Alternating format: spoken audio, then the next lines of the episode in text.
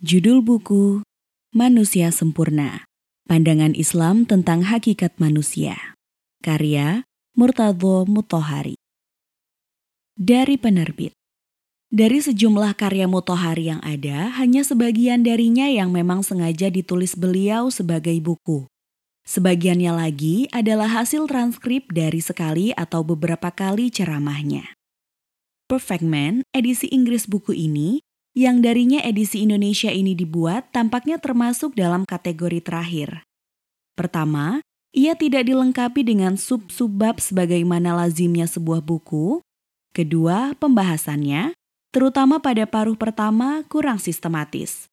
Uraiannya terlihat melompat-lompat. Ketiga, dalam beberapa hal kosakata yang dipilihnya lebih terasa sebagaimana bahasa lisan ketimbang tulisan. Semua ini adalah hal-hal yang mudah dan sering terjadi dalam kasus ceramah.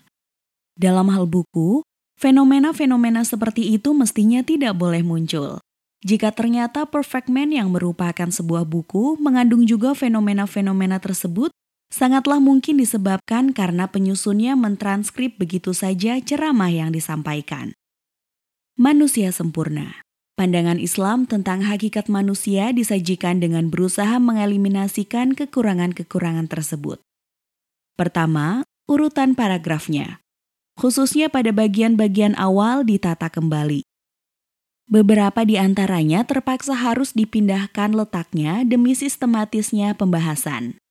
Repotnya paragraf-paragraf yang dipindahkan itu tidak selalu berada dalam posisi yang berdekatan. Terkadang, satu atau beberapa paragraf harus ditarik hingga ke lima halaman sebelumnya, sebagaimana juga sebaliknya. Dalam kasus lain, beberapa paragraf harus digabung dan diurutkan terlebih dahulu untuk kemudian secara bersama-sama diletakkan pada tempat yang baru. Bersamaan dengan itu semua, maksud dan tujuan penulis harus tetap dijaga. Pemindahan-pemindahan itu dengan demikian harus kami lakukan sedemikian rupa sehingga tidak menghilangkan, mengurangi, ataupun merubah gagasan yang hendak disampaikan. Bagaimanapun, dalam hal kami ragu, kami memilih untuk membiarkan apa adanya. Kedua, di beberapa tempat diberi subbab yang kami anggap pantas membawakan uraian sesudahnya. Ketiga, dan ini hanya dalam segelintir kasus mengganti kosakata yang dipilihnya dengan kosakata yang lebih cocok untuk bahasa tulisan. Dengan langkah-langkah perbaikan tersebut, ditambah dengan pengantar yang dikerjakan Jalaluddin Rahmat, sajian ini diharapkan lebih membuku. Dan para pembaca diharapkan lebih mudah mencernanya. Insan Kamil, Manusia Seimbang Sebuah pengantar Barat menyebut Timur sebagai negeri pagi, negeri matahari terbit. Barat menyebut dirinya sebagai negeri petang, negeri matahari tenggelam. Pagi mencerminkan saat berakhirnya kegelapan dan terbitnya cahaya. Memang, dari timurlah datang agama-agama besar dunia. Dari timur dimulai pencerahan rohani.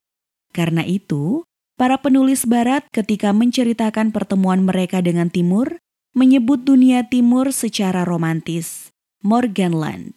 Negeri pagi sering kali dilukiskan sebagai negeri yang penuh pesona rohani. Ketika orang-orang yang sudah mengalami pencerahan rohani mengalami transformasi jasmani yang menakjubkan. Buku Honisberger Frucht aus Morgenland terbit 1851 adalah contoh klasik. Buku ini mengisahkan manusia-manusia luar biasa dari timur. Salah seorang di antaranya adalah Haridas. Ia terkenal sebagai fakir, secara material miskin tetapi secara spiritual kaya.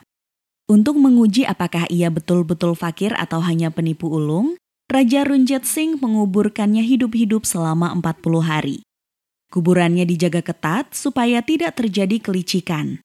Selama berada dalam ujian itu, kuburannya digali hingga dua kali. Setiap kali mereka menemukan Haridas masih berada dalam posisinya semula. Ia dibungkus kain kafan yang dilak, telinga, lubang hidung, dan lubang dubur ditutup dengan lilin. Setelah 40 hari, tubuhnya digali. Kain kafannya dilepas. Lilin dibuka. Tiba-tiba tubuh fakir itu menggeliat. Matanya terbuka. Bibirnya bergerak. Do you believe me now? Johann Martin Honisberger yang melaporkan peristiwa ini adalah seorang dokter. Ia dibesarkan dalam tradisi sains yang mencurigai hal-hal seperti itu. Ia tampaknya tidak mengada-ngada. Keterangannya diperkuat oleh dokter terkenal dari Inggris, James Braid. Orang yang pertama kali menciptakan istilah hipnotis ini melaporkan peristiwa yang sama dalam bukunya Observation on Trance or Human Hibernation. Kisah ini juga diceritakan oleh Michael Murphy, salah seorang pendiri Esalen Institute. Selama lebih dari 30 tahun, ia meneliti lebih dari 3.000 sumber. Berkenaan dengan apa yang disebutnya sebagai extraordinary physical, mental, and spiritual capacities. Ia menegaskan bahwa kita hanya menggunakan sebagian saja dari kapasitas yang kita miliki kita sebetulnya mempunyai potensi yang mengembangkan diri kita lebih dahsyat dari apa yang kita lakukan sekarang. Proses pengembangan ini tidak ada batasnya. Kita memiliki kemampuan transformatif untuk menjadi apa saja. Seperti alam semesta, manusia selalu berubah. Bahkan mengikut Ibnu Arabi, manusia adalah mikrokosmos yang menggabungkan semua alam dalam makrokosmos. Manusia adalah alam sahir dan alam semesta adalah insan kabir. Pada makrokosmos terdapat tiga tingkat alam, yaitu rohani, khayali, dan jasmani. Pada manusia, ketiga alam ini diwakili oleh roh, nafas atau diri, dan jism atau tubuh. Tingkatan alam ini menunjukkan sejauh mana ia menyerap cahaya Tuhan. Roh adalah bagian yang paling terang, dan jism adalah bagian yang paling gelap. Nafs adalah jembatan yang menghubungkan jism dan roh. Setiap orang mempunyai nafs yang berbeda. Ada nafs yang lebih dekat dengan roh, dan ada nafs yang sangat jauh dari roh. Pada sebagian orang, nafsnya bersinar dan bergerak naik menuju wujud yang hakiki, yaitu Tuhan. Pada sebagian orang lagi, nafsnya sangat gelap dan bergerak turun menjauhi Tuhan menuju ketiadaan. Nafs adalah barzah yang selalu berubah. Manusia dapat mengembangkan dirinya dengan menyerap sifat-sifat Allah, mengambil ahlak Allah. Karena ahlak Allah ini ditunjukkan kepada kita dalam nama-namanya yang agung. Maka, tahaluk bi ahlak Allah adalah juga tahaluk bi asma Allah. Setiap orang juga menyerap ahlak Allah sampai tingkat tertentu. Allah bersifat Maha Sayang atau Ar-Rahman. Dan setiap makhluk di alam semesta ini menyerap sebagian kecil dari rahmaniah Tuhan. Sebuah hadis mengatakan bahwa Allah menjatuhkan seperseratus dari kasihnya pada alam semesta. Dengan seperseratus dari kasihnya itu, makhluk saling berbagi kasih sesama mereka. Dengan sebagian dari seperseratus kasihnya itu, seekor induk binatang buas memelihara anaknya. Manusia yang ingin berangkat dari alam jasmaninya harus meningkatkan rasa cintanya kepada sesama makhluk. Ia harus menyerap kasih Tuhan lebih banyak. Jadi, menurut Ibnu Arabi, ahlak bukanlah sesuatu yang kita pakaikan dalam diri kita. Ahlak adalah sifat Tuhan yang kita serap dan kemudian mengubah kita secara ontologis. Setiap kali kita menyerap asma Allah, esensi kemanusiaan kita berubah kita mengalami transformasi. Dalam bahasa Arab, transformasi disebut sebagai takolub. Kata ini berasal dari kolb. Menurut Ibnu Arabi, kolb adalah tempat perubahan. Kolb adalah arsy Tuhan. Inilah tempat manusia menyimpan asma Allah. Fakhrul Razi dalam tafsir Mafatih Al-Ghaib melukiskan peranan hati itu dengan indah. Ketika ia menjelaskan kalimat istiazah, ia menggambarkan seakan-akan Tuhan berkata, Wahai manusia, aku menciptakan surga untukmu. Tetapi sebelum kamu masuk ke situ, aku usir dahulu setan daripadanya. Tempatku pada dirimu adalah kolb, tetapi apakah telah kau bersihkan setan dari dalamnya sebelum aku masuk ke situ? Mengusir setan dari kolb berarti meninggalkan kegelapan. Memasukkan Tuhan ke dalamnya berarti mencerahinya dengan asma Tuhan. Tahaluk bi asma Allah. Asma Allah itu banyak dan bertingkat-tingkat. Bukan tempatnya kita menguraikannya di sini. Secara singkat, menurut Ibnu Arabi, manusia yang ingin meningkatkan dirinya harus menyerap asma Allah itu dengan petunjuk syariat. Ia harus melihat contoh yang diberikan oleh para rasul. Para rasul adalah manusia yang sudah secara intensif menyerap asma Allah secara seimbang, dalam proporsi yang tepat. Para rasul dan juga kekasih-kekasih Tuhan yang seperti mereka adalah insan kamil. Dari Ibnu Arabi, para filosof dan mistikus Islam mengambil dan memperluas pengertian insan kamil. Dari Ibnu Arabi juga Mutahari memulai pembahasannya tentang manusia sempurna. Berbeda dengan Ibnu Arabi, Mutahari menyatakan bahwa ia meninjau insan kamil menurut pandangan Al-Quran, bukan menurut pandangan sufi. Tetapi, sama seperti Ibnu Arabi, Mutahari melihat insan kamil sebagai manusia yang mengembangkan nilai-nilai Islam secara seimbang. Ia mengeritik berbagai mazhab yang hanya menggarisbawahi satu nilai saja dengan mengesampingkan nilai yang lain. Mazhab yang paling banyak menjadi sasaran kritiknya adalah mazhab sufi. Mazhab yang dianut antara lain oleh Ibnu Arabi. Ia mengeritik setiap sufi yang mencemoohkan intelek atau akal. Ibnu Arabi misalnya, menyebut akal dalam arti harfiahnya sebagai ikatan atau belenggu. Bagi Mutahari, akal sama sekali tidak menghalangi pencerahan rohani. Akal bahkan membantunya. Ia menganggap orang yang memisahkan intelek dari agama, akal dari iman, sebagai orang yang mengikuti paham Kristen. Islam adalah agama yang menempatkan akal dalam posisi yang sangat penting. Tidak ada pencerahan rohani yang sejati bila tidak dapat diuji secara akliyah. Mutahari juga mengkritik penafian diri yang berlebihan. Ia mengingatkan kita untuk membedakan antara dua macam diri. Ada diri yang harus kita matikan, tetapi ada juga diri yang harus kita kembangkan. Para sufi, kata Mutlohari, membunuh keduanya. Ia mengutip contoh-contoh penafian diri yang dalam kalangan sufi disebut malamat. Penafian diri seperti itu bukan saja menjatuhkan martabat kemanusiaan, tetapi juga bertentangan sama sekali dengan ajaran Islam. Sebenarnya Mutahari tidak menolak pandangan sufi secara keseluruhan. Ia hanya mengkritik ekstremitas di dalamnya, seperti diperlihatkan dalam malamat. Karena insan kamil adalah manusia yang mengembangkan semua kualitas yang baik itu secara seimbang. Kualitas itu boleh jadi cinta kasih, intelek, keberanian, kejujuran, atau kreativitas. Manusia yang hanya mengembangkan cinta saja dengan mengesampingkan intelek bukan insan kamil. Ia sufi yang ekstrem. Manusia yang memuja akal secara berlebihan juga bukan insan kamil. Ia filosof yang kering. Manusia yang mengagungkan keberanian saja untuk mencapai kekuasaan juga bukan insan kamil.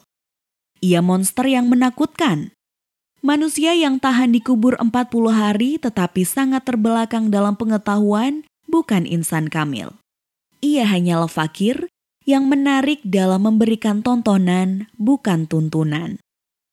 Insan kamil setelah Rasulullah Shallallahu Alaihi Wasallam dicontohkan pada diri Ali bin Abi Thalib.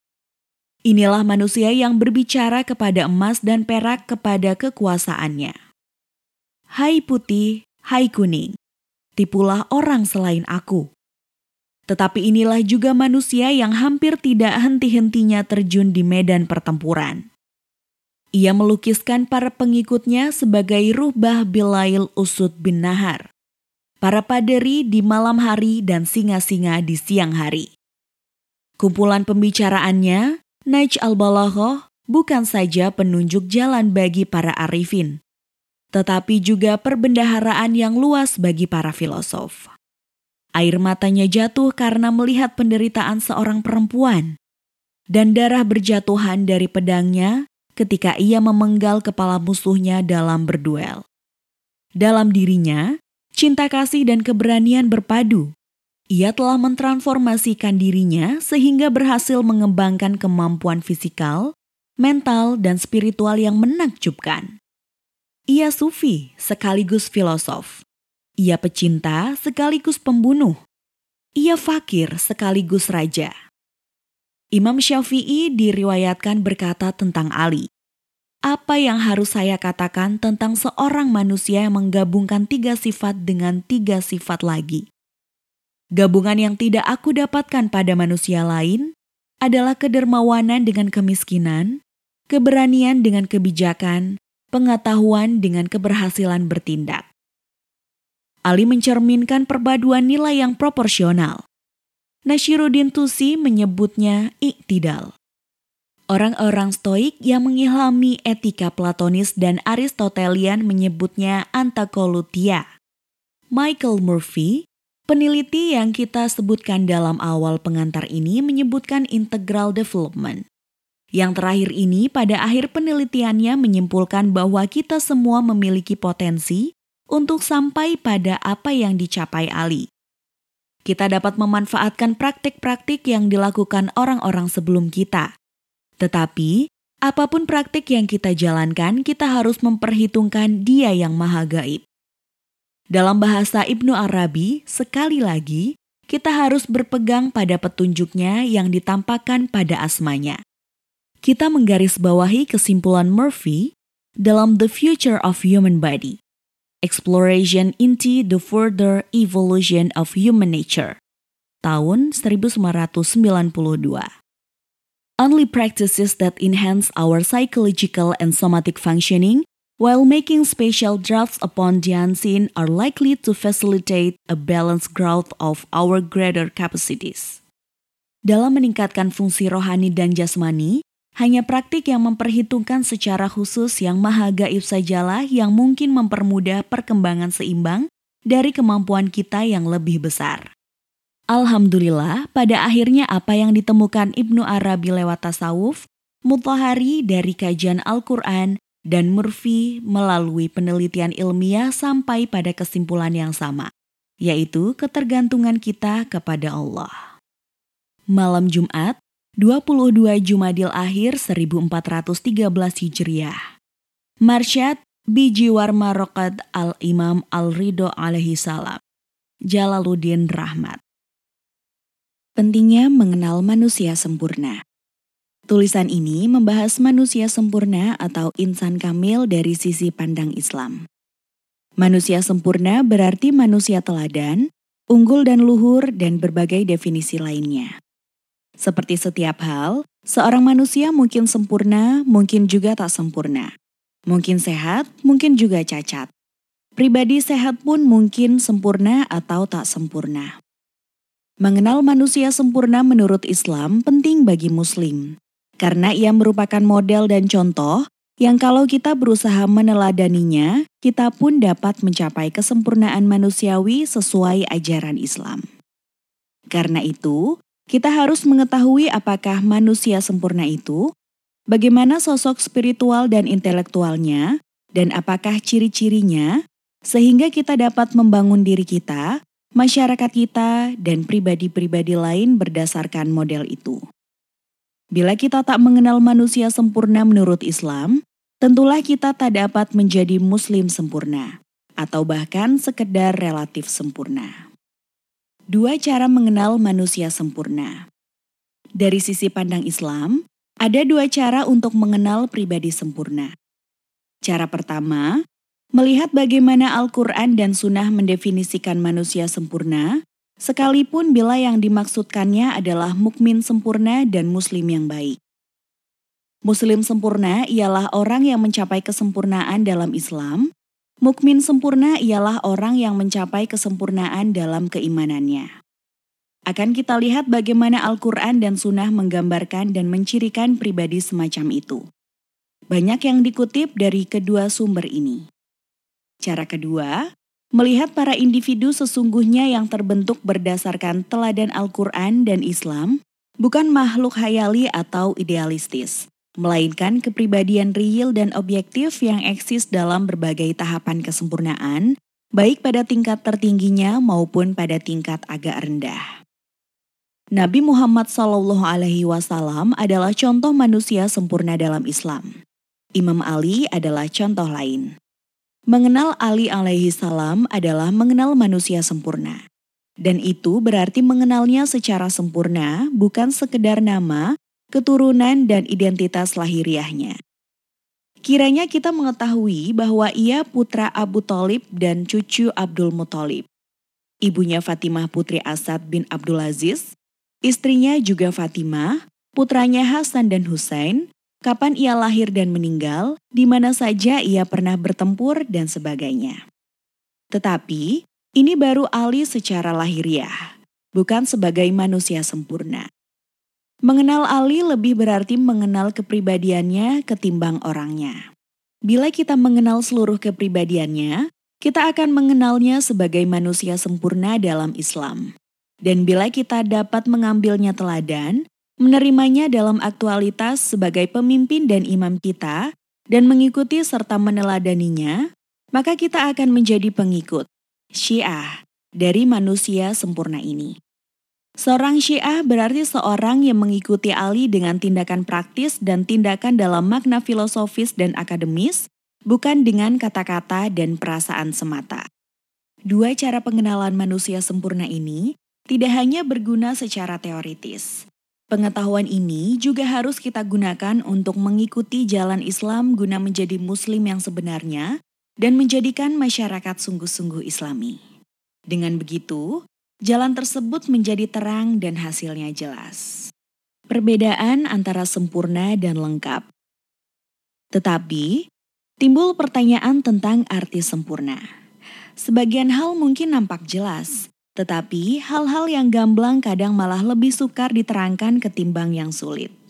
Dalam bahasa Arab, kata kamil yang berarti sempurna dan tamam yang berarti lengkap erat kaitannya, namun tidak sama persis. Dan keduanya lawan kata dari cacat. Perbedaan kedua kata ini adalah kata lengkap mengacu pada sesuatu yang disiapkan menurut rencana, seperti rumah atau masjid. Bila suatu bagiannya belum selesai, maka bangunan itu tidak lengkap kurang atau cacat. Tetapi, sesuatu mungkin saja lengkap sekalipun masih ada kelengkapan lain yang lebih tinggi satu atau beberapa tingkat, dan itulah yang disebut sempurna.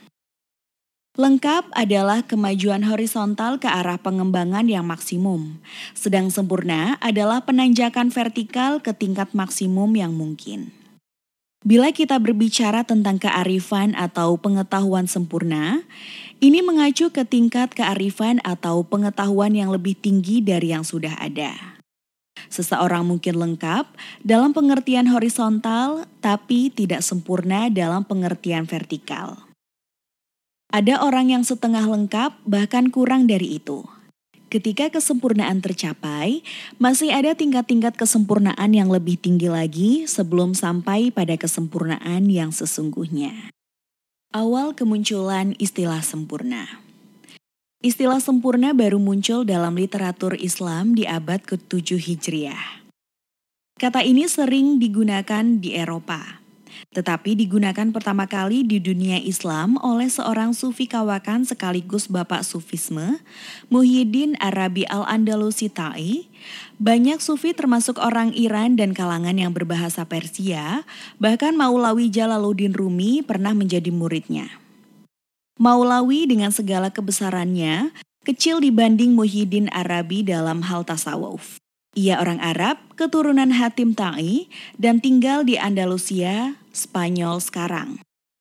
Ia telah berkeliling ke negeri-negeri Islam dan meninggal sekaligus dimakamkan di Damaskus. Ia mempunyai murid bernama Sadruddin Gaunawi, sufi besar kedua setelah ia sendiri. Tasawuf telah diberikan bentuk yang rumit oleh Muhyiddin dan komentar-komentar Sadruddin. Yang terakhir ini, juga pengikut-pengikutnya sezaman dengan Maulawi. Lewat merekalah Maulawi mereguk gagasan-gagasan Muhyiddin. Muhyiddin menggunakan istilah manusia sempurna atau insan kamil dari sisi pandang khusus tasawuf, sedang kita bermaksud membahasnya dari segi pandang Al-Quran. Kepribadian jasmani dan kepribadian rohani. Kita mengetahui, secara fisik manusia ada yang sehat, ada juga yang cacat. Tetapi kita tidak memandang buta, tuli, lumpuh atau pendek sebagai kekurangan dalam kebajikan, kepribadian atau kemanusiaan. Socrates misalnya, filosof Yunani kenamaan yang kadang disejajarkan dengan nabi, adalah orang yang amat buruk rupa. Tetapi keburukan ini tidak dianggap cacat. Abu Lala Muara dan Toha Hussein yang hidup di masa kita sekarang adalah para tunanetra. Apakah ini merupakan cacat kepribadian? Ini berarti orang mempunyai kepribadian jasmani dan kepribadian rohani dengan dua ukuran berbeda. Salah bila menganggap rohani tergantung pada jasmani. Mungkinkah rohani sakit sementara badan sehat, ataukah tidak? Ini masalahnya. Orang yang menolak kesejatian rohani dan mempercayai ciri kerohanian sebagai pengaruh langsung dari sistem syaraf, sama sekali tidak mempunyai rohani. Bagi mereka, segala sesuatu tergantung pada jasmani. Bila rohani sakit, itu karena jasmani sakit, dan sakit mental pada dasarnya adalah sakit fisik. Syukurlah telah terbukti sekarang bahwa jasmani mungkin sehat secara sempurna, sekaitan dengan komposisi darah, syaraf, vitamin, dan sebagainya, namun orangnya mungkin sakit mental, yang mereka namakan kompleks. Akibatnya, perawatan terhadap sakit mental mungkin dengan obat-obatan dan pil-pil. Adakah obat bagi penderita penyakit sombong, sejenis kelainan mental? Dapatkah kita mengubah kesombongan dengan kesederhanaan atau kekejaman menjadi keramahan dengan pil atau suntikan? Dengkilah yang mengakibatkan penyakit semacam itu. Dan yang menyebabkan seseorang misalnya tak dapat tenang sebelum dendamnya terbalas. Dengki. Apakah perasaan dendam itu? Apakah kedengkian itu yang membangkitkan seseorang untuk tidak menyukai kesenangan dan kebahagiaan orang lain serta berhasrat merenggutnya? Orang semacam itu tidak berpikir untuk memiliki kebahagiaan itu sendiri. Rasa iri orang sehat selalu menjadikannya mengutamakan tujuannya sendiri, dan ini bukan masalah. Tetapi menghasratkan kerugian dan bencana bagi orang lain itu adalah penyakit. Anda dapati orang semacam itu sedia menyakiti dirinya sendiri semata-mata untuk dapat menyakiti orang yang didengkinya. Ada suatu kisah nyata dalam sejarah berkaitan dengan ini. Di suatu masa, Seorang kaya membeli seorang budak yang ia rawat sejak awal bagai seorang tuan. Dengan memberinya makanan dan pakaian serta uang, persis seperti anaknya sendiri atau bahkan lebih. Tetapi, si budak menyadari bahwa majikannya selalu gelisah. Belakangan, majikan itu memutuskan untuk membebaskan si budak dan memberinya sejumlah modal. Suatu malam saat duduk berdua, majikan itu berkata, Tahukah engkau mengapa aku memperlakukanmu sebaik ini? Budak itu balik menanyakan alasannya, yang lalu ia jawab, Aku mempunyai satu permintaan yang apabila kau penuhi, maka kau patut menikmati semua yang telah dan yang akan kuberikan kepadamu. Tapi bila kau menolak, aku akan sangat kecewa terhadapmu. Si budak menjawab, Saya akan menaati apa saja yang Anda minta anda sangat berjasa kepada saya, Anda telah memberikan kehidupan kepada saya. Majikan itu berkata, Kau harus berjanji setia kepadaku untuk melakukannya, karena aku khawatir kau akan menolaknya. Kata si budak, saya berjanji akan melakukan apa yang Anda kehendaki. Majikan pun berkata, permintaanku, kau harus memotong leherku di suatu saat dan tempat tertentu. Budak itu berseru, "Apa? Bagaimana mungkin aku melakukannya?" Majikan itu menegaskan, "Itulah yang kuinginkan." Si budak hendak menolak. "Itu mustahil," katanya. Tetapi majikannya bersikeras, "Kau telah berjanji kepadaku, kau harus melakukannya."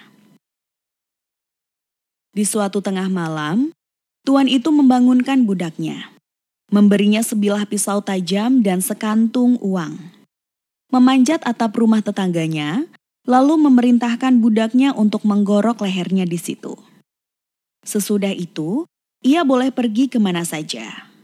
Budak itu menanyakan alasan dari semua perbuatan itu, Dan tuannya menjawab, Aku membenci orang ini, dan aku lebih suka mati daripada melihat mukanya. Kami bersaingan, tapi ia maju jauh melebihi aku dalam segala hal. Dendamku berkobar-kobar. Saya menghasratkan ia dipenjarakan atas pembunuhan tipuan ini, dan gagasan ini melegakanku. Setiap orang mengenalnya sebagai sainganku. Dengan begitu, ia akan dihukum karena perbuatan ini. Budak itu mengatakan, Tuan tampak seperti orang bodoh dan pantas peroleh kematian ini. Maka ia pun memotong kepala lelaki itu, lalu melarikan diri. Akibatnya, saingannya ditahan dan dihukum. Tetapi tak seorang pun percaya bahwa orang itu akan membunuh saingannya di atap rumahnya sendiri. Ini menjadi misteri. Di kemudian hari, hati nurani si budak tergugah. Ia lalu menghadap penguasa dan mengakui hal yang sebenarnya. Ketika mereka memahami persoalannya, si tersangka maupun si budak dibebaskan. Ini menunjukkan bahwa dengki merupakan penyakit. Al-Quran mengatakan, Sesungguhnya beruntunglah orang yang menyucikan jiwa itu dan sesungguhnya merugilah orang yang mengotorinya.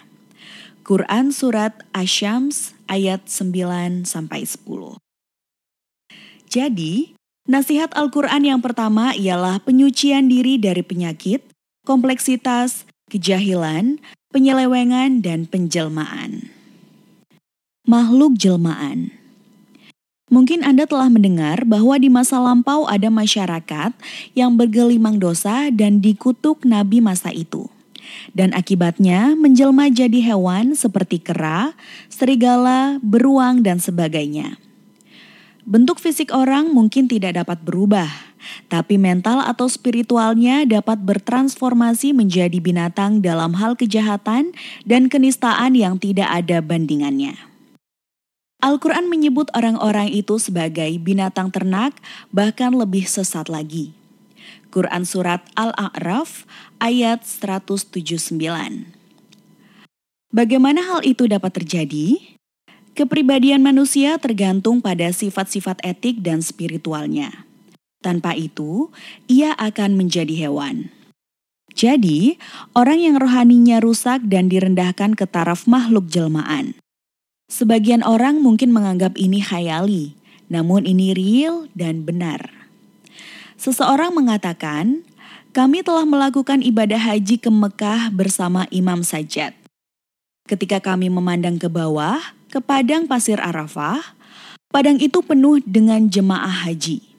Imam berkata, banyak hiruk pikuk tapi sedikit haji. Aku tak mengerti bagaimana beliau memberikan wawasan seperti itu kepadaku.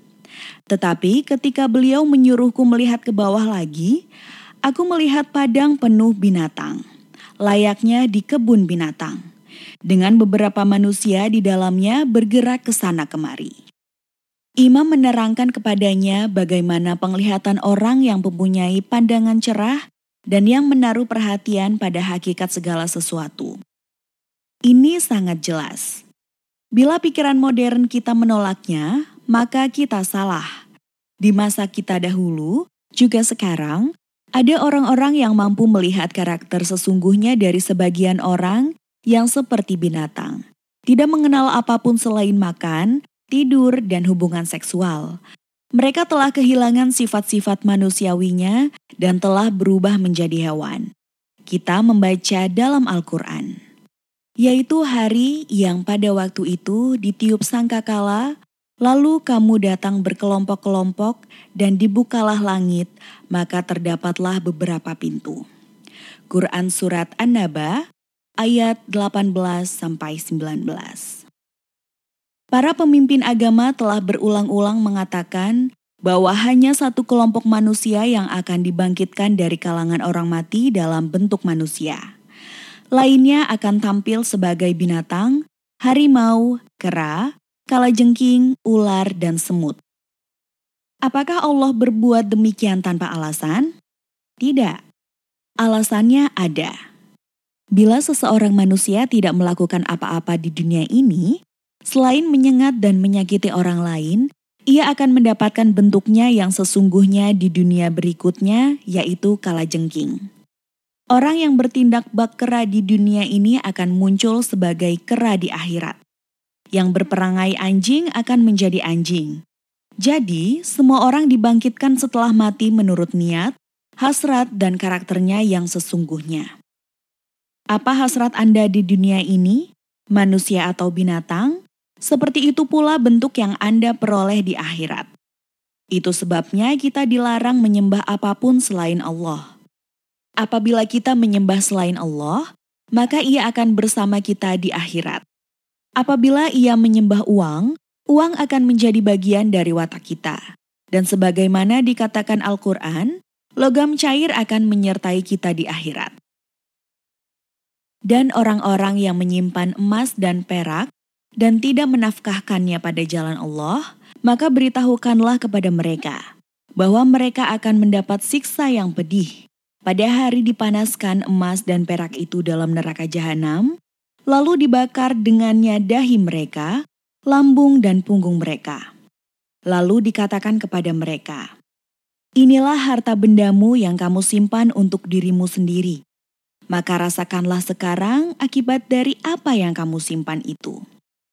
Quran Surat At-Taubah ayat 34 sampai 35. Jangan Anda katakan bahwa uang kertas telah menggantikan uang logam. Di akhirat, uang kertas akan menjadi api yang lebih membakar ketimbang mata uang emas dan perak. Jadi, manusia yang berkompleks adalah cacat, dan manusia yang memuja benda adalah tidak sempurna dan berubah menjadi makhluk jelmaan. Kesempurnaan pada manusia berbeda dengan kesempurnaan pada makhluk lain. Kesempurnaan berbeda pada setiap jenis makhluk. Manusia yang sempurna berbeda dengan malaikat yang sempurna, dan masing-masing mempunyai tingkat kesempurnaan sendiri-sendiri. Yang telah menceritakan kepada kita tentang adanya malaikat mengatakan bahwa malaikat itu diciptakan dengan akal suci dan pikiran murni tanpa aspek duniawi, hawa nafsu, kemarahan, dan sebagainya. Sedang hewan, sebaliknya, sepenuhnya duniawi dan tidak mempunyai apa yang oleh Al-Quran disebut roh ilahi. Namun manusia adalah paduan keduanya, kemalaikatan sekaligus keduniaan, tinggi sekaligus rendah. Ini telah digambarkan dalam suatu riwayat usul Al-Kafi, Maulawi sang penyair menyatakan dalam puisi berikut ini. Suatu riwayat mengatakan bahwa Allah Ta'ala menciptakan tiga golongan makhluk. Golongan pertama adalah malaikat yang punya akal, pengetahuan, dan kebebasan suci, dan hanya mengenal sujud. Mereka tak punya unsur serakah dan nafsu, semata-mata cahaya, hidup dengan cinta Tuhan. Golongan satunya sama sekali tanpa pengetahuan dan dikembangkan bagai hewan di padang. Mereka tak melihat lain kecuali kandang dan rumput, tak mengenal kekejian maupun kemuliaan.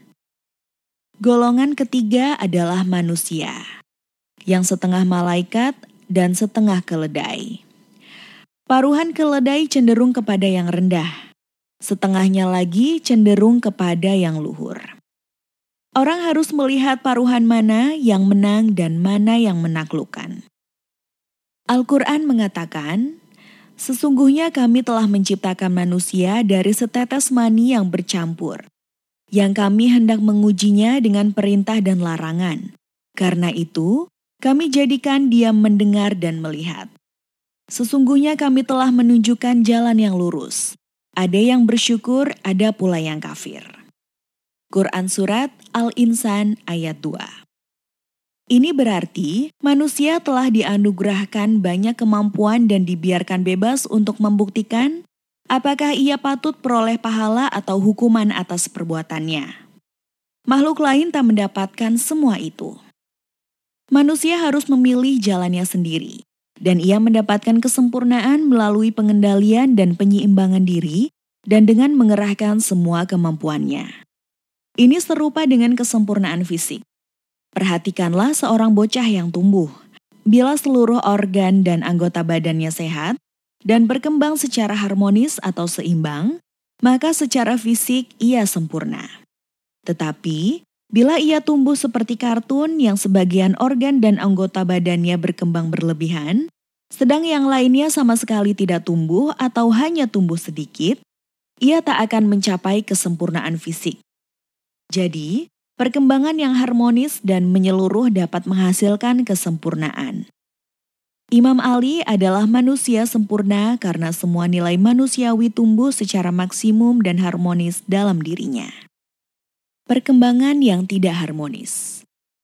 Penyelewengan yang terjadi pada individu atau masyarakat mengambil salah satu dari dua bentuk berikut. Satu, anti nilai melawan nilai seperti kezaliman lewat keadilan, penindasan lawan kemerdekaan, ateisme dan tanpa disiplin lawan pengabdian dan ibadah, kebodohan dan ketololan lawan kebijaksanaan dan kecerdasan. Kebanyakan penyelewengan tidak termasuk ke dalam kelompok ini, karena anti-nilai-anti nilai semacam itu segera terkalahkan. 2. Tumbuhnya nilai tunggal yang menghapus seluruh nilai lainnya. Misalnya, Kesuhudan merupakan sebuah nilai dan tolak ukur kemanusiaan. Akan tetapi, seseorang atau masyarakat mungkin berpaling kepadanya hingga mengabaikan semua nilai lain. Anda telah melihat pasang surut air laut yang disebabkan tarikan bulan. Roh manusia, sebagaimana juga roh masyarakat pun mengalami gerakan semacam itu. Manusia mengalami pasang surut semacam itu, dan tarikan itu kadang begitu kuat menuju ke satu arah sehingga nilai-nilai lain terlupakan. Dengan begitu, mereka seperti makhluk-makhluk cacat yang menunjukkan pertumbuhannya pada satu sisi namun tidak pada sisi lainnya. Masyarakat pun mungkin tidak harmonis dalam perkembangannya.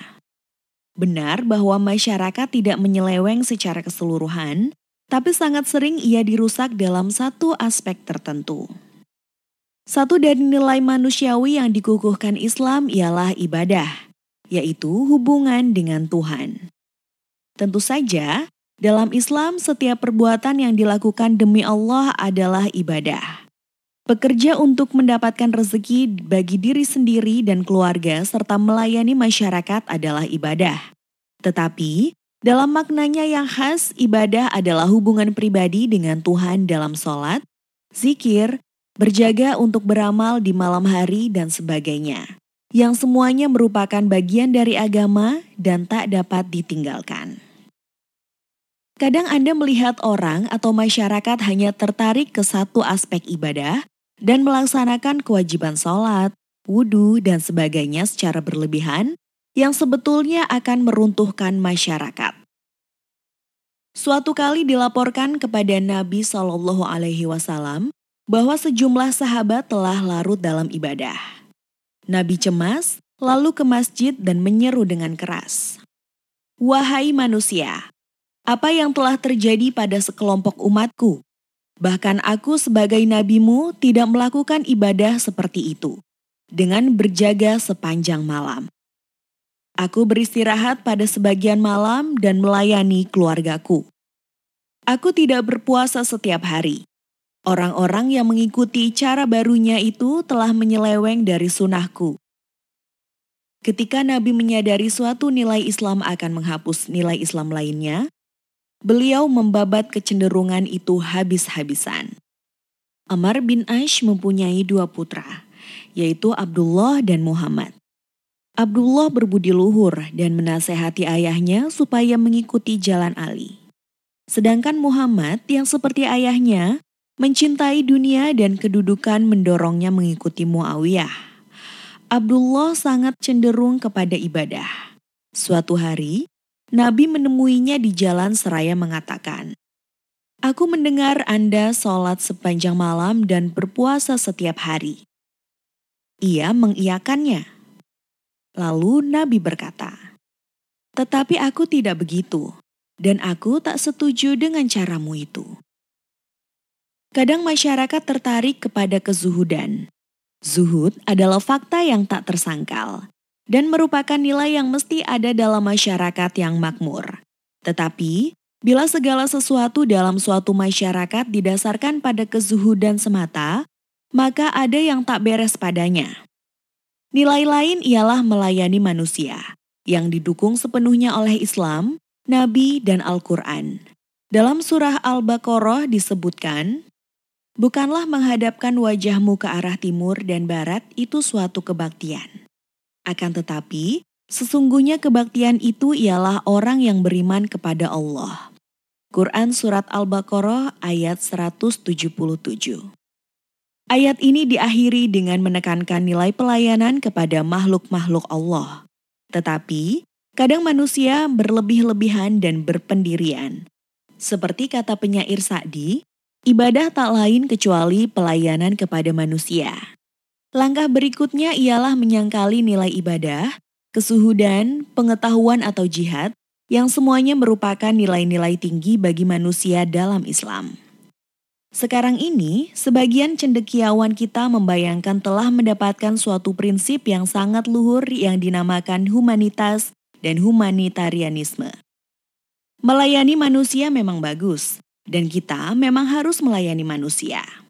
Tetapi, bila kita hanya melayaninya dengan makanan dan pakaian, maka kita telah memperlakukannya seperti hewan, terutama bila kita menganggap tidak ada nilai lagi yang lebih tinggi bagi manusia. Apabila pelayanan hanya terbatas pada hal ini, lalu apa beda Abu Zar dengan Muawiyah? Ini contoh lain dari berlebih-lebihan. Hal yang sama juga terjadi dalam menilai kemerdekaan. Kemerdekaan termasuk nilai manusiawi yang paling tinggi, di antara aspek hewani manusia serta nilai material. Anda dapat melihat bahwa orang-orang yang berkemanusiaan bersedia menanggung lapar, berpakaian serampangan, dan hidup dalam keadaan sulit asal tidak diperbudak oleh manusia serta hidup merdeka. Sebuah kisah disebutkan dalam buku Cermin Para Ulama tentang Ibnu Sina saat ia menduduki jabatan menteri. Suatu hari, ketika sedang berjalan dengan lagak pembesar, ia melihat seorang pemulung sedang mengeluarkan sampah dari parit. Ibnu Sina mendengar orang itu bergumam dengan mengucapkan syair yang mengandung makna bahwa ia menghormati dirinya yang hidup enteng. Ibnu Sina tertawa melihat kepuasan orang yang sedang melakukan pekerjaan paling hina itu. Ia menarik kekang kudanya, memanggil orang itu dan berkata dengan sindiran tajam.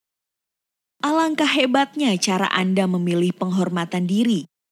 Ketika mengenali Ibnu Sina dari penampilannya, orang itu berkata, saya memilih pekerjaan ini supaya tidak menjadi hamba orang lain sebagaimana Anda menikmati kemerdekaan dengan menjadi pemulung jauh lebih baik daripada pangkat, kekayaan, dan ketergantungan Anda. Dikatakan bahwa wajah Ibnu Sina merah padam karena malu tak dapat menjawabnya.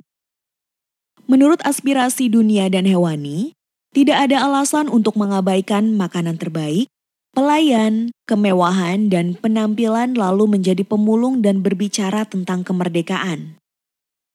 Apakah kemerdekaan itu dapat diraba? Tidak. Tetapi bagi kesadaran yang jeli, kemerdekaan itu begitu berharga sehingga ia lebih suka memulung ketimbang membudak. Nilai ini kadang terlupakan di sebagian masyarakat. Tetapi, terkadang pula ketika ia timbul dalam pikiran, mereka menuntunnya sebagai satu-satunya nilai dan melupakan nilai-nilai keadilan, kebijaksanaan, dan sebagainya. Sekelompok orang memandang cinta sebagai satu-satunya nilai dan melupakan akal. Sebagaimana yang dilakukan para mistikus, sementara sebagian lagi menjurus ke ekstrim lain dengan menganggap cinta sebagai hayali dan akal sebagai satu-satunya yang berharga. Perkembangan yang harmonis. Kasus Ali. Cinta, pikiran, keadilan, kemerdekaan, pelayanan, dan ibadah adalah nilai. Lalu siapakah manusia sempurna itu? Seorang abid atau hamba yang mutlak? Pertapa, pecinta, ataukah cendekiawan? Tak satu pun dari mereka ini yang merupakan manusia sempurna. Namun, bila semua nilai itu berkembang dalam dirinya secara harmonis, boleh jadi ia manusia sempurna. Imam Ali adalah orang semacam itu. Dalam Naj al-Balaghoh, Anda lebih banyak menemukan sisi kefasihannya. Di dalamnya, Anda juga akan menemukan berbagai gambaran-gambaran tentang dia. Kadang saat membaca khotbah-khotbahnya, Anda mengira Ibnu Sina yang sedang berkuliah. Di saat lain, Anda menjumpai Maulawi atau Muhyiddin Arabi sedang berbicara kepada Anda. Kemudian, Anda merasakan epik Firdausi atau manusia merdeka pertapa atau abid sedang berceramah. Semua aspek manusiawi muncul dalam kata-kata Ali. Sehingga Anda pun sadar betapa besarnya dia dan betapa kecilnya kita. Hingga 50 tahun silam, masyarakat kita cenderung kepada kehidupan zuhud. Para mubalik sering membataskan diri pada wejangan-wejangan zuhud Naj al-Balaghoh menamakan dunia ini fana dan dunia berikut kekal, dan mengajak orang menyiapkan diri untuk akhirat. Wejangan-wejangan Imam Ali lainnya tidak mendapat tempat dalam masyarakat, karena mereka tak dapat menyerapnya dan hanya berpaling kepada sebagian nilai saja. Selama seratus tahun, tak seorang pun membaca perintah Imam Ali kepada Malik Ashtar yang penuh petunjuk sosial dan politik. Di dalamnya Ali berbicara tentang ucapan Nabi Shallallahu Alaihi Wasallam. Tiada umat yang dapat mencapai tingkat kesucian dan kebebasan dari cacat sebelum mereka mencapai kedudukan di mana si lemah berani menentang si kuat dan menuntut haknya tanpa ragu-ragu. 50 tahun lalu, masyarakat kita tidak dapat memahaminya karena mereka adalah masyarakat yang bernilai tunggal sedang kata-kata Ali mengandung seluruh nilai manusiawi sebagaimana nampak dalam riwayat hidup dan kepribadiannya. Saya tidak bermaksud memuji masyarakat kita sekarang. Namun untunglah beberapa nilai berharga telah muncul di masyarakat kita. Akan tetapi, saya juga khawatir nilai-nilai itu akan berdimensi tunggal lagi dan menghancurkan nilai-nilai lainnya. Sekarang saya bahkan khawatir suatu gelombang radikal lain akan berkembang, yaitu kecenderungan kepada masalah-masalah sosial Islam dengan mengabaikan kewajiban-kewajiban ibadah. Apabila kita memandang Ali sebagai model kita dan manusia yang seimbang secara sempurna, hal semacam itu tak boleh terjadi. Dalam diri Ali, semua nilai manusiawi berkembang secara harmonis. Di malam hari, Ketika berhubungan dengan Tuhan, tiada sufi yang dapat menandinginya dalam kekhusyuan ilahiyahnya dan perjalanannya kepadanya. Ia terserap begitu jauh dalam ibadahnya, sehingga tiada sesuatu pun yang dapat mengalihkan perhatiannya. Kecintaan suci ini tampak telah membawanya ke dunia yang lain. Begitulah dia dalam mihrab peribadatan di malam hari. Di siang hari, ia manusia lain. Tidak seperti kebanyakan asketik. Ia duduk dengan gembira bersama para sahabatnya, bahkan bersenda gurau. Amr bin Ash mencelanya dan menamakannya orang yang tak sesuai untuk jabatan khalifah karena ia begitu periang, seakan-akan seorang khalifah harus selalu sangar agar dapat menakut-nakuti rakyat. Dalam pertempuran, Bahkan ia gembira dan tersenyum. Sementara di mihrab ia berlinang air mata.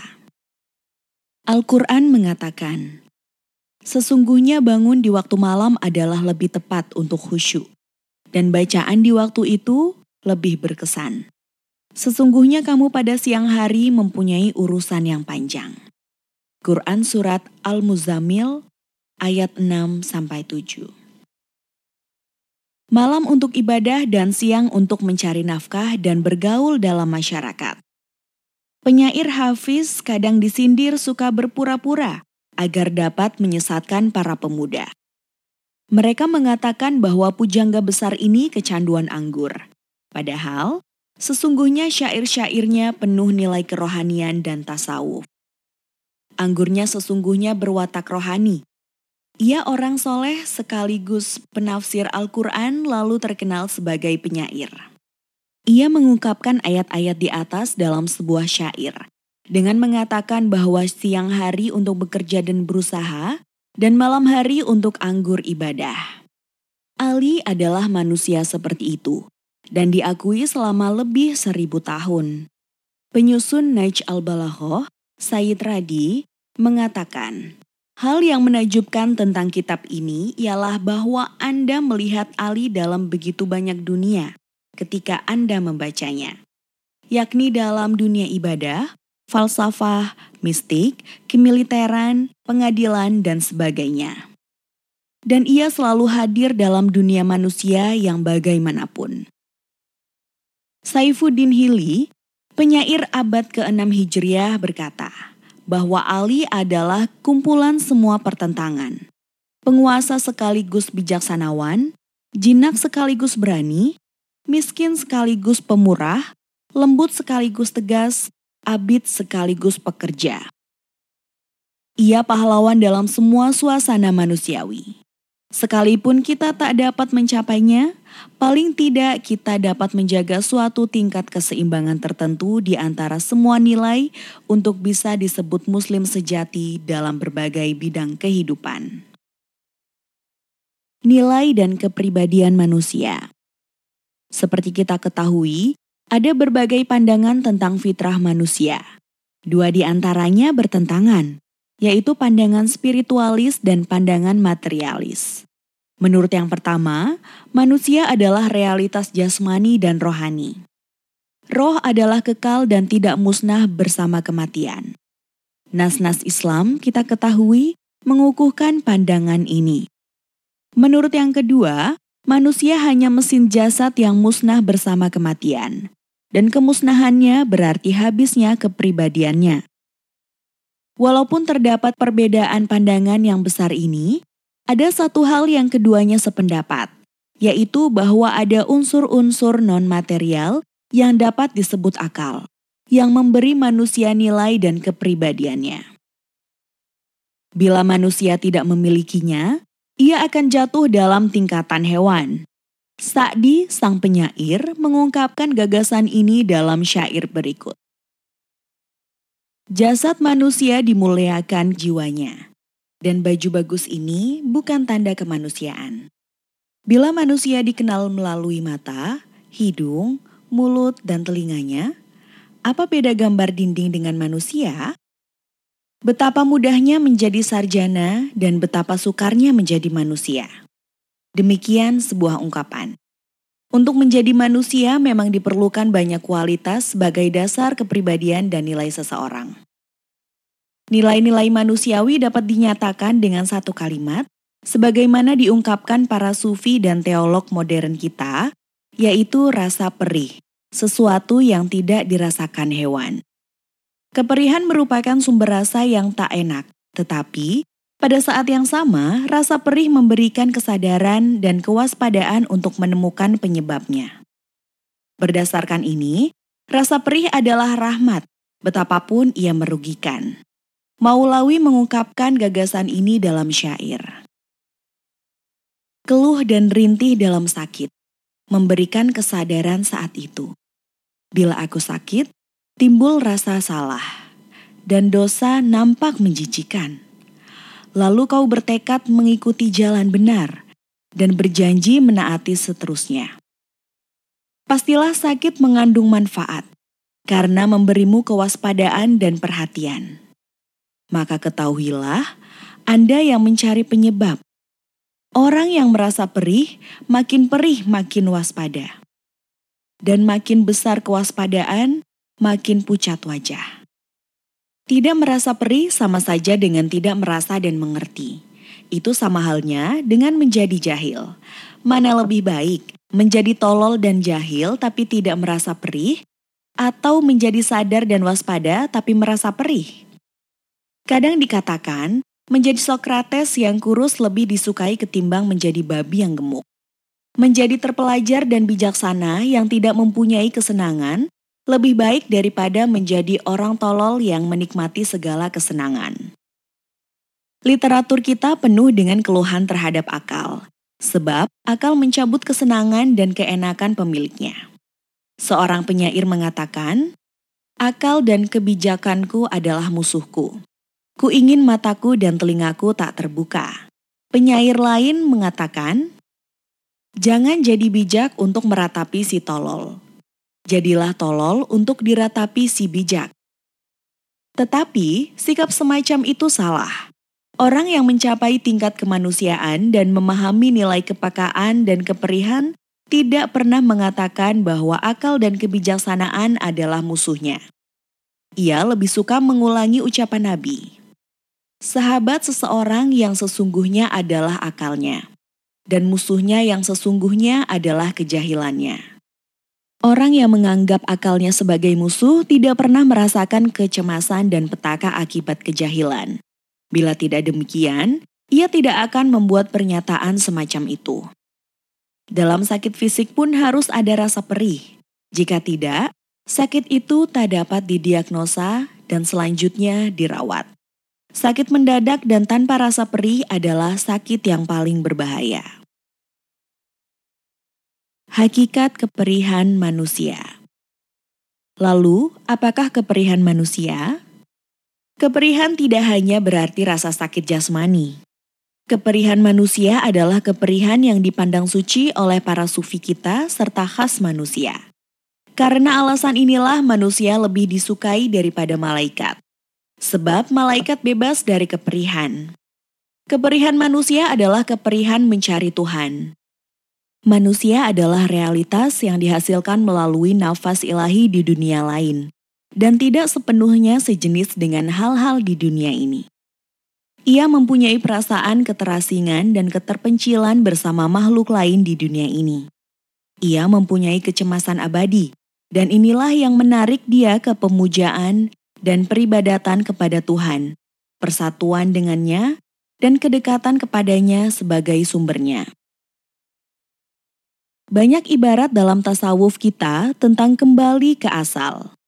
Para penyair menceritakan bagaimana seekor beo dalam sangkar yang dibawa dari India selalu ingin menghancurkan sangkar itu dan terbang kembali ke kampung halamannya.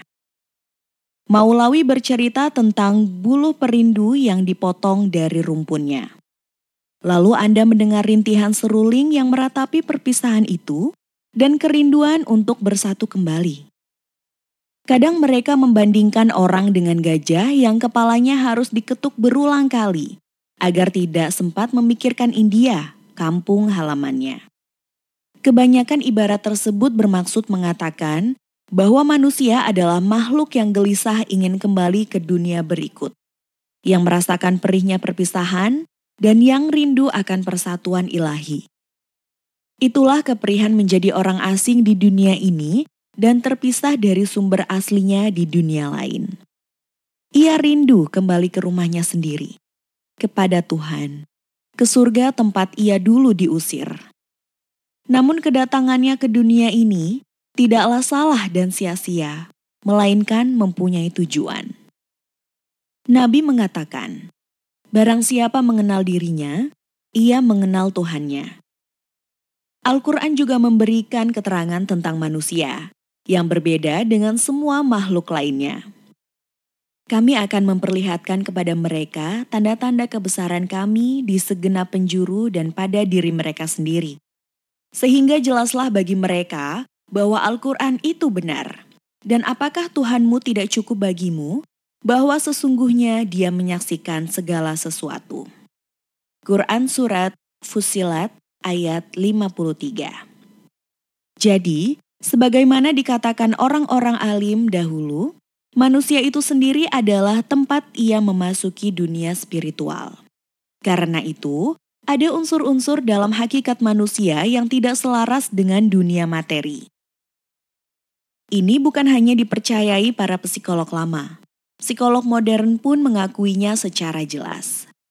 Selain itu, kriteria kemanusiaan manusia dan yang memberinya kepribadian tidak dibentuk oleh alam atau sesuatu yang lain, tapi manusia itu sendiri. Imam Ali bin Musa al-Rida alaihi salam mengatakan, yang ada di sana diketahui melalui yang ada di sini. Anda mungkin bertanya, Apakah unsur-unsur pada manusia yang tidak dapat diterangkan berdasarkan hal-hal material itu? Ini membutuhkan pembahasan panjang dan bertalian dengan nilai-nilai manusia, serat kemanusiaan manusia. Dalam hal hewan, tak ada keterpisahan antara mereka dan entitasnya. Kuda adalah kuda, anjing adalah anjing, harimau adalah harimau. Tetapi manusia bisa tak mempunyai kemanusiaan, yakni sifat-sifat yang merupakan basis kepribadian yang walaupun termasuk dalam dunia ini namun tak dapat diraba dan lebih bersifat spiritual ketimbang material. Kendati suatu kemuliaan dan kesempurnaan telah dicapai manusia, ia masih saja merasa belum mencapai yang terakhir. Ia menghasratkan sesuatu. Namun, ketika mendapatkannya, ia tidak merasa terpaut padanya. Seseorang berkata, "Ketika berada di suatu museum asing, saya melihat patung wanita yang sangat cantik terbaring di ranjang. Dan seorang pemuda semampai berdiri di lantai dengan satu kakinya di ranjang itu. Matanya berpaling dari wanita itu, seakan-akan hendak melarikan diri. Ia tak dapat memahami apa yang dimaksudkan si pemahat dengan gambaran itu. Ia lalu menanyakannya pada seseorang. Kepadanya dikatakan, Pemandangan ini melukiskan pikiran Plato bahwa seorang laki-laki memandang sesuatu dengan penuh cinta dan gairah. Tetapi, begitu ia mendapatkannya, cinta itu mati dan terkubur di situ. Itulah awal dari keresahan, ketidaksukaan, dan pelarian. Orang-orang lain yang telah merenungkan masalah ini secara lebih mendalam mengatakan bahwa manusia adalah makhluk yang tak dapat jatuh cinta pada yang terbatas dan fana. Ia merindukan kesempurnaan mutlak dan tidak dapat mencintai apa pun selainnya. Ini artinya cinta kepada Tuhan. Orang yang menyangkali Tuhan pun bahkan yang mengejek-ejeknya, pada kedalaman fitrahnya tanpa disadarinya sesungguhnya mencintai Tuhan, hanya saja ia salah jalan hingga kehilangan kekasihnya. Muhyiddin Arabi mengatakan bahwa tidak ada manusia yang mencintai sesuatu selain Tuhannya sendiri. Para nabi tidak datang untuk mengajari manusia nama Tuhan dan ibadah kepadanya. Karena ini sudah merupakan fitrah manusia. Mereka datang untuk menunjukkan perbedaan antara jalan yang benar dan yang salah. Dan memberitahu manusia bahwa mereka sesungguhnya hanya jatuh cinta pada kesempurnaan mutlak. Apabila Anda berpikir bahwa uang atau pangkat adalah kesempurnaan, Anda salah. Para nabi datang untuk menyingkirkan tabir-tabir palsu itu agar memungkinkan manusia mendapatkan kekasih mereka melalui pengabdian penuh cinta, seperti yang kita lihat pada Ali. Al-Quran bukan tidak menyuruh manusia mencari kekayaan, kedudukan, atau kesenangan. Hanya saja, ia mengatakan bahwa hal-hal itu tidak memberinya kedamaian dan ketentraman, karena bukan itulah tujuannya yang terakhir.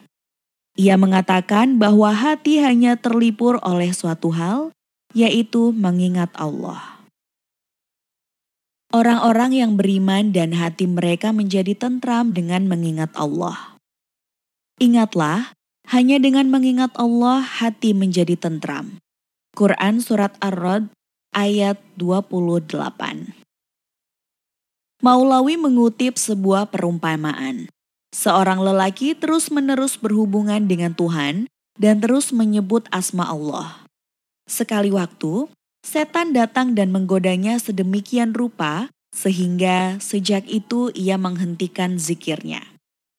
Suatu hari, setan datang lagi dan bertanya, dengan seluruh zikir dan jagamu di waktu fajar untuk ibadah, dan demi kerinduanmu, pernahkah sekali engkau mendengar ia berkata, Inilah aku? Bila saja kau telah pergi ke pintu lain dan merintih sebanyak itu, pasti kau sudah menerima sambutan sekurang-kurangnya satu kali. Pernyataan ini nampak logis bagi lelaki itu, sehingga ia bungkam. Dalam mimpinya, sebuah suara tak dikenal menanyakannya mengapa ia meninggalkan hubungannya dengan Tuhan. Ia menjawab bahwa dengan segala kerinduan dan kegetiran cintanya itu, ia tak pernah menerima jawaban. Suara itu mengatakan, aku disuruh Tuhan memberikan jawaban kepadamu. Perih cinta yang ditaruhnya di hatimu itulah jawabannya. Imam Ali dalam doa Kumail mengatakan, Ya Allah, ampunilah dosa yang menyebabkan doaku terbatas dan tersingkirnya rasa perih. Dengan demikian, doa dan munajat adalah tujuan itu sendiri dan tidak selalu merupakan sarana untuk mendapatkan jawaban yang menyenangkan. Imam Ali dalam suatu percakapannya dengan Kumail bin Ziyad menyatakan bahwa tidak ada seorang pun yang dapat ia tumpahkan rahasia hatinya. Tetapi ia mengatakan ada beberapa individu di dunia yang telah mencapai titik kepastian sempurna dalam pengetahuan dan merasa tidak ada ruang yang dapat memisahkan mereka dari roh kepastian. Kehidupan seperti ini yang sukar dicapai manusia pelesir dan materialis. Justru enteng dan mudah bagi mereka. Apa yang merupakan sumber teror bagi yang pertama, yakni kesendirian dengan Tuhan, adalah sarana persahabatan bagi yang kedua. Mereka berbaur dengan halayak, tetapi rohani mereka membumbung tinggi. Sementara mereka di sini, pada saat yang sama mereka berada di dunia berikut melalui mistik, keperihan ibadah, dan penyatuan model Ali. Cinta kepada Tuhan ini membuat Abid sesungguhnya tak sadar dengan apa yang terjadi di sekitarnya dan tak merasakan sakit apa pun, sekalipun misalnya anak panah dicabut dari badannya. Sakit perpisahan dengan Tuhan dan kerinduan akan kedekatan dengannya ini tidak berakhir sampai ia bersatu dengan Tuhan. Kita melihat contoh yang sempurna pada Imam Ali, terutama di bulan Ramadan menjelang akhir hayatnya. Baginya, saat-saat itu memberikan kegembiraan baru, sedang bagi keluarganya justru memberi kecemasan. Karena kelakuannya di bulan puasa itu sangat lain dari bulan-bulan puasa sebelumnya. Ali berbicara tentang Al-Quran. Apakah manusia itu mengira bahwa mereka dibiarkan saja mengatakan, "Kami telah beriman," sedang mereka tidak diuji lagi. Dan sesungguhnya kami telah menguji orang-orang yang sebelum mereka. Maka sesungguhnya Allah mengetahui orang yang benar dan sesungguhnya Dia mengetahui orang-orang yang dusta. Quran Surat Al-Ankabut ayat 2 3. Segera setelah ayat ini turun, katanya, "Aku tahu bahwa percobaan dan ujian besar tersedia buat orang-orang ini.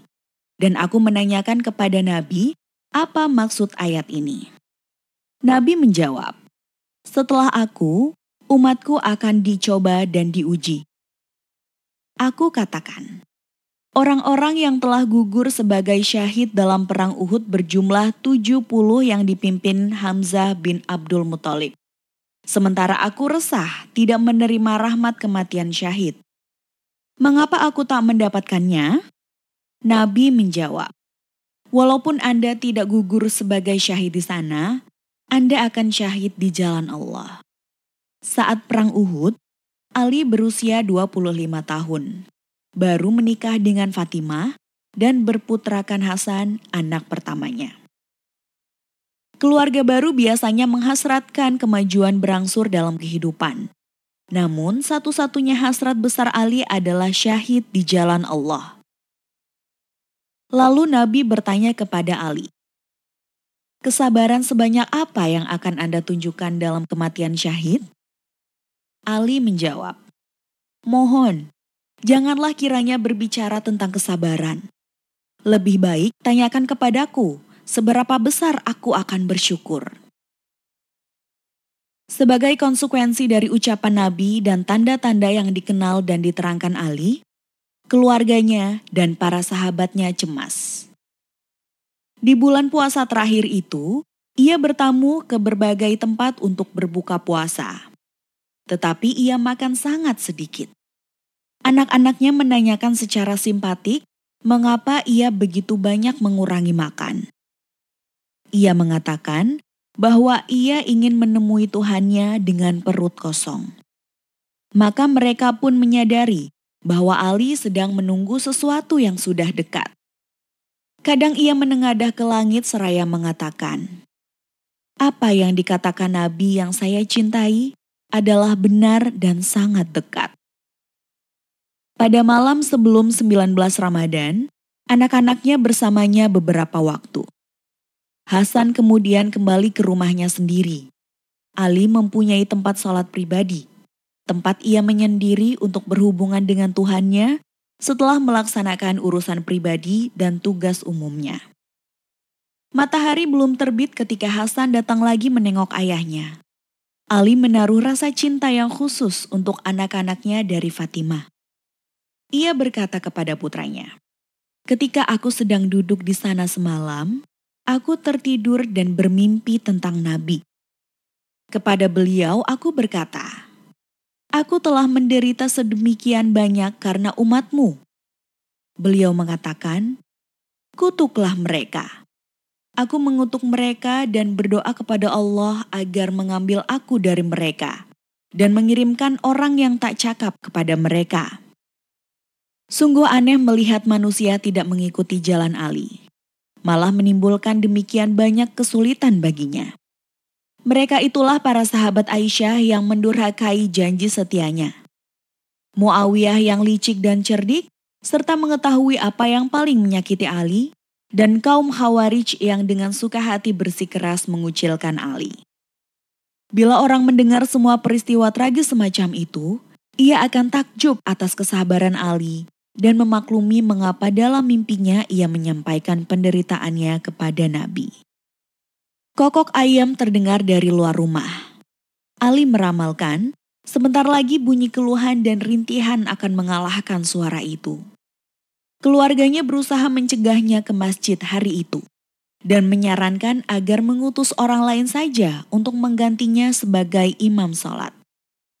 Mula-mula ia menyebut nama Ja'dad bin Hubairah, kemenakannya, sebagai pengganti tapi kemudian ia mengatakan akan memimpin sholat itu. Ia dianjurkan membawa teman, tapi lagi-lagi ia menolak. Menjelang hari terakhir itu, ketika ia dibaringkan dengan luka parah, ia mengatakan, "Demi Allah, pukulan pedang di dahi saya adalah seperti pecinta yang disatukan dengan kekasihnya." Atau seperti musafir di malam kelam yang mencari-cari sumber air tempat memasang kemahnya, dan riang gembira begitu menemukannya. Saat berangkat ke masjid, ia memang sangat riang dan berusaha menemui penyebabnya. Ia merasa bahwa suatu peristiwa besar akan terjadi. Setelah azan, ia mengucapkan selamat berpisah kepada Fajar dan mengatakan, Wahai Fajar, sepanjang hayat Ali, pernahkah engkau muncul dan mendapatkannya tertidur? Sejak sekarang, matanya akan tertutup untuk selama-lamanya. Ketika turun dari usangannya, ia berkata, "Bukalah jalan bagi mukmin mujahid." Kita melihat Ali sebagai manusia sempurna yang dalam semua perjuangan heroiknya selalu mengingat Tuhan dan tidak takut terhadap apa pun di jalannya. Merasakan keperihan makhluk Allah. Aliran pemikiran lain menekankan keperihan manusia bagi makhluk Allah, bukan bagi Allah. Kata Sa'di, bukan kemiskinan yang membuatku pucat. Aku pucat karena meratapi fakir miskin. Apabila lapar dan perih, orang lain menjadi lebih sulit ditanggung daripada lapar dan perih sendiri. Itu adalah nilai dasar kepribadian dan sumber nilai-nilai manusiawi lainnya. Ia mencakup rasa tanggung jawab terhadap orang lain, terhadap kesusahan dan penderitaan sesama manusia. Dari sisi pandang Islam, apakah manusia merupakan makhluk yang merasakan keperihan orang lain, ataukah yang merasa bagi Tuhan kemudian merasakan keperihan makhluk-makhluknya? Para sufi mengacu pada perjalanan maju manusia ke kesempurnaan, mengatakan bahwa manusia berangkat pada empat perjalanan. Yang pertama, satu, perjalanannya kepada Tuhan. Dua, perjalanannya dengan Tuhan dalam Tuhan yang berarti mengenal Dia. Tiga, perjalanannya dengan Tuhan kepada makhluk-makhluk Tuhan. 4. Perjalanannya dengan Tuhan di tengah-tengah makhluk untuk menyelamatkan mereka. Merasakan keperihan makhluk Allah. Aliran pemikiran lain menekankan keperihan manusia bagi makhluk Allah, bukan bagi Allah. Kata Sa'di, bukan kemiskinan yang membuatku pucat. Aku pucat karena meratapi fakir miskin. Apabila lapar dan perih orang lain menjadi lebih sulit ditanggung daripada lapar dan perih sendiri, itu adalah nilai dasar kepribadian dan sumber nilai-nilai manusiawi lainnya. Ia mencakup rasa tanggung jawab terhadap orang lain, terhadap kesusahan dan penderitaan sesama manusia. Dari sisi pandang Islam, apakah manusia merupakan makhluk yang merasakan keperihan orang lain? Ataukah yang merasa bagi Tuhan kemudian merasakan keperihan makhluk-makhluknya? Para sufi mengacu pada perjalanan maju manusia ke kesempurnaan, mengatakan bahwa manusia berangkat pada empat perjalanan. Yang pertama, perjalanannya kepada Tuhan. Kedua, perjalanannya dengan Tuhan dalam Tuhan, yang berarti mengenal Dia. Ketiga, Perjalanannya dengan Tuhan kepada makhluk-makhluk Tuhan. Keempat, perjalanannya dengan Tuhan di tengah-tengah makhluk untuk menyelamatkan mereka. Tak ada yang dapat dikatakan secara lebih baik dari ungkapan di atas. Selama seseorang terpisah dari Tuhan, segala sesuatu salah. Tetapi setelah bersatu dengan Tuhan, mengenal dan mendekatinya, serta merasakannya dengan diri sendiri, seseorang harus berpaling kepada makhluk-makhluknya dalam kesertaannya untuk menolong, menyelamatkan, dan membawa mereka mendekati Tuhan. Apabila seorang manusia berjalan dari manusia kepada Tuhan, ia tak akan mencapai apa pun. Apabila ia bergerak ke arah manusia tanpa bergerak kepada Tuhan, ia akan seperti penganut paham materialis sekarang yang tak mampu melaksanakan sesuatu karena jalan itu sama sekali palsu. Hanya orang-orang yang telah menyelamatkan diri sendiri yang telah menyelamatkan orang lain dari perbudakan alam dan manusia. Itu berarti ia mula-mula harus bebas dari hawa nafsu, kemudian dari dominasi dunia lahiriah dan sesama manusia. Seorang Muslim harus merasakan baik bagi Allah maupun bagi ciptaannya.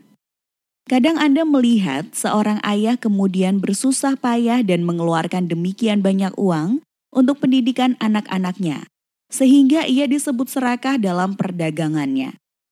Nabi pun menunjukkan gairah yang sama bagi umatnya. Al-Quran mengatakan, maka barangkali kamu akan membunuh dirimu karena bersedih hati sesudah mereka berpaling, sekiranya mereka tidak beriman kepada keterangan ini. Dalam kurung Al-Quran. Quran Surat Al-Kahfi ayat 6 Ayat ini menunjukkan betapa Nabi begitu berhasrat membimbing dan menyelamatkan manusia dari perbudakan dan kesulitan-kesulitan dunia ini, sehingga beliau serasa hendak bunuh diri karena keperihan hatinya. Dua ayat lain mengacu pada hal yang sama. Kami menurunkan Al-Quran ini kepadamu agar kamu menjadi susah. Quran Surat Taha ayat 1 Sesungguhnya telah datang kepadamu seorang rasul dari kaummu sendiri. Berat terasa olehnya penderitaanmu, sangat menginginkan keimanan dan keselamatan bagimu. Amat belas kasihan lagi penyayang terhadap orang yang mukmin. Quran Surat At-Taubah ayat 128 Jadi, Nabi merasakan bagi manusia lain dan berbuat sebesar mungkin untuk mereka. Imam Ali menunjukkan perasaan yang sama. Disebutkan dalam Naj al-Balaghah, suatu kali ia menerima laporan dari Basrah bahwa Utsman bin Hanif menghadiri suatu pesta. Memang di pesta itu tidak ada minum-minum, perjudian, dan maksiat. Tetapi Ali menegur gubernurnya itu karena menghadiri pesta yang hanya dihadiri para aristokrat dan tidak menyertakan fakir miskin. Lalu Ali menggambarkan keperihan-keperihannya sendiri, bahwa ia dapat memperoleh semua sarana kenikmatan, hiburan, dan kesenangan bila ia kehendaki. Tapi ia tidak ingin melepaskan kendali di hidupnya di tangan hawa nafsu. Ia memikirkan semua orang di berbagai negeri yang miskin, dan sangat memerlukan. Inilah yang dimaksud dengan merasakan keperihan orang lain. Ia mengatakan, "Haruskah saya puas dengan gelar khalifah dan Amir al-Mu'minin tanpa turut mengambil bagian dalam kesusahan kaum mukmin?" Ibnu Sina membandingkan keperihan ini dengan gatal yang sakit tetapi enak bila digaruk. Itu bukan perasaan pahit.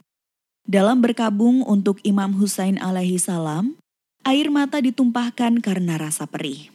Namun, orang senang melakukannya dan menyertai upacara-upacara semacam itu. Di dalamnya orang merasakan semangat yang tidak sendiri, melainkan semangat dari semua badan. Roh semacam itu mendorong orang memakai sepatu bertambal, walaupun sepatu yang baik tersedia di banyak tempat, hanya untuk dapat dipersatukan dengan semangat seperti yang dimiliki Ali. Seorang penyair mengatakan, Celakalah semangat yang besar karena menyebabkan ia merasakan keperihan setiap orang dan tugasnya menjadi krusial. Suatu hari, Ali melihat seorang wanita membawa kantung air dari kulit dan berpikir bahwa tentulah ia sendirian sehingga terpaksa harus melakukan pekerjaan seperti itu. Ia mendekati wanita itu sambil menawarkan bantuan. Wanita itu menerima tawaran itu. Ketika tiba di rumah, Ali menanyakan kepadanya apakah tak ada orang lain yang menolongnya. Wanita itu mengatakan bahwa suaminya telah gugur di pihak Ali dan tak ada lagi orang yang mengurusnya.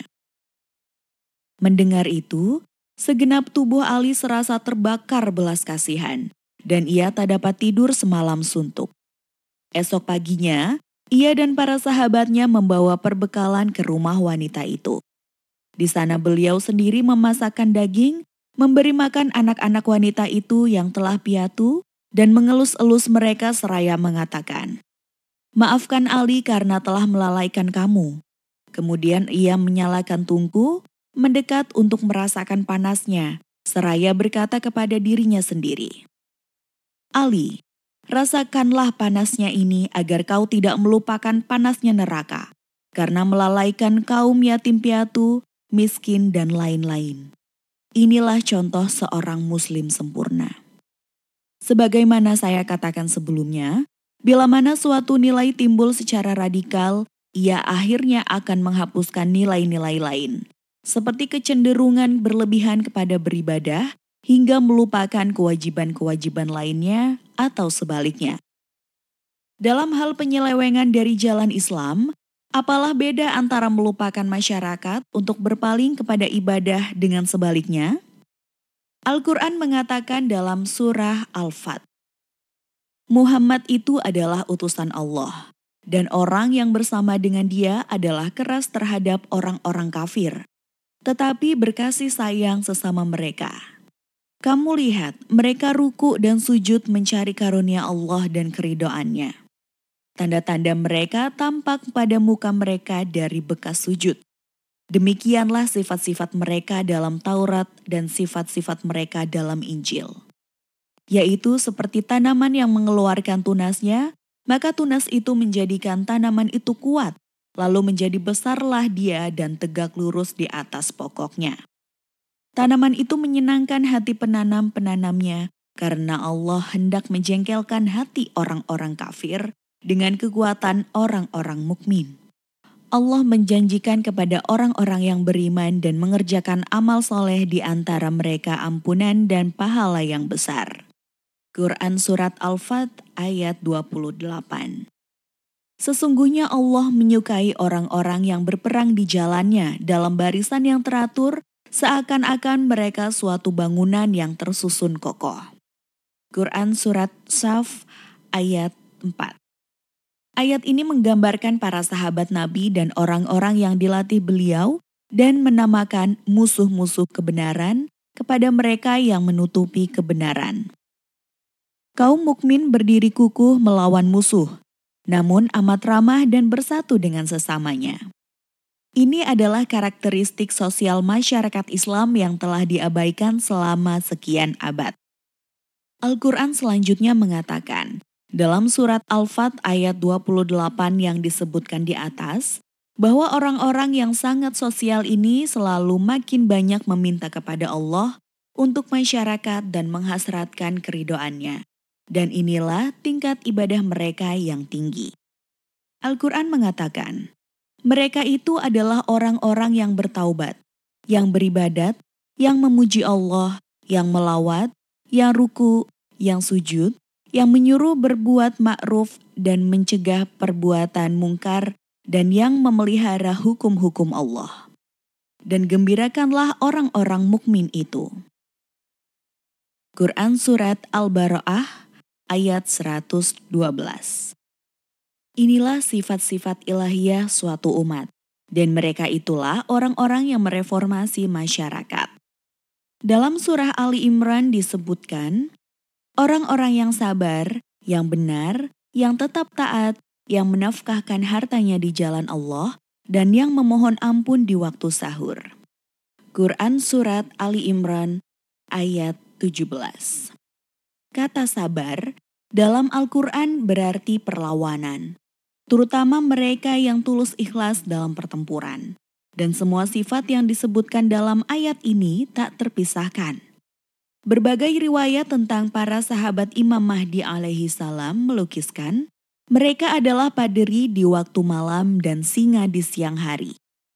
Riwayat lain tentang para sahabat Nabi menyebutkan, suatu hari Nabi mengunjungi para penghuni Al-Safa. Sesuai kebiasaan beliau menjelang terbitnya matahari.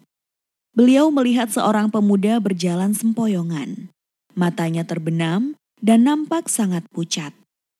Nabi bertanya kepadanya, "Bagaimana Anda telah memulai pagi Anda?"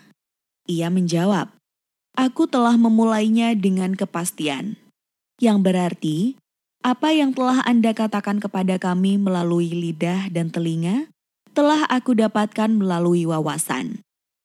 Nabi mengatakan, segala sesuatu mempunyai tanda. Apakah tanda kepastian Anda? Orang itu menjawab, Tandanya ialah bahwa hal itu membuatku terus haus di siang hari dan terjaga di malam hari yang berarti kepastiannya tak mengizinkan ia berbuka puasa atau tidur. Nabi berkata, "Itu tidak cukup. Aku menghendaki tanda-tanda yang lebih dari itu." Orang itu menjawab, "Sekarang, karena aku berada di dunia ini, aku mempunyai pandangan tentang dunia yang akan datang." dan aku mendengar suara orang-orang yang ada di surga maupun di neraka. Mari kusebut para pengikut Anda yang ada di surga dan neraka. Maulawi mengungkapkan semua ini dalam sebuah syair. Kemudian Nabi bertanya kepadanya, "Apa keinginan Anda?" Orang itu menjawab, "Mati syahid di jalan Allah." Demikianlah orang ini adalah muslim sejati dengan keinginannya itu dan dalam caranya menghabiskan siang dan malamnya. Perasaannya bagi Allah lah yang telah menimbulkan rasa perihnya yang lain.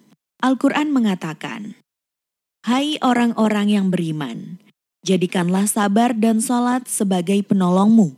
Sesungguhnya Allah beserta orang-orang yang sabar. Quran Surat Al-Baqarah ayat 153 Imam Ja'far Sodik alaihi salam dalam keadaan sekarat memanggil sanak saudaranya dan mengucapkan satu kalimat sebelum menghembuskan nafas terakhirnya.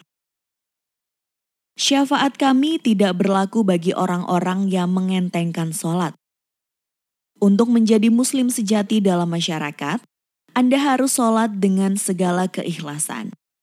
Sebagian orang mengejek sholat, menganggap itu hanya cocok untuk perempuan tua, dan mengira suatu pencerahan kalau sudah bersikap sosial. Anda mungkin telah mendengar bahwa Umar menghilangkan kalimat Hayya ala khair al-amal.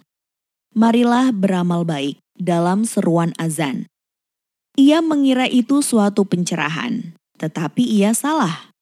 Masanya adalah puncak dari kemenangan-kemenangan Islam dan semaraknya jihad Islam. Tentara menyerang musuh secara berkelompok. Walaupun berjumlah sedikit, mereka mampu menaklukkan musuh. Jumlah mereka tak lebih dari 50 atau 60 ribu dan berperang melawan dua imperium yang masing-masing dengan tentara ratusan ribu. Para prajurit Islam berperang dalam dua medan dan jaya dalam kedua-duanya. Alasan Umar menghapus sebagian azan adalah karena umat dipanggil untuk sholat yang merupakan ibadah dan amal yang terbaik.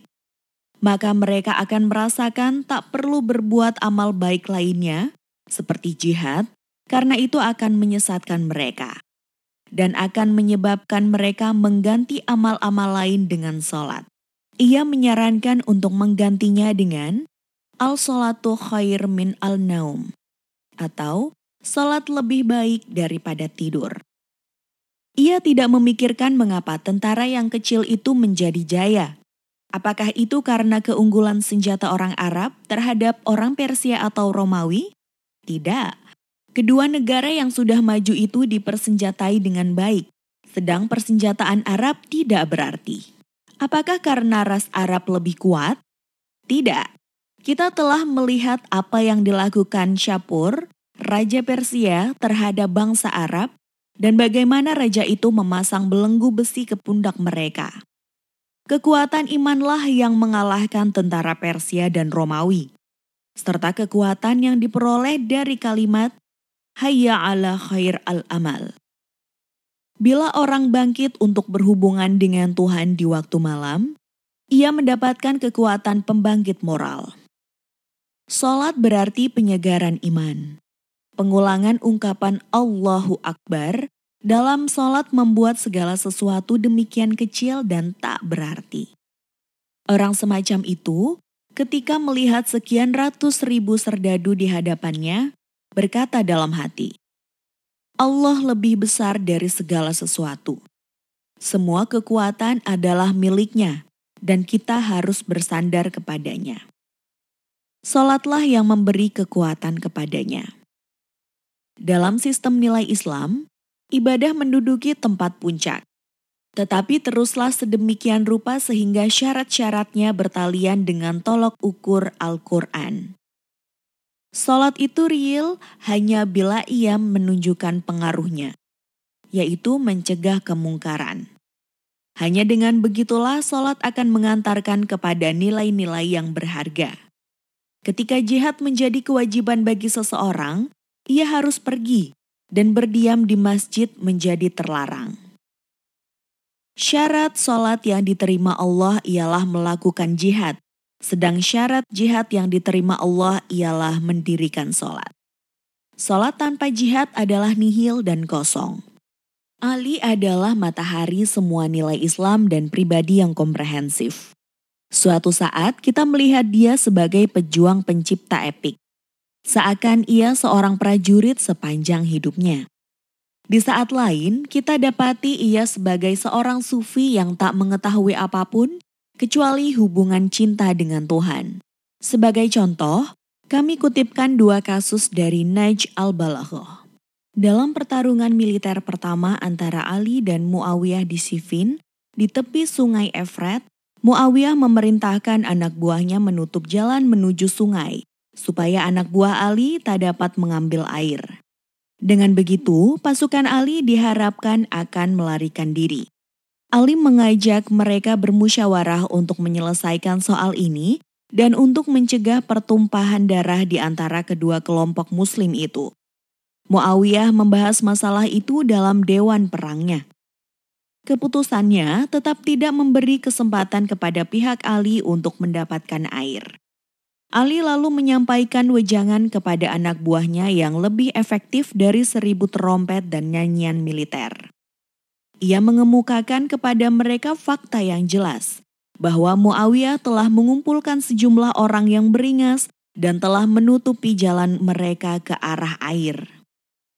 Ia berkata, "Kalian harus memilih salah satu dari dua pilihan, yaitu memuaskan pedang kalian dengan darah jahat atau memuaskan haus kalian sendiri. Kemudian ia mengucapkan kalimat yang menimbulkan kegalauan bagi mereka. Ia bertanya kepada mereka tentang arti hidup dan mati. Ia berkata, "Apakah hidup hanya sekedar berjalan, makan, dan tidur? Apakah kematian hanyalah dikuburkan di bawah tanah? Tidak, itu bukan hidup dan bukan pula mati. hidup adalah mati yang menaklukkan, dan mati adalah hidup yang ditaklukkan. Pasukan Ali maju dengan cepat dan mengusir pasukan Muawiyah. Sekarang, justru pasukan Muawiyah yang tak dapat mengambil air. Muawiyah menyurati Ali, memohon akses ke air. Para sahabat Ali tidak mau memberikan, namun Ali tak mau berlaku tidak satria. Ia mengatakan bahwa mereka tak boleh memerangi musuh dengan menciptakan kesengsaraan semacam itu.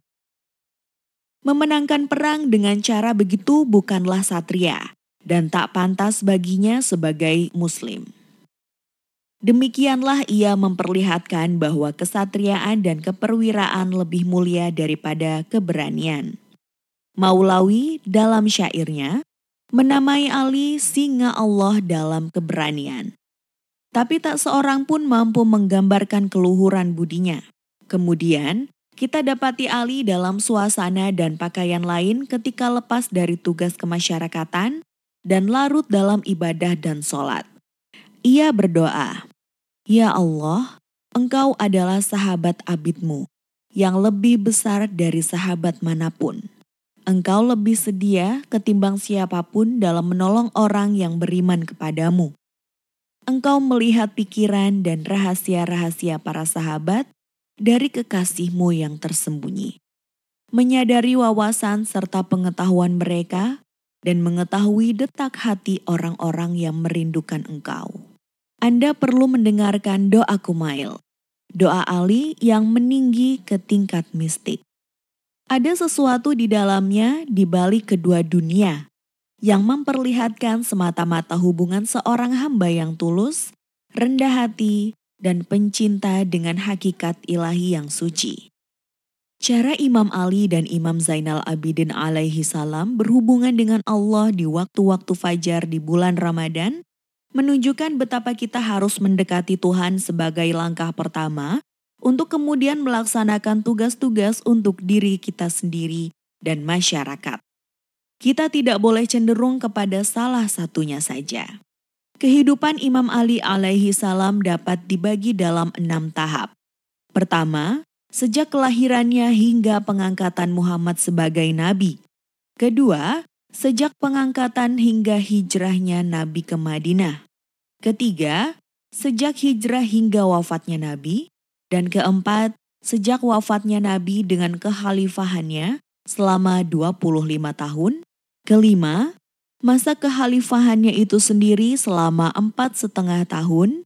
Keenam atau terakhir, hanya dua hari yaitu sejak menerima bacokan pedang di kepalanya hingga syahidnya. Periode terakhir adalah yang paling menakjubkan. Karena saat itu Ali menunjukkan kesempurnaannya sebagai manusia dalam caranya menghadapi kematian. Ketika terkena bacokan itu, ia mengucapkan dua kalimat tangkaplah orang itu. Dan aku bersumpah demi Tuhan pemilik Ka'bah bahwa aku telah menerima keselamatan melalui syahadah atau kematian syahid. Seorang tabib bernama Asid bin Amr didatangkan. Telah melakukan diagnosa, tabib itu mengatakan bahwa racun telah memasuki darah Ali dan bahwa ia tak dapat berbuat apa-apa sambil menganjurkan sang imam untuk membuat wasiatnya yang terakhir. Ketika Ummu Kalsum, putri Ali, melihat Ibnu Muljam, ia mengancamnya dan menanyakan alasan perbuatannya sambil mengungkapkan harapan bahwa Ali akan sembuh. Ibnu Muljam berkata, Tiada harapan. Saya membeli pedang itu seharga seribu dinar dan telah membayar seribu dinar lagi untuk menyepuhnya dengan racun. Racunnya demikian keras, sehingga bukan saja mampu membunuh ayahmu, tapi juga mampu membunuh semua penduduk Kufah bila digunakan terhadap mereka. Mereka membawakan susu kepada Ali. Ia meminta orang sekitarnya untuk memperlakukan si pembunuh dengan ramah. Kepada sanak keluarganya, ia berkata, Wahai keturunan Abdul Muthalib, setelah saya meninggal, Janganlah kalian membesar-besarkan kepada orang-orang apa yang terjadi atas diri saya, serta menuduh si Polan dan si Anu. Pembunuh saya hanya satu orang. Kepada Hasan, putranya, ia berkata, Anakku, orang itu menyerang ayahmu hanya dengan satu tebasan pedang. Sepeninggal saya, engkau boleh memilih, membebaskannya atau menghukumnya. Bila engkau menghukumnya, lakukan dengan satu kali tebasan pula, tak peduli mematikannya atau tidak. Kemudian ia menanyakan apakah mereka memberi makan dan melayani orang itu dengan baik. Begitulah cara ia memperlakukan musuhnya. Dan karena itulah maka Maulawi dalam syairnya menamainya singa Allah seraya mengatakan bahwa tak seorang pun sanggup menggambarkan keluhurannya. Semua ini menunjukkan kejantanan dan kemanusiaan Ali. Racun itu semakin mempengaruhinya sehingga para sahabatnya menangis terisak-isak. Bibirnya malah tersenyum mengucapkan, Aku bersumpah demi Allah, apa yang telah terjadi pada diriku bukanlah hal yang tidak menyenangkan. Kematian dan kesyahidan di jalan Allah itu telah aku rindukan sepanjang hidupku, dan syukurlah bahwa hal itu terjadi saat aku melakukan ibadah. Kemudian Ali menggunakan perumpamaan yang termasyhur di kalangan orang Arab. Ali berkata, "Saya ibarat pecinta yang telah menemukan kekasihnya, seperti pencari air di malam kelam yang amat gembira ketika menemukannya." Di saat-saat terakhir, mereka berkumpul di sekitar ranjang Ali. Racun telah beraksi penuh, dan Ali pingsan berkali-kali. Bila membuka mata, ia berkhotbah kepada hadirin. Kata-kata terakhirnya yang berapi-api itu mengandung 20 pokok pembicaraan yang ditujukan kepada Hasan dan Husain, lalu kepada anak-anaknya yang lain, dan terakhir kepada semua manusia yang dapat mendengarkan kata-katanya hingga hari kebangkitan. Pandangan berbagai mazhab pemikiran. Umumnya, setiap masa pemikiran mempunyai teori tentang kesempurnaan manusia atau manusia sempurna. Etika itu bertalian dengan apa yang semestinya, bukan apa yang ada. Dan apabila manusia dapat memperoleh kualitas etis seperti itu, ia akan mencapai puncak kemanusiaan. Pandangan berbagai masa pemikiran dalam hubungannya dengan manusia sempurna dapat diringkaskan sebagai berikut. Yang pertama adalah pandangan kaum intelektual yang memandang manusia dalam istilah-istilah kualitas mentalnya dan berpendapat bahwa hakikat manusia adalah pikiran dan kemampuan pikirnya. Ini pandangan para filosof lama, termasuk Ibnu Sina. Bagi mereka, manusia sempurna adalah manusia arif, dan kesempurnaannya terletak pada falsafahnya. Dengan falsafah mereka maksudkan pengertian umum yang seksama dengan seluruh eksistensi. Dan itu berbeda dengan sains yang hanya berarti pengertian tentang bagian dari eksistensi. Untuk menunjukkan perbedaan antara sains dan falsafah, keterangan berikut menggambarkan masalah itu. Anda mungkin ingin mengetahui tentang suatu kota.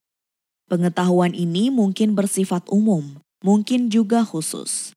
Insinyur kota praja dapat menggambarkan bagian kota menunjukkan batas-batas dan pembagiannya ke dalam berbagai kawasan, taman, jalan-jalan, dan lapangan di mana Anda dapat menentukan letak rumah Anda. Insinyur lain dapat memberikan semua informasi mengenai suatu kawasan yang tak dapat diberikan insinyur umum. Seorang filosof memberi Anda suatu bagan dan gambar seluruh eksistensi dan berusaha mendapatkan sumber dan sebabnya, awal dan akhirnya, serta fase-fase dan prinsip-prinsip umumnya. Apabila Anda bertanya kepada filosof itu tentang tumbuh-tumbuhan, hewan, batu, bintang atau matahari, mungkin ia tak dapat menjawab pertanyaan Anda. Bagi filosof, Gambaran alam semesta sebagai suatu keseluruhan adalah nyata, sekalipun detail-detailnya mungkin samar atau tak diketahuinya. Bagi para intelektual, mendapatkan gambaran umum adalah tujuan, dan pencapaiannya merupakan tanda kesempurnaan, di mana dunia intelek sesuai dengan dunia objektif. Mereka berpikir bahwa ini bisa dicapai lewat penggunaan nalar, logika, dan pikiran. Mereka percaya akan dua jenis falsafah, yaitu falsafah teoritis atau pemahaman dunia sebagaimana adanya, dan falsafah praktis yang berarti keunggulan sempurna pemikiran manusiawi atas segala naluri dan kecakapannya. Buku-buku etika kita menilai berbagai hal berdasarkan basis ini, dan etika kita adalah etika Sokrates yang berdasarkan intelek. Apakah akal Anda yang menguasai diri Anda, atau sebaliknya? Apakah akal Anda yang menguasai kemarahan dan ketakutan Anda, atau sebaliknya. Jadi, apabila Anda berhasil memahami dunia melalui penalaran dan membiarkan akal Anda menguasai diri, maka Anda adalah manusia sempurna. Mazhab lain adalah mazhab cinta atau tasawuf. Cinta di sini berarti pengabdian penuh cinta kepada Allah. Tidak seperti mazhab intelek yang merupakan mazhab pemikiran, bukan gerakan, dan bahwa seluruh gerakan adalah intelektual, mazhab cinta sepenuhnya gerakan lebih sebagai gerakan vertikal ketimbang horizontal. Kendati pada tahap berikut ia akan mengambil arah horizontal, pada tahap awal ia menuju Allah. Mereka tidak mempercayai penalaran dan pemikiran sebagai sarana kemajuan. Roh manusialah yang bergerak mencapai Tuhan. Mazhab ini menghina mazhab akal atau intelek. Sikap inilah yang menjadi basis salah satu perdebatan paling tajam dalam literatur kita antara cinta dan akal. Dan kebanyakan mereka yang terlibat dalam diskusi itu adalah para sufi sendiri yang telah memenangkan cinta atas akal. Itu sebabnya mengapa pengikut aliran ini seperti penyair Hafiz yang lebih memilih cinta dan mabuknya ketimbang akal. Tauhid atau monoteisme bagi mereka adalah kesatuan eksistensi yang mengambil bentuk kebenaran mutlak segera setelah seorang mencapai kedudukan itu. Ini berarti manusia akhirnya menjadi Tuhan atau bagian dari Tuhan. Mazhab pemikiran lain berpendapat bahwa manusia sempurna tidak bergantung pada akal maupun cinta, tapi pada kekuasaan yang berarti kekerasan, kekuatan, atau sejenisnya. Di zaman Yunani kuno, ada kelompok bernama kaum sofis yang terang-terangan mengklaim bahwa kekuatan adalah kebenaran dan kelemahan berarti ketiadaan kebenaran. Jadi, keadilan dan kezaliman tidak bermakna bagi mereka karena kekuatanlah kebenaran itu, dan setiap manusia dapat berusaha memperoleh kekuasaan tanpa syarat atau batas apa pun. Dua abad lalu, gagasan ini dihidupkan kembali oleh Nietzsche, filosof Jerman. Ia dan pengikutnya mengatakan bahwa kebenaran, kejujuran, dan kebaikan adalah omong kosong. Apabila seseorang lemah, itu salahnya sendiri, dan ia patut ditaklukkan. Ia percaya bahwa agama diada-adakan oleh orang lemah. Ia sendiri menentang agama. Ini bertentangan dengan pandangan Karl Marx yang menganggap agama ditemukan oleh orang kuat untuk memperbudak si lemah. Nietzsche menganggap si lemah telah menemukan agama untuk membatasi kekuasaan si kuat. Pengkhianatan agama kepada umat manusia adalah propagandanya tentang gagasan-gagasan kemurahan hati, keramahan, kemanusiaan, keadilan, dan sebagainya di kalangan manusia. Dan ini telah mengibuli orang-orang kuat untuk mengurangi kekuasaan mereka demi kemanusiaan. Ia menyalahkan mereka yang mengatakan orang harus memerangi hawa nafsu. Sebaliknya, hawa nafsu harus dipelihara. Orang-orang yang berbicara tentang persamaan adalah salah. Selalu harus ada orang lemah yang bekerja bagi orang yang unggul, sehingga memungkinkan yang unggul tumbuh dan menghasilkan adi insan atau Superman. Ia menentang persamaan seks karena pria diciptakan sebagai seks yang lebih kuat dan wanita bertugas melayani pria. Jadi, paham ini menganggap Superman atau manusia sempurna sama dengan manusia kuat yang berkuasa. Kesempurnaan berarti kekuasaan. Gagasan semacam itu secara sadar atau tidak pernah merajalela di kalangan kaum muslim. Kadang kita secara sembrono berbicara tentang jihad sebagai survival of the fittest. Padahal ia pernah memperbolehkan pembelaan atas yang benar atau yang hak. Tanpa peperangan semacam itu, tiada pendeta, biarawan, atau ulama yang dapat dengan damai beribadat di gereja, kuil, atau masjid. Dan mereka semua harus berterima kasih kepada tentara yang memungkinkan peribadatan itu. Alangkah bagusnya bila manusia mencapai tahap pendidikan dan kesempurnaan tanpa agresi sehingga tidak diperlukan lagi peperangan yang sah. Masyarakat semacam itu dipersembahkan Islam dalam bentuk pemerintahan Mahdi, imam yang akan datang. Dikatakan bahwa pada masa itu, bahkan binatang buas akan berdamai dan tidak akan ada lagi peperangan dan pelanggaran. Ada suatu kalimat yang dinisbahkan kepada Imam Hussein yang tidak benar dan tidak pula ada bukti bahwa itu dikatakan beliau. Kalimat itu telah menjadi lazim pada 50 tahun terakhir ini. Bunyinya, orang harus berjihad untuk mempertahankan pendapatnya. Kalimat semacam itu sesuai dengan gagasan-gagasan barat. Al-Quran mengatakan, bahwa jihad harus dilakukan pada jalan kebenaran. Suatu kepercayaan boleh jadi benar, boleh jadi juga salah. Mazhab pemikiran lain mengatakan bahwa seseorang harus mempunyai kepercayaan dan ideal yang harus diperjuangkan, apa pun kepercayaan itu. Tetapi Al-Quran mengatakan bahwa usaha-usaha ini harus dilakukan di jalan yang benar dan bila ternyata kepercayaan itu salah, maka ia harus diperbaiki. Sering kali timbul keperluan memerangi kepercayaan sendiri untuk menemukan kebenaran, baru kemudian berjuang di jalan kebenaran.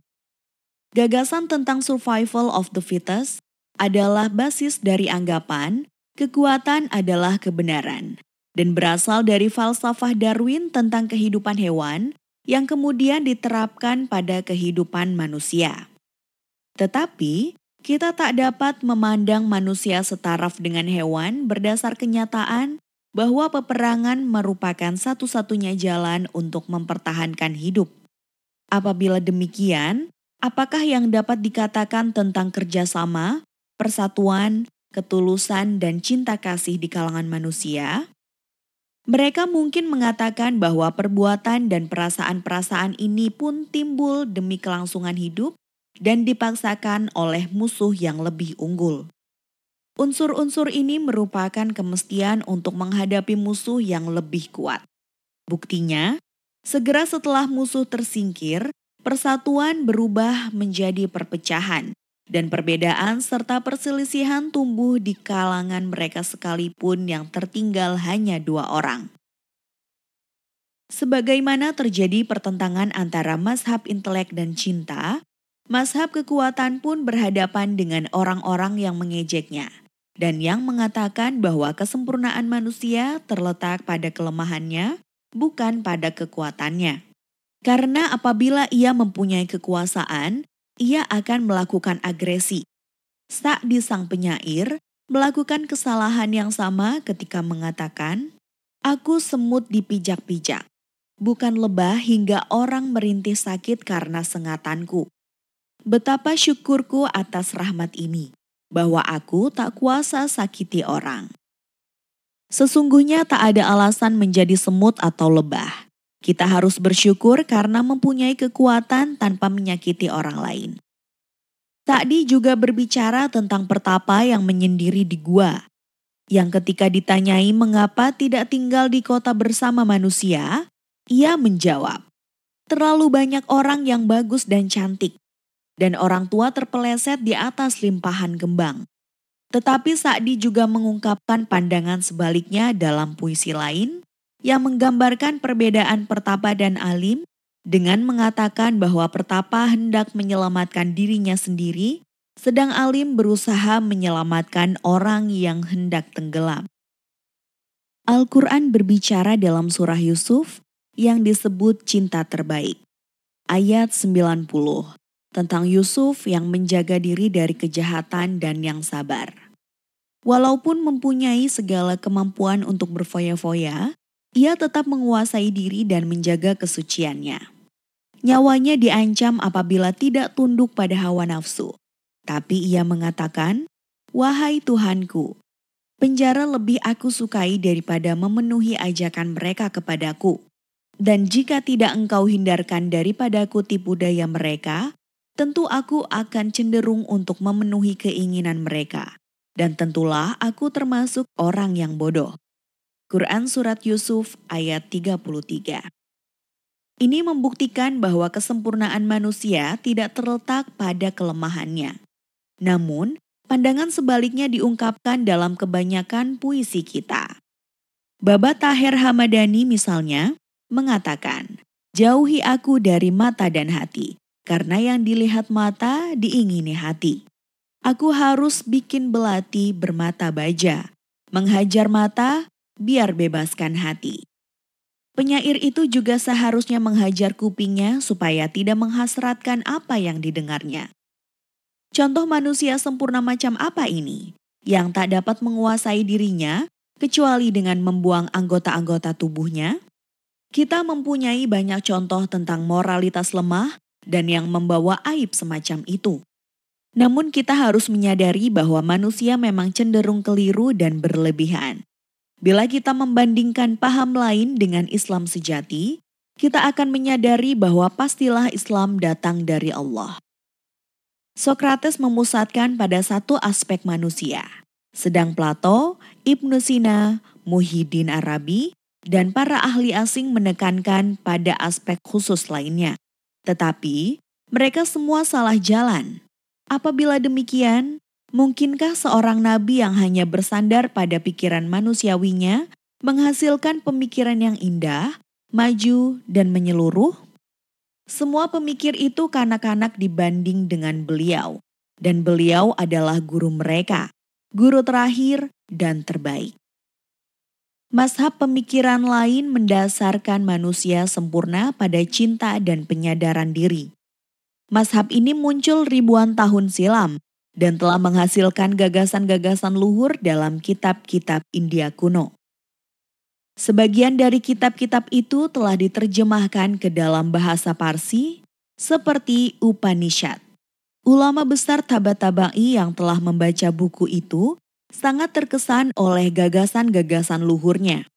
Dalam paham ini, penyadaran diri adalah dasar bagi semua perbuatan. Butir ini diungkapkan oleh Sokrates dan berbagai nabi, termasuk Nabi Muhammad Sallallahu Alaihi Wasallam. Tetapi paham ini memusatkan pada butir tunggal tersebut. Kumpulan esai dan surat Gandhi yang berjudul This Is My Faith merupakan buku yang bagus di mana ia mengatakan, saya menemukan tiga prinsip melalui kajian Upanishad yang telah menjadi panduan hidup saya. Pertama, hanya ada satu realitas, yaitu mengenal diri. Dengan ini, ia mengkritik Barat dan mengatakan bahwa orang-orang di sana memahami dunia, tapi tidak mengenal diri mereka. Dan karena alasan itu, mereka telah membawa bencana pada diri mereka dan dunia. Kedua, orang mengenal dirinya akan mengenal Tuhan dan lainnya. Ketiga, hanya ada satu kekuasaan, yaitu yang menguasai diri sendiri. Apabila seseorang menguasai dirinya, ia akan dapat menguasai segala hal. Gandhi juga mengatakan bahwa ada satu kebaikan, yaitu menginginkan untuk orang lain apa yang ia inginkan untuk dirinya. Falsafah India didasarkan pada realisasi diri, kontemplasi, penyangkalan hawa nafsu, dan penemuan realitas diri yang pada gilirannya menimbulkan cinta kasih. Di dunia modern, dalam tiga abad terakhir ini, sejumlah mazhab pemikiran yang muncul mengandung kecenderungan sosial. suatu mazhab yang menganggap manusia sempurna sebagai individu tanpa kelas, bila kita merupakan bagian dari suatu kelas, terutama kelas tinggi, maka itu tanda ketidaksempurnaan. Kesempurnaan berarti kesamaan dengan orang lain. Mazhab lain seperti eksistensialisme menekankan kebebasan dan kesadaran sosial serta tanggung jawab. Ada mazhab lain yang seperti itu juga, tapi mengatakan bahwa sikap suka bertengkar merupakan syarat. Mazhab lain mempercayai kenikmatan yang agak dekat dengan mazhab kekuasaan. Mazhab ini mengatakan bahwa untuk mencapai kesempurnaan, orang harus mendapatkan manfaat maksimum dari penciptaan. Orang yang menganggap pengetahuan sebagai puncak kesempurnaan menghendakinya untuk mengetahui alam agar dapat menguasainya untuk melayani umat manusia. Jadi, bagi mereka, pengetahuan adalah sarana, bukan tujuan. Orang-orang semacam ini merupakan pengikut mazhab kenikmatan maksimum. Itulah berbagai pandangan tentang manusia sempurna. Kita akan menguraikan secara rinci pandangan Islam tentang ini, serta akan menunjukkan nilai relatif dari akal, kekuasaan, tanggung jawab sosial, dan sebagainya di dalam paham-paham itu. Manifestasi dari kesempurnaan manusia ialah cara dia menghadapi maut. Karena pikiran dan ketakutan terhadap maut merupakan titik lemah pada manusia yang menimbulkan banyak kesengsaraan dan kepasrahan pada kepicikan. Apabila tidak ada ketakutan terhadap maut, seluruh kehidupan akan berubah. Manusia-manusia agung adalah orang-orang yang menghadapi maut dengan berani, bahkan mencarinya dengan riang gembira. Bukan kematian bunuh diri, melainkan dari suatu tujuan yang mereka rasakan mengandung misi dan tanggung jawab. Bunuh diri berarti meninggalkan tanggung jawab, sedang kematian demi kewajiban adalah kebahagiaan.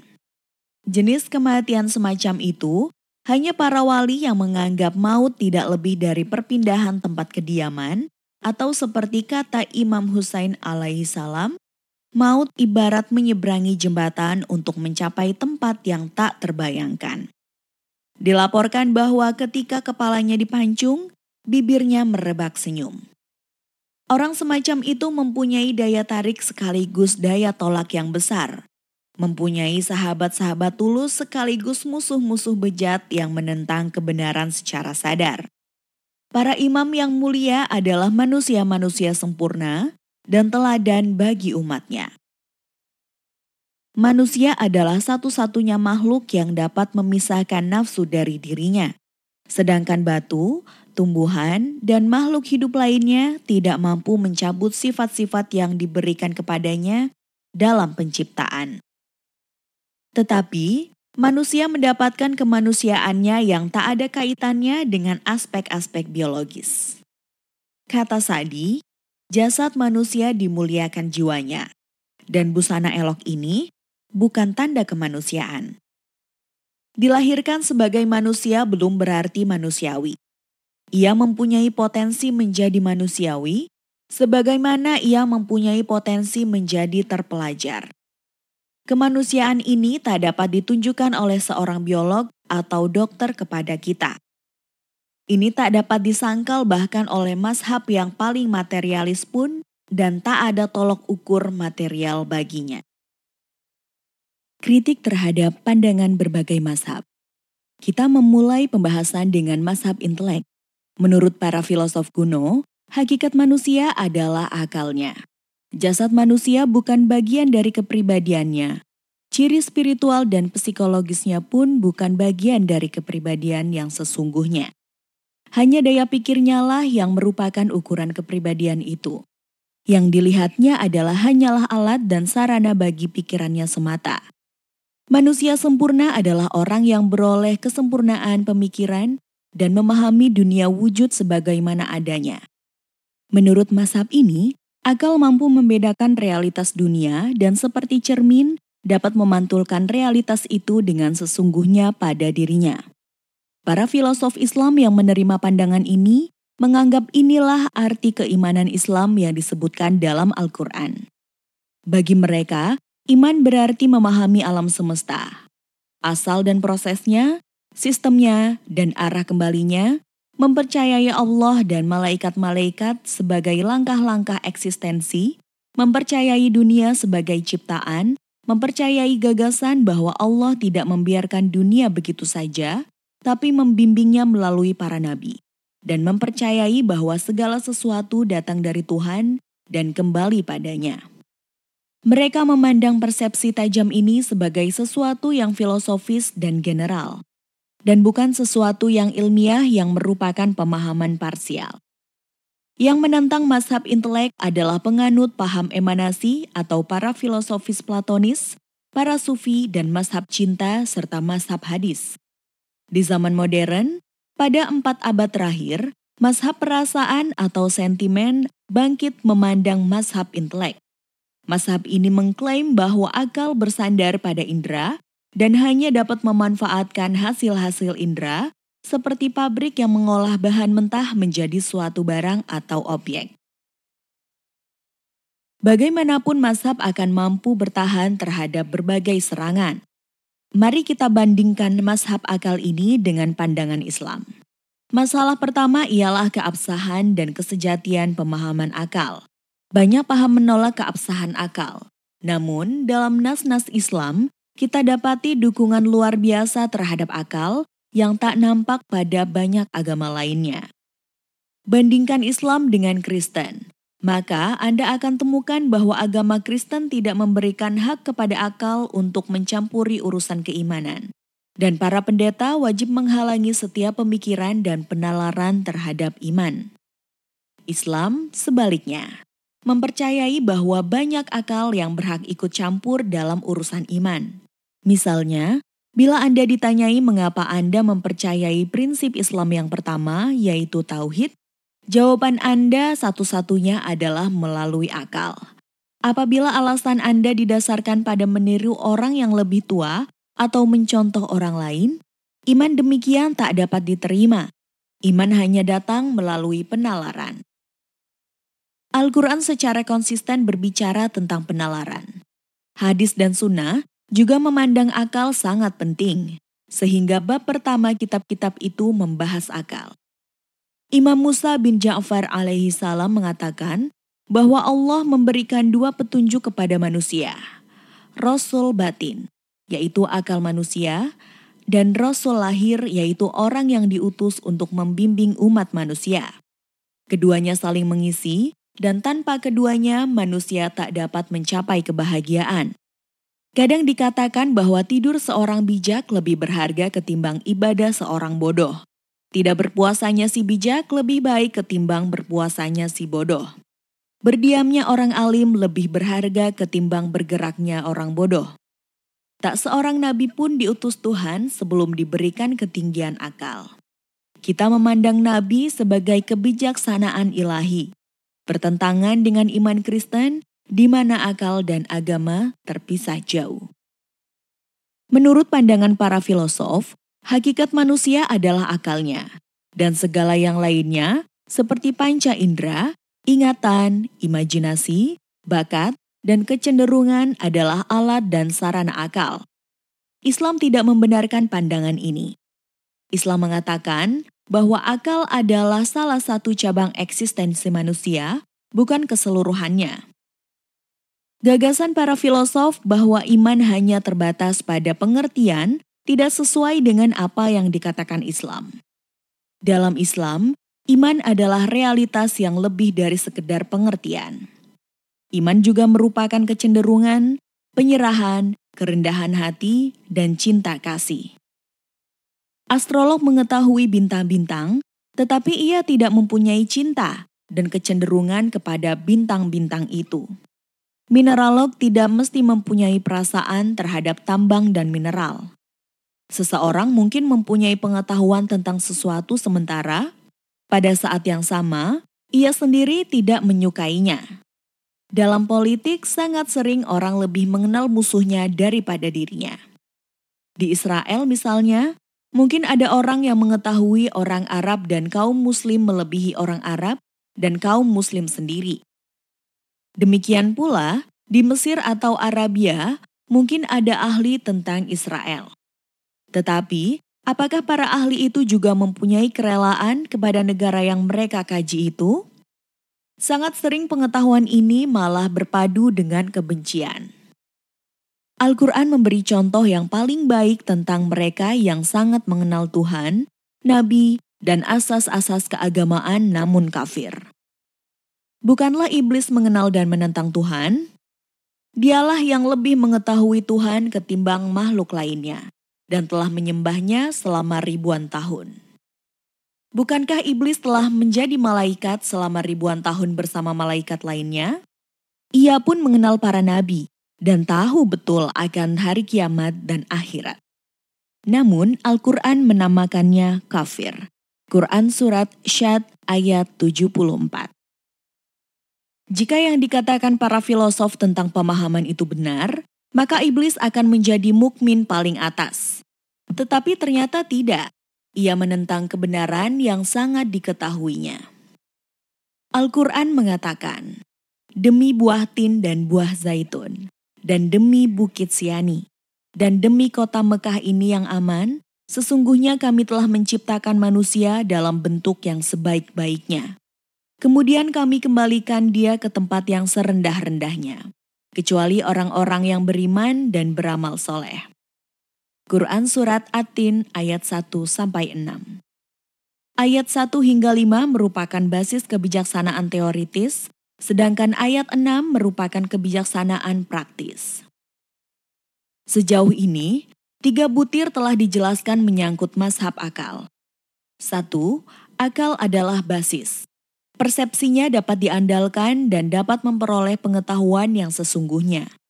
Dua, akal bukanlah seluruh hakikat manusia, dan Islam tidak mengukuhkan demikian. Tiga, yang dinamakan iman Islam adalah persepsi akal atau pemahaman. Tetapi yang penting dari pandangan mazhab ini ialah bahwa iman merupakan pendahuluan untuk berbuat dan tidak mempunyai kesejatian diri. Ini pada gilirannya mengakibatkan dua mazhab saling berhadapan. Apa yang dimaksud dengan kesejatian iman? Apakah karena iman merupakan basis perbuatan manusia dan orang harus terus-menerus berusaha menurut rencana dan untuk suatu tujuan dengan iman sebagai dasarnya, karena aktivitas adalah inheren dalam watak manusia dan ini menuntut dasar pemikiran dan kepercayaan. Ini dapat diumpamakan dengan membangun rumah berkamar tunggal yang merupakan tujuan dan semua tindakan, barang, atau bagian lain rumah itu seperti lantai, dinding, dan sebagainya hanyalah pelengkap bagi tujuan itu. Pada mazhab-mazhab sosial sekarang, seperti komunisme, ada seperangkat pandangan dan kepercayaan yang didasarkan pada materialisme. Ada pula serangkaian prinsip sosial, politik, ekonomi, dan moral yang dipandang sebagai dasar, tetapi bukan tujuan. Materialisme tidak dapat dipandang sebagai tujuan komunis. Kecenderungan ini disebabkan oleh konflik yang tolol antara gereja dengan pemikiran sosial dan politik semacam itu, dan terutama dengan kebebasan sehingga pandangan ini merajalela di Eropa. Bahwa manusia bebas dan mempunyai hak dalam masyarakat, tapi harus melupakan Tuhan atau mempercayai Tuhan dan meninggalkan hak dan kebebasan itu. Jadi, untuk mendapatkan penyelesaian, mereka menolak agama sebagai fondasi. Seorang komunis keliru ketika berpikir bahwa tanpa materialisme, tak ada prinsip sosial, politik, dan ekonomi yang dapat dijelaskan. Akhir-akhir ini telah muncul di dunia sejumlah orang komunis yang menyatakan bahwa materialisme bukan lagi kemestian, dan komunisme dapat diadakan tanpa materialisme. Bagi mereka, iman kepada prinsip-prinsip mental itu tidak mempunyai kesejatiannya sendiri, dan itu hanya digunakan sebagai basis dari pandangan dunia yang menjadi dasar mazhab mereka. Dalam Islam, ada iman kepada Allah, malaikat, para nabi, para imam, dan kebangkitan. Tetapi apakah iman hanya merupakan basis pikiran dan kepercayaan tanpa kesejatiannya sendiri? Tidak, itu tidak benar. Dalam Islam, sementara iman merupakan fondasi pemikiran dan kepercayaan sekaligus pijakan akidah Islam. Ia sendiri mempunyai kesejatiannya. Di sini para filosof benar ketika berpikir bahwa iman mempunyai keotentikannya sendiri. Apabila nilai iman adalah amal, maka amal tanpa iman juga nihil.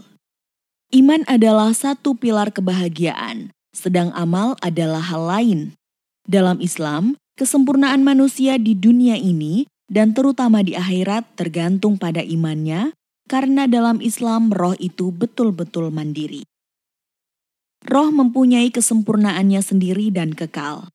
Apabila roh tidak mencapai kesempurnaan, maka ia cacat dan tak dapat menjamin kebahagiaan. Al-Quran dalam surah Bani Israel mengatakan, Dan barang siapa yang buta hatinya di dunia ini, niscaya di akhirat nanti ia akan lebih buta pula dan lebih tersesat dari jalan yang benar.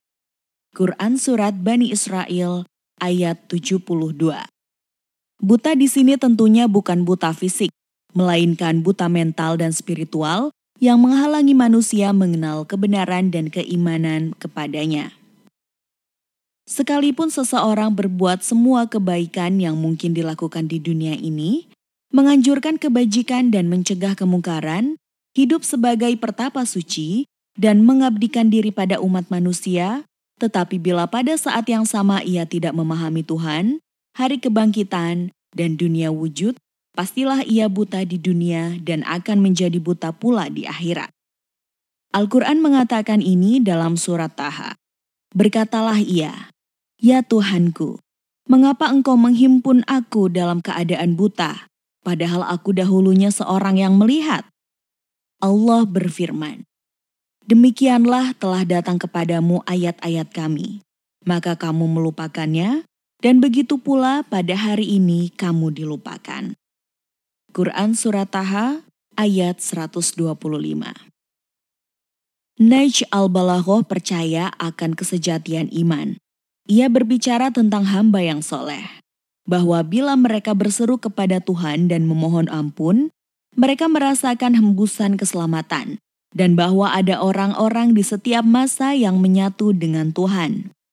Fakhr al-Razi mengatakan dalam suatu syair, Saya takut berpulang tanpa sesungguhnya memahami dunia ini, dan tanpa keluar dari wujud jasadku ke dalam wujud rohaniku.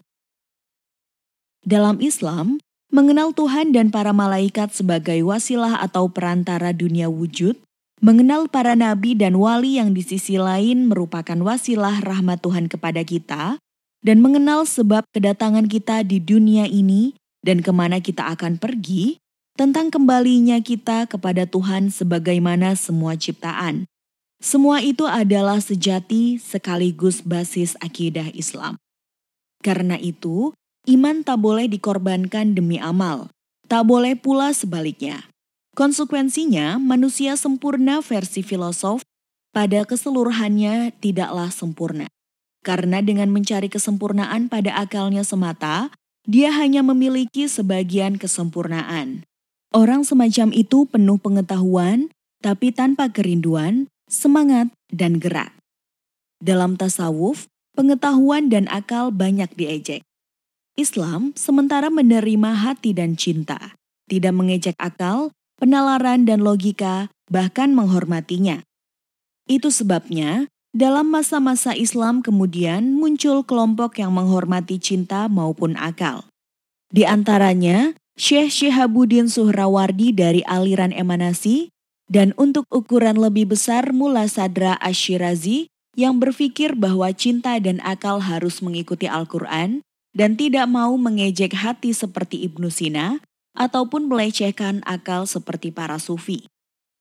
Hal lain dalam tasawuf yang tak dapat diterima Islam ialah sisi introversinya, yaitu hanya melihat diri sendiri yang mendominasi sisi ekstroversinya, yaitu melihat ke dunia luar. Dan aspek individualistisnya yang hampir menghapus aspek sosialnya. Dalam tasawuf, Manusia sempurna adalah orang yang terlibat dengan nafsnya sendiri, dan hanya itu saja. Tetapi dalam Islam, selain cinta, kesolehan, penyucian diri, dan kerohanian, manusia sempurna adalah orang yang ekstrovert dan bersosialisasi. Dikatakan bahwa para sahabat Imam Mahdi alaihi salam adalah para biarawan di waktu malam dan singa di siang hari.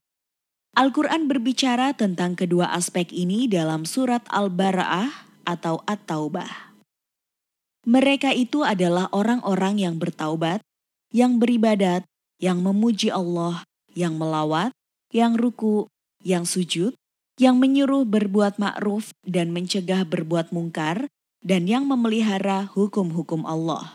Dan gembirakanlah orang-orang mukmin itu. Quran Surat At-Taubah ayat 112. Dalam ayat ini, semua yang disebut sampai soal sujud adalah tindakan batin dan ibadah. Sementara sebagian selanjutnya bertalian dengan kewajiban-kewajiban sosial. Al-Quran mengacu pada hal-hal serupa dalam surat Al-Fat. Muhammad itu adalah utusan Allah, dan orang-orang yang bersamanya adalah keras terhadap orang-orang kafir tetapi berkasih sayang sesama mereka. Kamu lihat, mereka ruku dan sujud mencari karunia Allah dan keridoannya. Tanda-tanda mereka tampak pada muka mereka dari bekas sujud. Demikianlah sifat-sifat mereka dalam Taurat dan sifat-sifat mereka dalam Injil. Yaitu seperti tanaman yang mengeluarkan tunasnya, maka tunas itu menjadikan tanaman itu kuat lalu menjadi besarlah dia dan tegak lurus di antara pokoknya. Tanaman itu menyenangkan hati penanam-penanamnya karena Allah hendak menjengkelkan hati orang-orang kafir dengan kekuatan orang-orang mukmin. Allah menjanjikan kepada orang-orang yang beriman dan mengerjakan amal soleh di antara mereka ampunan dan pahala yang besar. Quran Surat Al-Fat ayat 28 Dalam ayat ini, Bagian pertama berbicara tentang sisi sosial Nabi serta para sahabat. Sementara bagian berikutnya mengacu pada amal ibadah. Tetapi, dalam ibadah tersebut mereka berusaha mendapatkan keridoan Allah yang merupakan hal tertinggi bagi mereka. Ibadah untuk memperoleh keridoan Allah ini dilihat secara berlebihan dalam konsep insan kamil versi sufi. Titik lemah ini diperhatikan oleh sebagian pemuka tasawuf yang amat terpengaruh ajaran-ajaran Islam dan telah sering kali menjelaskannya. Namun ada ekses introversi, begitu rupa sehingga ekstroversi terabaikan. Ada aspek lain, yaitu mematikan hawa nafsu yang maksudnya adalah penyucian dan menjauhi keserakahan, keangkuhan, dan keakuan. Tetapi para sufi dalam menekankan hal-hal ini telah merupakan aspek positif dari penyucian yang merupakan keluhuran budi dan kualitas di balik materialisme dan biologi, yaitu nilai-nilai manusiawi yang non-material. Tanpa meninjau dan menganalisa berbagai masa pemikiran, kita tak dapat mengukur kedalaman pandangan Islam tentang soal ini. Telah disebutkan bahwa para sufi mengejek akal dan melambungkan cinta ke posisi yang jauh lebih tinggi dari akal. Tetapi, adalah sikap berlebihan bila memandang pemikiran, penalaran, dan logika sebagai tak berguna.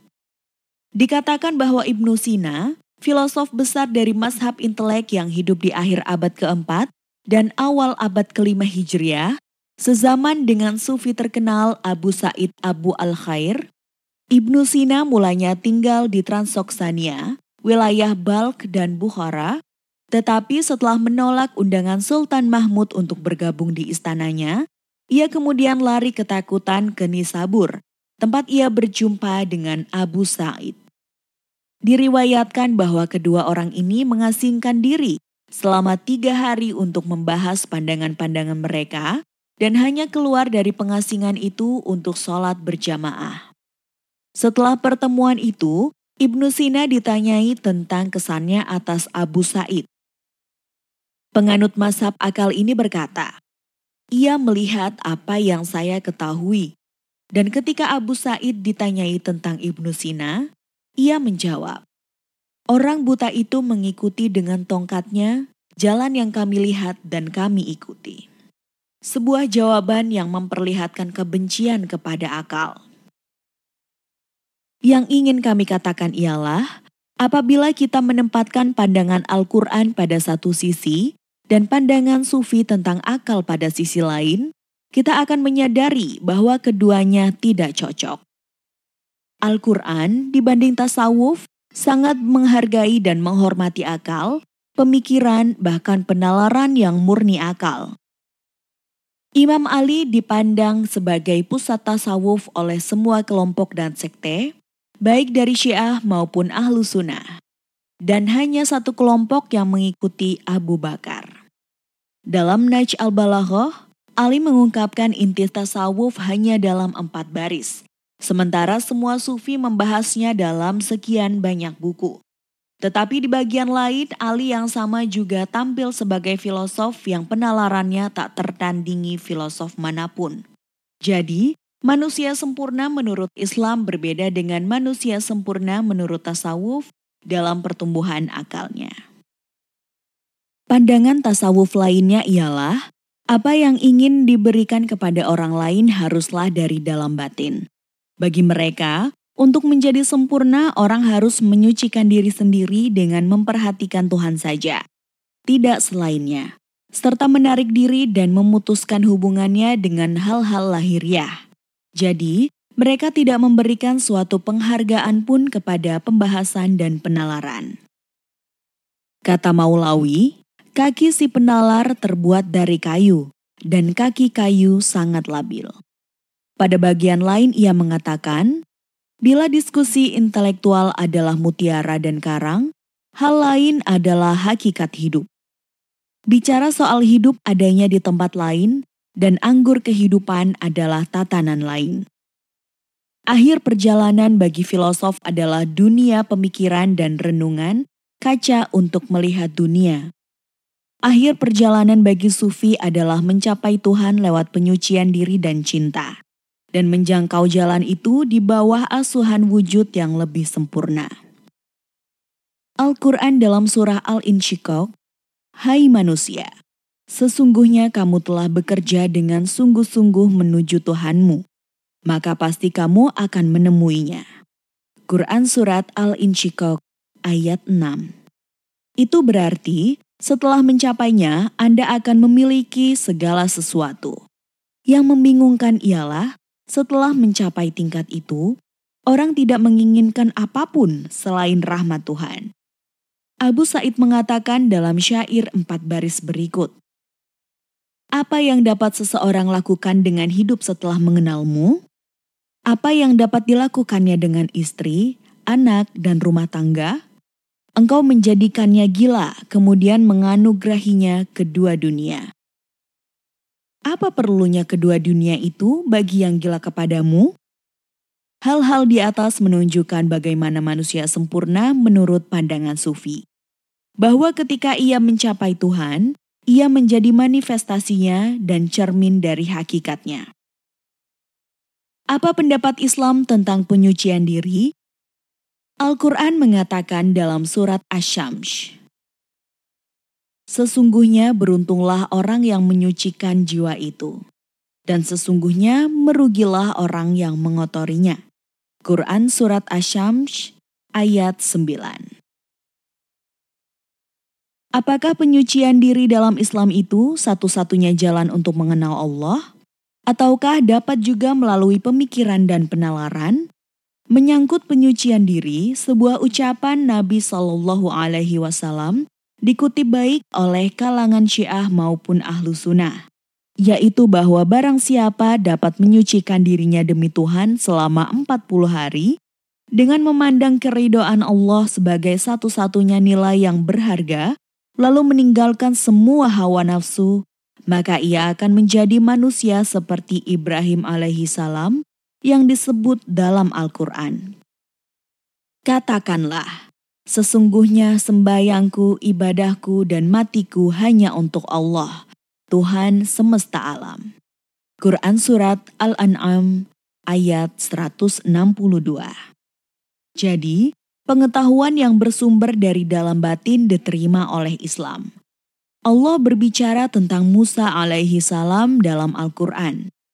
Lalu mereka bertemu dengan seorang hamba di antara hamba-hamba kami yang telah kami berikan kepadanya rahmat dari sisi kami dan yang telah kami ajarkan kepadanya ilmu dari sisi kami. Quran Surat Al-Kahfi ayat 65 Nabi juga diriwayatkan berkata, Tidaklah benar bahwa iblis bergerak di seputar hati anak Adam dan menciptakan debu dan kegelapan, padahal anak Adam mampu melihat malaikat dengan mata hatinya. Nabi mengatakan pula, apabila bukan karena banyak bicaramu dan bukan karena hatimu yang seperti padang rumput tempat ternak merumput, maka kamu akan mampu melihat apa yang kulihat dan mendengar apa yang kudengar. Maka, tak harus menjadi nabi untuk melihat dan mendengar. Banyak orang yang dapat berbuat demikian, di antaranya Ali. Ia berusia 10 tahun ketika menyertai Nabi ke rumah ibadah dan ke Gua Hiro. Ketika wahyu pertama turun, Ali pun dapat mendengar bunyi dari alam gaib. Katanya, saya mengatakan kepada Nabi, bahwa ketika datang wahyu, saya dapat mendengar erangan iblis. Nabi berkata, "Ya Ali, engkau dapat mendengar apa yang aku dengar dan melihat apa yang aku lihat, sekalipun engkau bukan nabi." Dengan ini, efek dari penyucian diri bukanlah semata-mata membuat hati jadi suci dan tulus, serta menyingkirkan hawa nafsu. Efeknya yang lebih besar ialah menghasilkan pengetahuan dan kebijaksanaan dari dalam batin. Diriwayatkan bahwa suatu hari para sahabat berkata kepada Nabi, "Kami takut menjadi munafik. Mereka adalah para mukmin yang sesungguhnya, tapi toh mereka merasakan kecemasan ini." Nabi menanyakan alasannya. Mereka mengatakan, "Bila mana kami di hadapan Anda, dan Anda berkhotbah tentang Allah, hari kebangkitan, dan dosa, timbul perasaan tobat yang mendalam yang demikian nikmat. Tetapi, bila kami kembali kepada keluarga kami, kami merasa sebagaimana sebelumnya. Bukankah ini kemunafikan? Nabi menjawab, "Tidak, itu bukan kemunafikan, yang merupakan perbuatan bermuka ganda." Yang kamu gambarkan ialah dua kondisi jiwa ketika ia merosot. Kemudian beliau melanjutkan, apabila keadaan jiwamu tetap sebagaimana saat bersamaku, para malaikat akan menjabat tanganmu. Bila itu menjadi kebiasaanmu, kamu akan mampu berjalan di atas air tanpa terbenam. Literatur tasawuf kita yang dipandang sebagai karya-karya masterpiece dunia berhutang budi kepada Islam. Semua kelezatan yang Anda dapati pada karya Maulawi, Hafiz, Sa'di, dan Nasir Kusrawi berasal dari Islam. Hafiz terang-terangan mengakui bahwa ia berhutang segalanya kepada Al-Quran. Sa'di mengatakan hal serupa dalam kisah Yakub dan Yusuf. Ketika Yusuf memperkenalkan diri kepada saudara-saudaranya di Mesir, ia memberikan bajunya kepada mereka untuk dibawa kepada ayahnya yang telah menjadi buta karena kesedihan berpisah dengan anak yang paling dicintainya itu. Menurut Al-Quran, ketika mengambil baju itu, Yakub berkata, Sesungguhnya aku mencium bau Yusuf. Sekiranya kamu tidak menuduhku lemah akal, tentu kamu membenarkan aku. Quran Surat Yusuf ayat 94 dalam syairnya, Sa'di mengatakan, Seseorang bertanya pada orang yang kehilangan putranya, Wahai orang tua bijaksana yang berpenilaian sehat, engkau mencium bau bajunya di Mesir. Betapa mungkin kau tak ketahui kejatuhannya ke sumur? Ia menjawab, Keadaan kami bagaikan kilat. Sesaat datang, semua sirna. Bila hamba sahaya tetap di tempatnya, ia akan diagungkan di kedua dunia. Untuk mengukuhkan butir-butir di atas, bagian berikut dikutip dari ucapan Ali dalam Naj al-Balagho.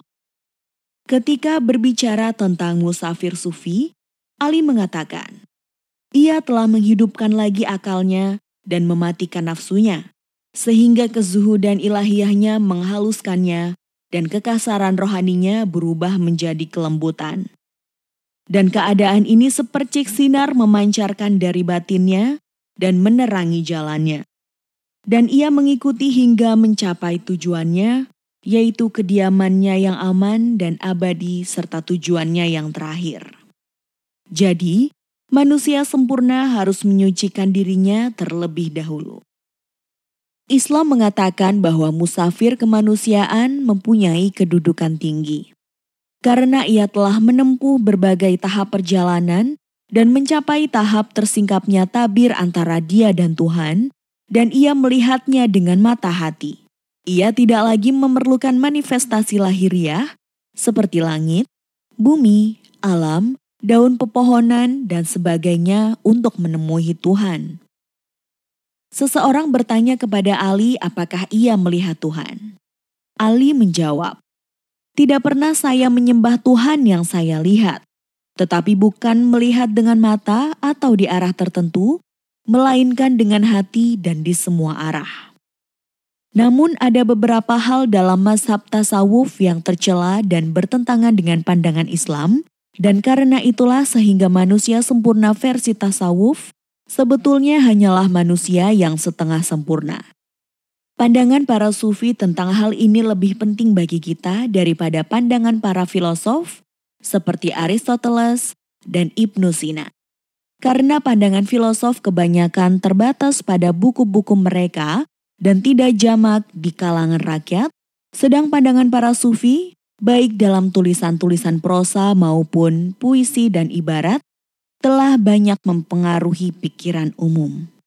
Para sufi tidak seperti para filosof, tidak memandang akal sebagai tolok ukur manusia, melainkan hanya sebagai sarana.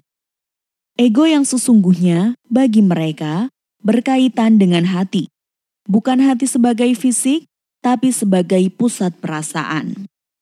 Seorang sufi amat mementingkan cinta dan emosi, yang merupakan hal paling kuat dalam diri manusia. Cintanya bukanlah cinta seksual, melainkan cinta yang membumbung tinggi sehingga mencapai Tuhan yang menjadi kekasihnya.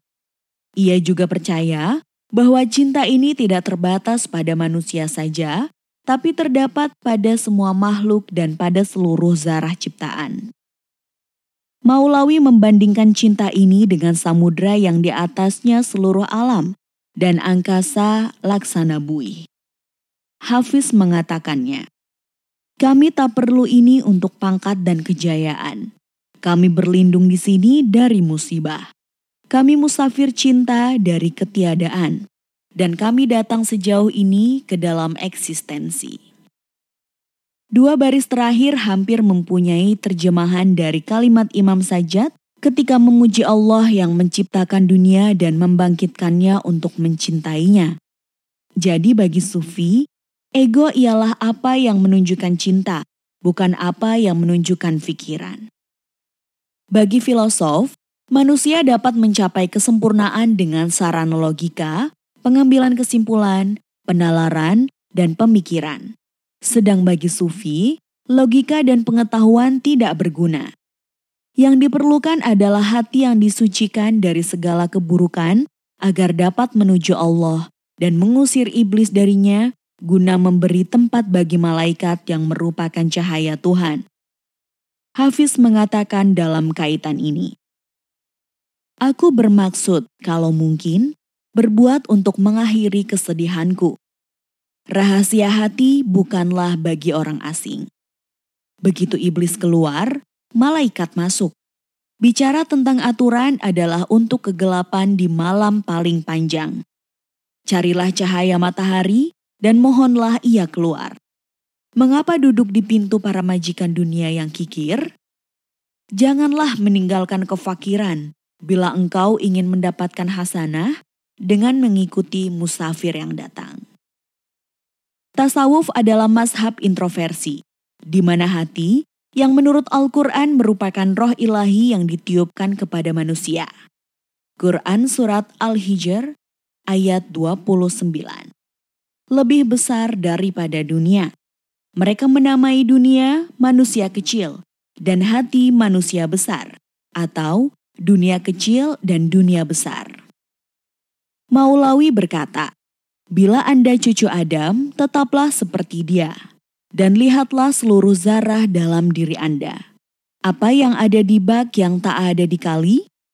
Apa yang ada di rumah yang tak ada di kota? Dunia ini bak, sedang hati kali. Dunia ini kamar, sedang hati kota ajaib.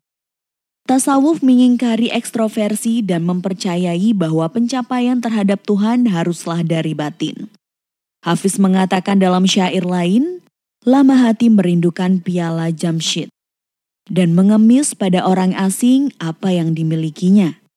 Ia mencari apa yang hilang di pantai, mutiara yang keluar dari karang eksistensi. Si sakit cinta bersama Tuhan di setiap waktu. Namun ia tak melihatnya. Seraya berseru. Ya Tuhan, semalam ku bawa soalku ke pendeta Magi yang dapat menyelesaikan dengan penegasannya. Aku berkata, Bilakah piala kosmorama diberikan kepadamu? Ia berkata, hari ketika dia membangun kubah Lazuardi. Dan kawan yang melawan tiang gantungan itu berdosa mengungkapkan rahasianya. Maulawi menggambarkannya dengan perumpamaan pria yang terus mengemis kepada Tuhan untuk sebagian permata yang disembunyikan oleh demikian banyak orang di dalam tanah. Pada suatu malam, ia bermimpi. Seseorang datang kepadanya sebagai utusan Tuhan untuk menunjukkan tempat permata. Ia menunjukkan suatu bukit yang dari puncaknya orang dapat melepaskan anak panahnya. Dan harta itu berada di tempat anak panah itu jatuh. Keesokan harinya, ia menemukan bukit itu, tapi tak tahu ke arah mana ia harus memanah. Ia memutuskan memanah ke suatu arah, tapi ternyata tak berhasil mendapatkan harta itu. Setiap hari ia mencoba ke suatu arah, tetapi usahanya menggali bumi itu dengan linggis dan tembilang sia-sia saja.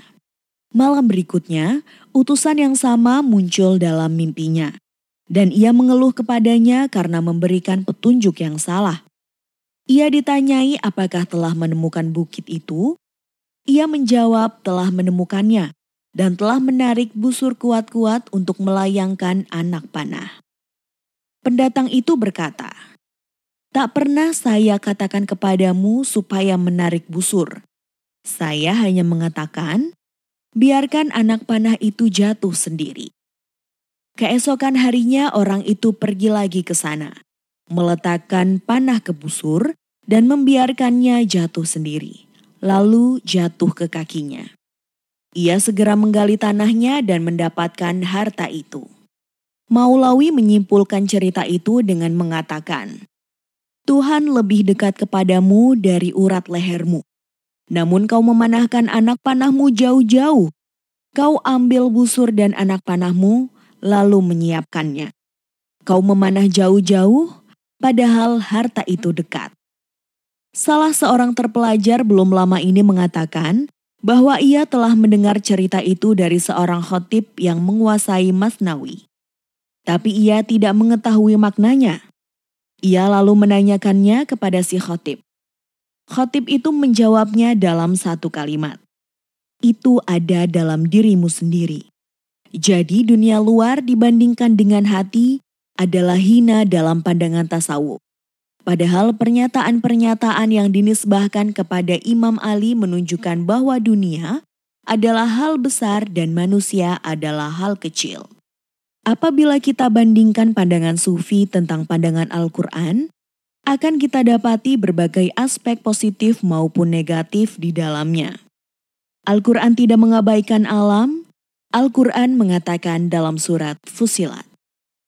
Kami akan memperlihatkan kepada mereka tanda-tanda kekuasaan kami di segenap penjuru dan pada diri mereka sendiri. Sehingga jelaslah pada bagi mereka bahwa sesungguhnya itu adalah benar. Quran Surat Fusilat ayat 53 Tentu saja kami sependapat bahwa pencerahan yang paling tinggi dan luhur bagi manusia ada di dalam dirinya. Tetapi kita tak dapat mengabaikan alam luar sebagai manifestasi Tuhan. Hal yang paling nampak adalah bahwa pandangan tasawuf jauh lebih berpengaruh pada umumnya manusia dibanding gagasan-gagasan falsafah, karena kehalusan puitis serta kehangatan dan keindahan yang dimilikinya. Pengaruh Maulawi, Hafiz, dan Sa'di ditemukan di banyak rumah tangga. Itu sebabnya kita lebih banyak bergumul dengan mazhab ini dibanding mazhab falsafah. Lalu bagaimanakah hubungan manusia dengan alam? Ini merupakan masalah sendiri. Apakah hubungan manusia dengan alam merupakan hubungan dua pihak yang asing? Ataukah seperti hubungan tawanan dengan penjara, burung dengan sangkar, dan Yusuf dengan sumur? Seseorang mungkin mengatakan bahwa dilahirkan berarti dimasukkan ke dalam penjara. Bila demikian, Hubungan itu merupakan hubungan dua hal yang berlawanan, dan usaha manusia tak lain kecuali membebaskan diri dari penjara dan sangkar itu. Tetapi dalam Islam, hubungan manusia dengan alam menyerupai hubungan petani dengan kebun, pedagang dengan pasar, atau abid dengan rumah ibadah. Bagi petani, tanah bukanlah tujuan, melainkan sarana. Rumahnya di tempat lain tetapi ia menggunakan tanah untuk mendapatkan nafkah dan sarana kesenangan dan kebahagiaan. Ia membajak, menaburkan benih, menyiangi, memanennya, dan sebagainya. Dunia adalah kebun akhirat, dan tanah ini tak boleh dianggap oleh petani sebagai kediamannya yang kekal. Bagi pedagang, pasar adalah tempat bekerja di mana ia menggunakan modal dan usahanya untuk mendapatkan keuntungan. Seperti itulah manusia harus memandang dunia ini. Seseorang datang kepada Imam Ali alaihi salam, lalu menyalahkan dunia karena ia mendengar imam berbuat serupa. Ia tidak mengetahui bahwa yang dicela Ali adalah pemujaan dunia yang bertentangan dengan pemujaan Tuhan dan kebenaran, dan yang merupakan penyangkalan semua nilai manusiawi. Ali marah karenanya. Seraya mengatakan, Wahai orang yang mencela, wahai Anda yang terkecoh, dunia tidak menipu Anda. Andalah yang telah menipu diri sendiri. Sebagai contoh, dapat saya umpamakan dengan seorang perempuan tua yang menipu seorang pemuda dengan tata rias, gigi, dan rambut palsu. Si pemuda tiba-tiba menyadari bahwa ia telah tertipu. Namun, bisa juga si perempuan tua itu mengakui kekurangan-kekurangannya seraya menawarkan perkawinan. Dalam hal ini, si perempuan tidak menipunya. Si pemudalah yang menipu dirinya. Ali mengatakan, dunia ini tidak menyembunyikan sesuatu untuk menipu Anda. Apakah dunia menipu Anda pada hari Anda menguburkan ayah Anda? Dunia mengatakan, "Aku adalah seperti yang kau lihat, dan aku fana. Kenalilah aku sebagaimana adanya aku. Mengapa Anda mengira aku seperti apa yang Anda inginkan, bukan sebagaimana aku sesungguhnya?" Jadi, dunia tidak menipu siapa pun. Perhatikanlah apakah dunia telah mengkhianati Anda atau sebaliknya. Andalah yang mengikuti hawa nafsu Anda. Kemudian Ali menambahkan, dunia adalah pasar perdagangan para wali dan masjid bagi para sahabat Tuhan. Gagasan bahwa dunia merupakan penjara atau sangkar didasarkan pada pandangan psikologis yang lumrah di India dan di Yunani pra-Islam. Tetapi tak dapat diterima Islam. Menurut paham tersebut, roh manusia diciptakan dalam bentuk sempurna di suatu dunia lain lalu dipindahkan dalam suatu sangkar ke dunia ini di mana jiwa tidak mempunyai pilihan kecuali mematahkan sangkar itu. Tetapi Al-Quran mengatakan dalam surah Al-Mu'minun, Dan sesungguhnya kami telah menciptakan manusia dari suatu saripati berasal dari tanah. Kemudian kami jadikan saripati itu air mani yang disimpan dalam tempat yang kokoh yaitu rahim. Kemudian air mani itu kami jadikan segumpal darah, lalu segumpal darah itu kami jadikan segumpal daging. Kemudian kami jadikan dia makhluk yang berbentuk lain. Quran Surat Al-Mu'minun ayat 12 sampai 14. Kalimat terakhir pada ayat di atas menunjukkan bahwa manusia dijadikan sesuatu yang lain, yaitu roh, dan rohnya dihasilkan dari jasad. Karena itu, roh ini tidaklah disempurnakan di dunia lain untuk kemudian dimasukkan ke dalam sangkar di dunia ini. Manusia hidup dalam alam yang mirip pangkuan ibu, dan di alam inilah ia mengalami evolusi dan kesempurnaan. Menurut Islam, apabila Anda tidak bangkit lebih tinggi dari kedudukan alam ini, Anda akan tinggal di sini dalam tingkat yang paling rendah, dan akhirnya di alam neraka. Al-Quran mengatakan dalam surat Al-Qari'ah, Hari Kiamat. Apakah hari kiamat itu? Tahukah kamu apakah hari kiamat itu? Pada hari itu manusia adalah seperti anai-anai yang berterbangan, dan gunung-gunung adalah seperti bulu yang dihambur-hamburkan. Dan adapun orang yang berat timbangan kebaikannya, maka dia berada dalam kehidupan yang memuaskan. Dan adapun orang yang ringan timbangan kebaikannya, maka tempat kembalinya adalah neraka hawiyah. Dan tahukah kamu apakah neraka hawiyah itu? Yaitu api yang sangat panas. Quran Surat Al-Qari'ah ayat 1 sampai 11. Karena itu, dalam antropologi dan pandangan dunia Islam, manusia bukanlah burung yang siap pakai yang terbang di angkasa suci, kemudian dimasukkan ke dalam sangkar supaya menghancurkan sangkar itu. Apabila Anda mengakui bahwa dunia roh mempunyai prioritas atas dunia jasad, dan roh itu sinar yang menerangi dunia ini dari suatu dunia lain, maka Anda tak dapat mempercayai bahwa roh dahulunya telah berada di tempat lain dalam suatu bentuk sempurna, kemudian dibawa kemari untuk dipenjarakan. Ini gagasan Hindu dan Platonisme. Plato yang asal Yunani mempercayai bahwa roh diciptakan di suatu dunia lain, kemudian dibawa ke sini karena suatu alasan, lalu dimasukkan ke dalam ruang terbatas untuk selanjutnya dibebaskan dan kembali. Tetapi Islam tidak mempercayai hal semacam itu. Kami tidak bermaksud bahwa semua sufi telah sangat keliru dalam soal ini. Mereka tidak menyangkali makna masyarakat atau alam. Dan sebagaimana Al-Quran menempatkan alam dan manusia berdampingan, mereka pun percaya bahwa alam adalah cermin Tuhan dan keindahannya. Syabestari dalam karya utama puisinya berkata tentang manusia. Dengan asma Allah yang mengajarkan pemikiran hidup, dan meneranginya dengan cahaya hati. Dengan rahmatnya kedua dunia dicemerlangkan, dan dengan nikmatnya bumi Adam adalah taman. Ia mengatakan selanjutnya, bagi yang hidup jaya, dunia adalah kitab Allah yang maha kuasa.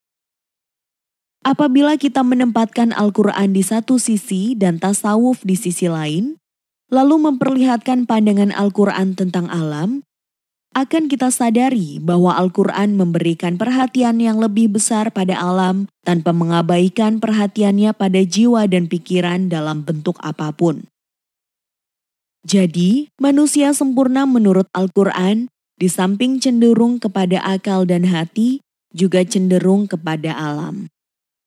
Soal lain adalah tentang penolakan diri atau nafsu. Tasawuf menghormati hati, tapi mengejek dan mengabaikan diri. Ini benar, dan Islam menerimanya. Tetapi ada dua jenis diri dalam Islam, yaitu satu diredam, sedang yang lain dihidupkan. Ini seperti sahabat dan musuh yang ditempatkan berdampingan, sementara sasaran tembakan kita adalah musuh. Hal mana harus kita bidik dengan hati-hati agar tak mengenai sahabat?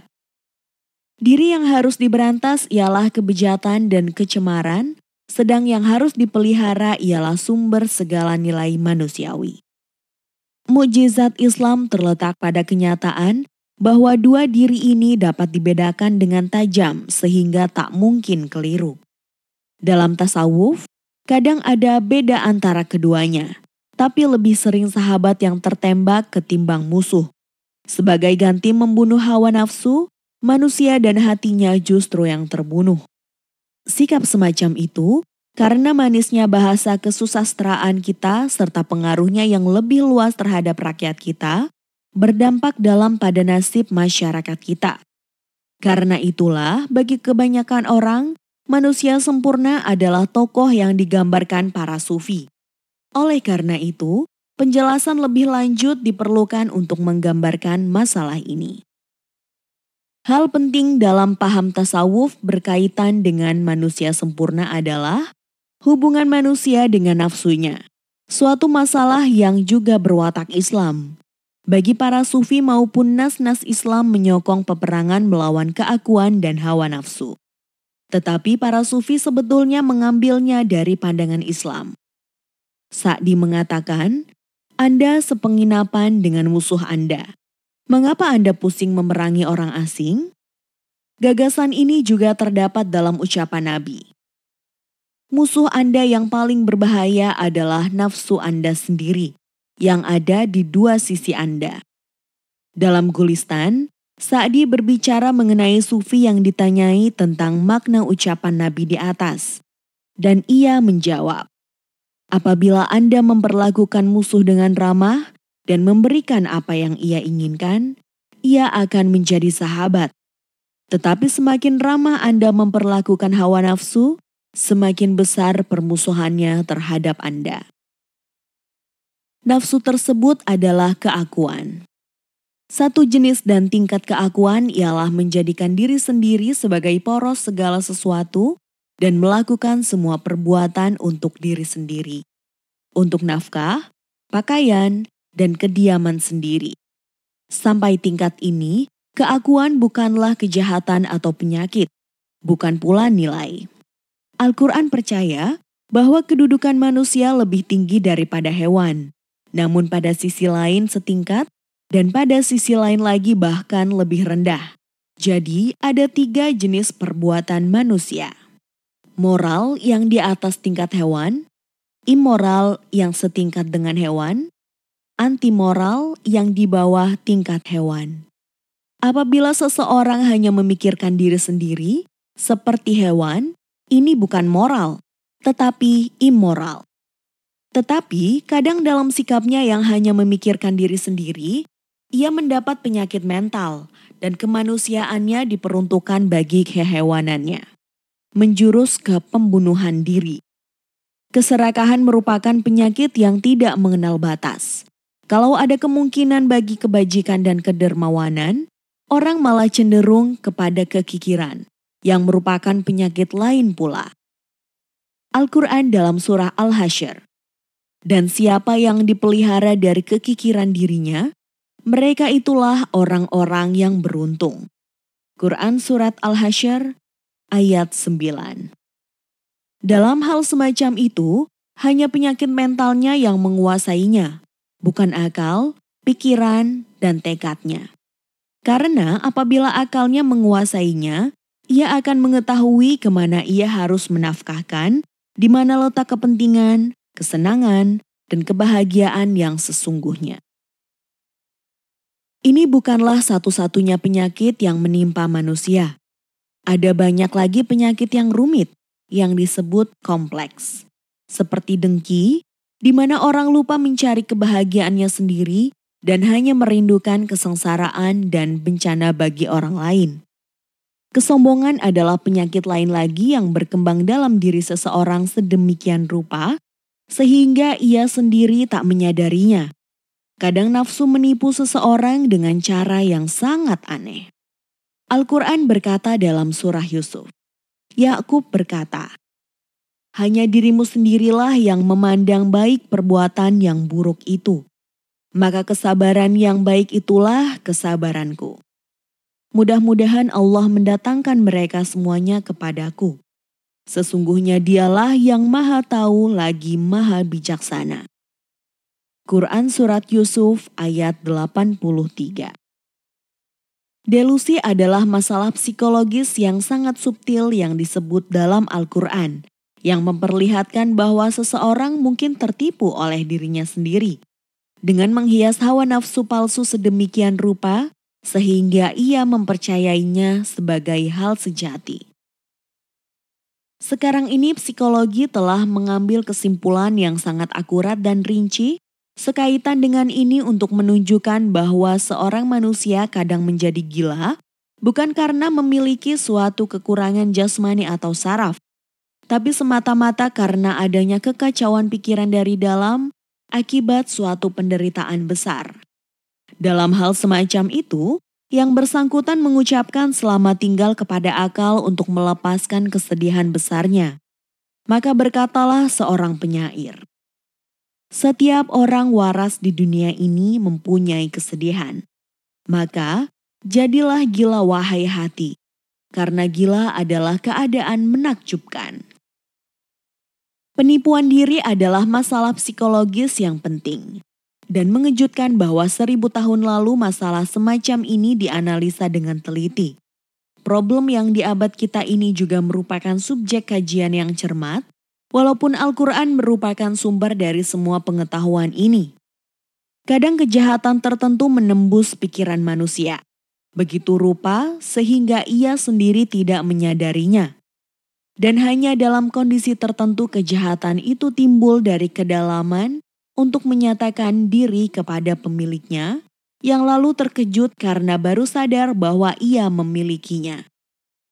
Kadang seseorang merasa yakin memiliki hati yang jernih tanpa iri dan dengki kepada siapa pun.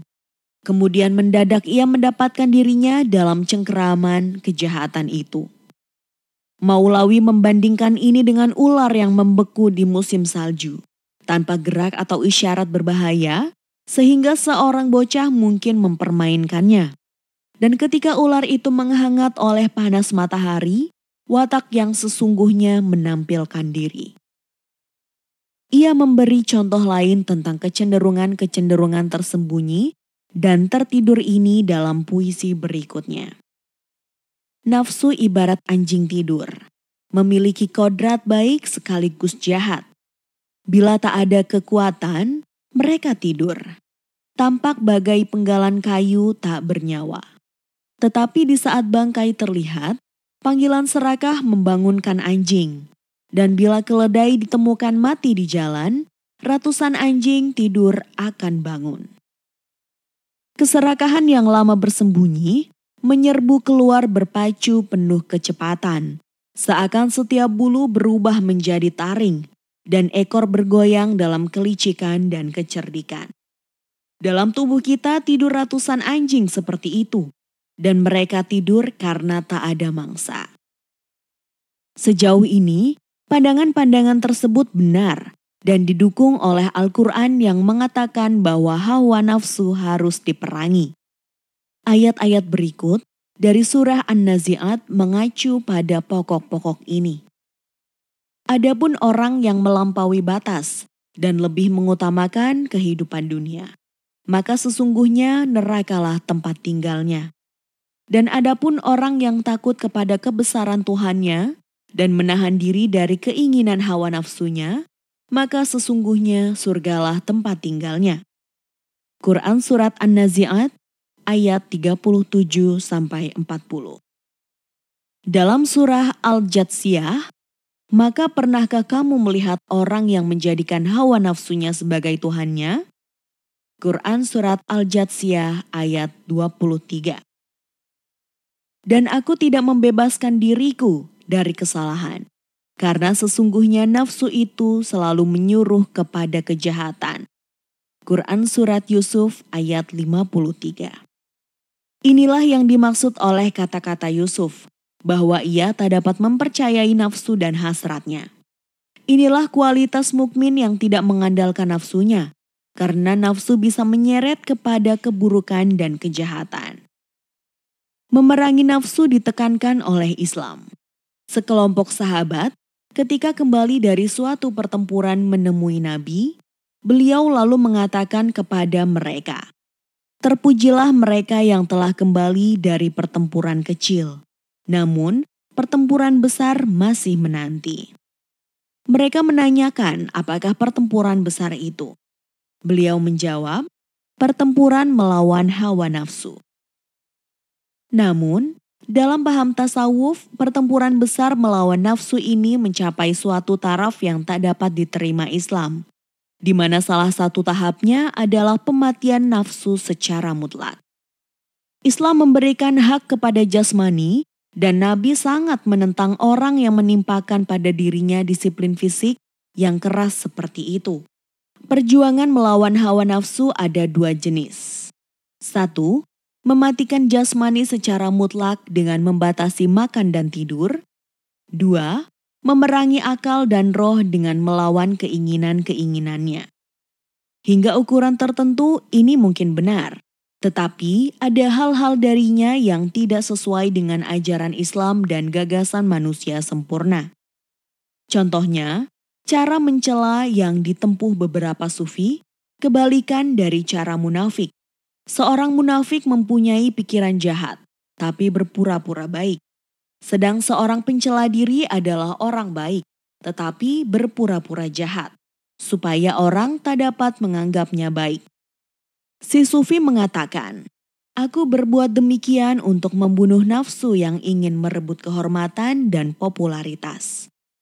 Islam menolak pandangan dan perbuatan ini seraya mengatakan, seorang muslim tidak berhak menghina dan mengaibkan dirinya.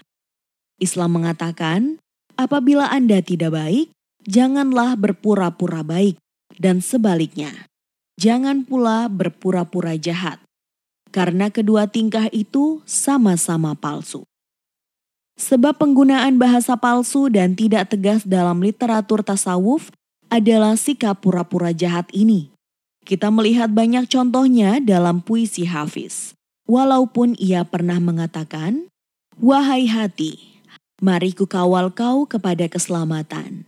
Tunjukkan tiada kebanggaan dalam kepalsuan, tidak pula dalam berpura-pura soleh. Betapapun, cara mencela diri sendiri adalah jenis perjuangan melawan nafsu para sufi yang tidak dapat diterima Islam. Tentu saja ada sufi lain, seperti Haja Abdullah Ansyari, yang bukan pengikut cara ini. Kadang, dalam paham tasawuf, perjuangan melawan diri sendiri menjurus kepada kenistaan, dengan maksud menjinakan dan menghina diri, dengan membiarkannya tanpa perlindungan di saat kehormatannya justru harus dibela. Kadang si pengikut, dalam melayani pemimpinnya dipaksa melakukan tugas-tugas rendah di bawah harkat manusia, seperti mengumpulkan kotoran binatang dan sebagainya, Ibnu Abi Al-Hadid mengutip Ibrahim Azam, salah seorang sufi tua, yang mengatakan bahwa ia tak pernah merasa begitu gembira seperti pada tiga kesempatan berikut ini. Satu, saya sedang sakit di masjid dan tak dapat bangkit.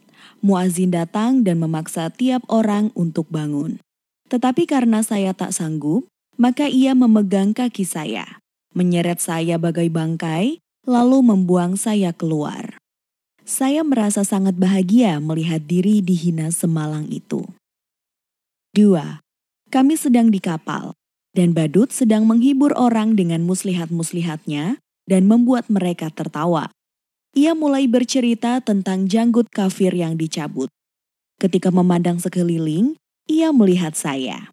Ia maju, dan sambil mencabut janggut saya, ia mengatakan, "Seperti ini, setiap orang tertawa dan saya gembira ia menghina diri saya. 3. Di suatu musim dingin, saya keluar dari tempat nginap saya. Ketika melihat baju buluh saya, baju itu penuh dengan kutu, sehingga saya hampir tak dapat melihat bulunya. Saya merasa bahagia mampu menanggungnya dan menghina diri. Seorang sufi berkata, saya diundang ke suatu rumah untuk berbuka puasa di bulan Ramadan. Ketika saya mengetuk pintu, ia tidak memperbolehkan saya masuk. Saya diundang sekali lagi, dan sekali lagi ia menolak saya masuk. Ini terjadi berulang kali, dan pada akhirnya si pengundang itu berkata, alangkah mengherankan engkau ini. Saya telah menolakmu sekian kali, tapi engkau mau saja datang. Saya menjawab, Ya, anjing memang seperti itu. Islam tidak membenarkan penghinaan pribadi seseorang seperti itu. Jadi, ada dua hal yang harus dipertimbangkan dalam disiplin diri menurut Islam, yaitu pematian diri sampai suatu tingkat tertentu dan penghargaan diri sampai tingkat tertentu lainnya. Diri, dengan demikian, dapat mempunyai sisi luhur dan sisi rendah. Sisi rendah harus dihalangi apabila berlebihan. Para filosof berpendapat bahwa ego seseorang adalah rohnya. Para psikolog percaya bahwa ego mempunyai sisi sadar dan sisi tak sadar yang membentuk bagian utama ego. Para psikoanalisis menentang dengan tegas gagasan para filosof bahwa ego adalah roh. Mereka mengatakan bahwa ego yang sesungguhnya jauh lebih dalam dari itu, ia hanya menemukan dirinya bila ia menemukan Tuhan. Al-Quran mengatakan, "Dan janganlah kamu seperti orang-orang yang lupa kepada Allah." Lalu Allah menjadikan mereka lupa kepada diri mereka sendiri. Mereka itulah orang-orang yang fasik. Quran Surat Al-Hasyr ayat 19 Muhyiddin Arabi dengan tegas mengejek para filosof seperti Ibnu Sina. Al-Quran dalam surah Az-Zumar, katakanlah, sesungguhnya orang-orang yang rugi ialah orang-orang yang merugi diri mereka sendiri. Quran Surat Az-Zumar ayat 15 Ruh dan realitas peribadatan yang memberi perhatian kepada Tuhan adalah untuk menemukan diri yang sesungguhnya. Pada saat yang sama, hanya sedikit dari kepercayaan tasawuf yang mengakui ini, bahwa melalui dan atas dasar penghormatan diri manusia mencapai taraf tinggi.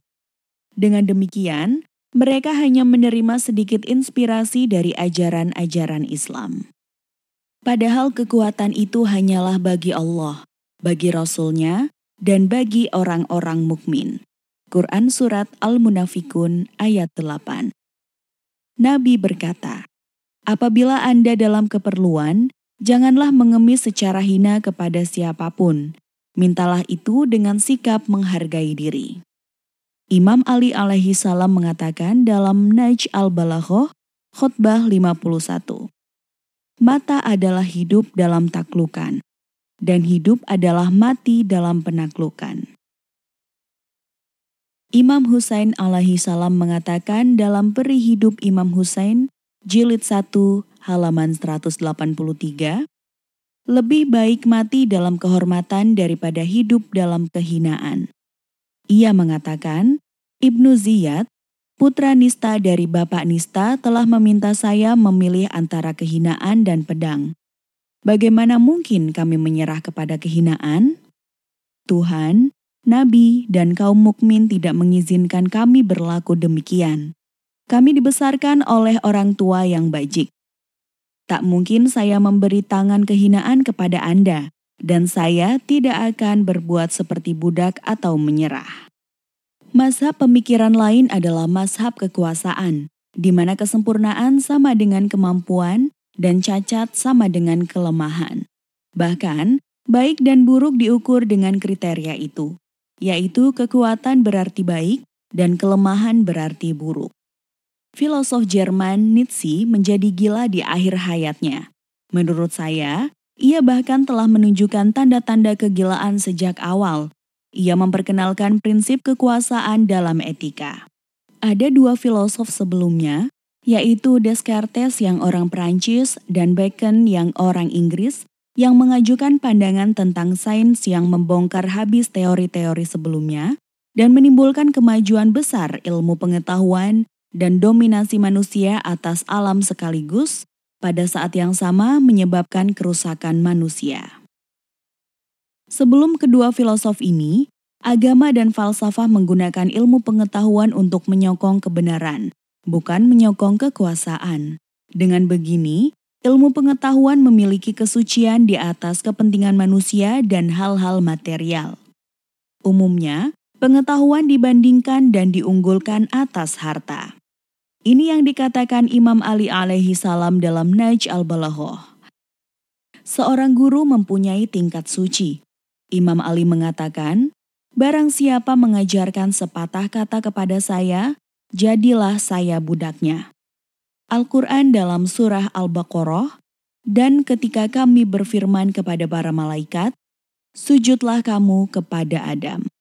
Quran Surat Al-Baqarah ayat 34 Alasan yang diberikan adalah bahwa Adam mengetahui apa yang tak diketahui malaikat. Ini dengan demikian menunjukkan kesucian ilmu. Menurut Bacon, pengetahuan bukanlah hiburan, melainkan untuk melayani manusia dan memungkinkannya mendominasi alam.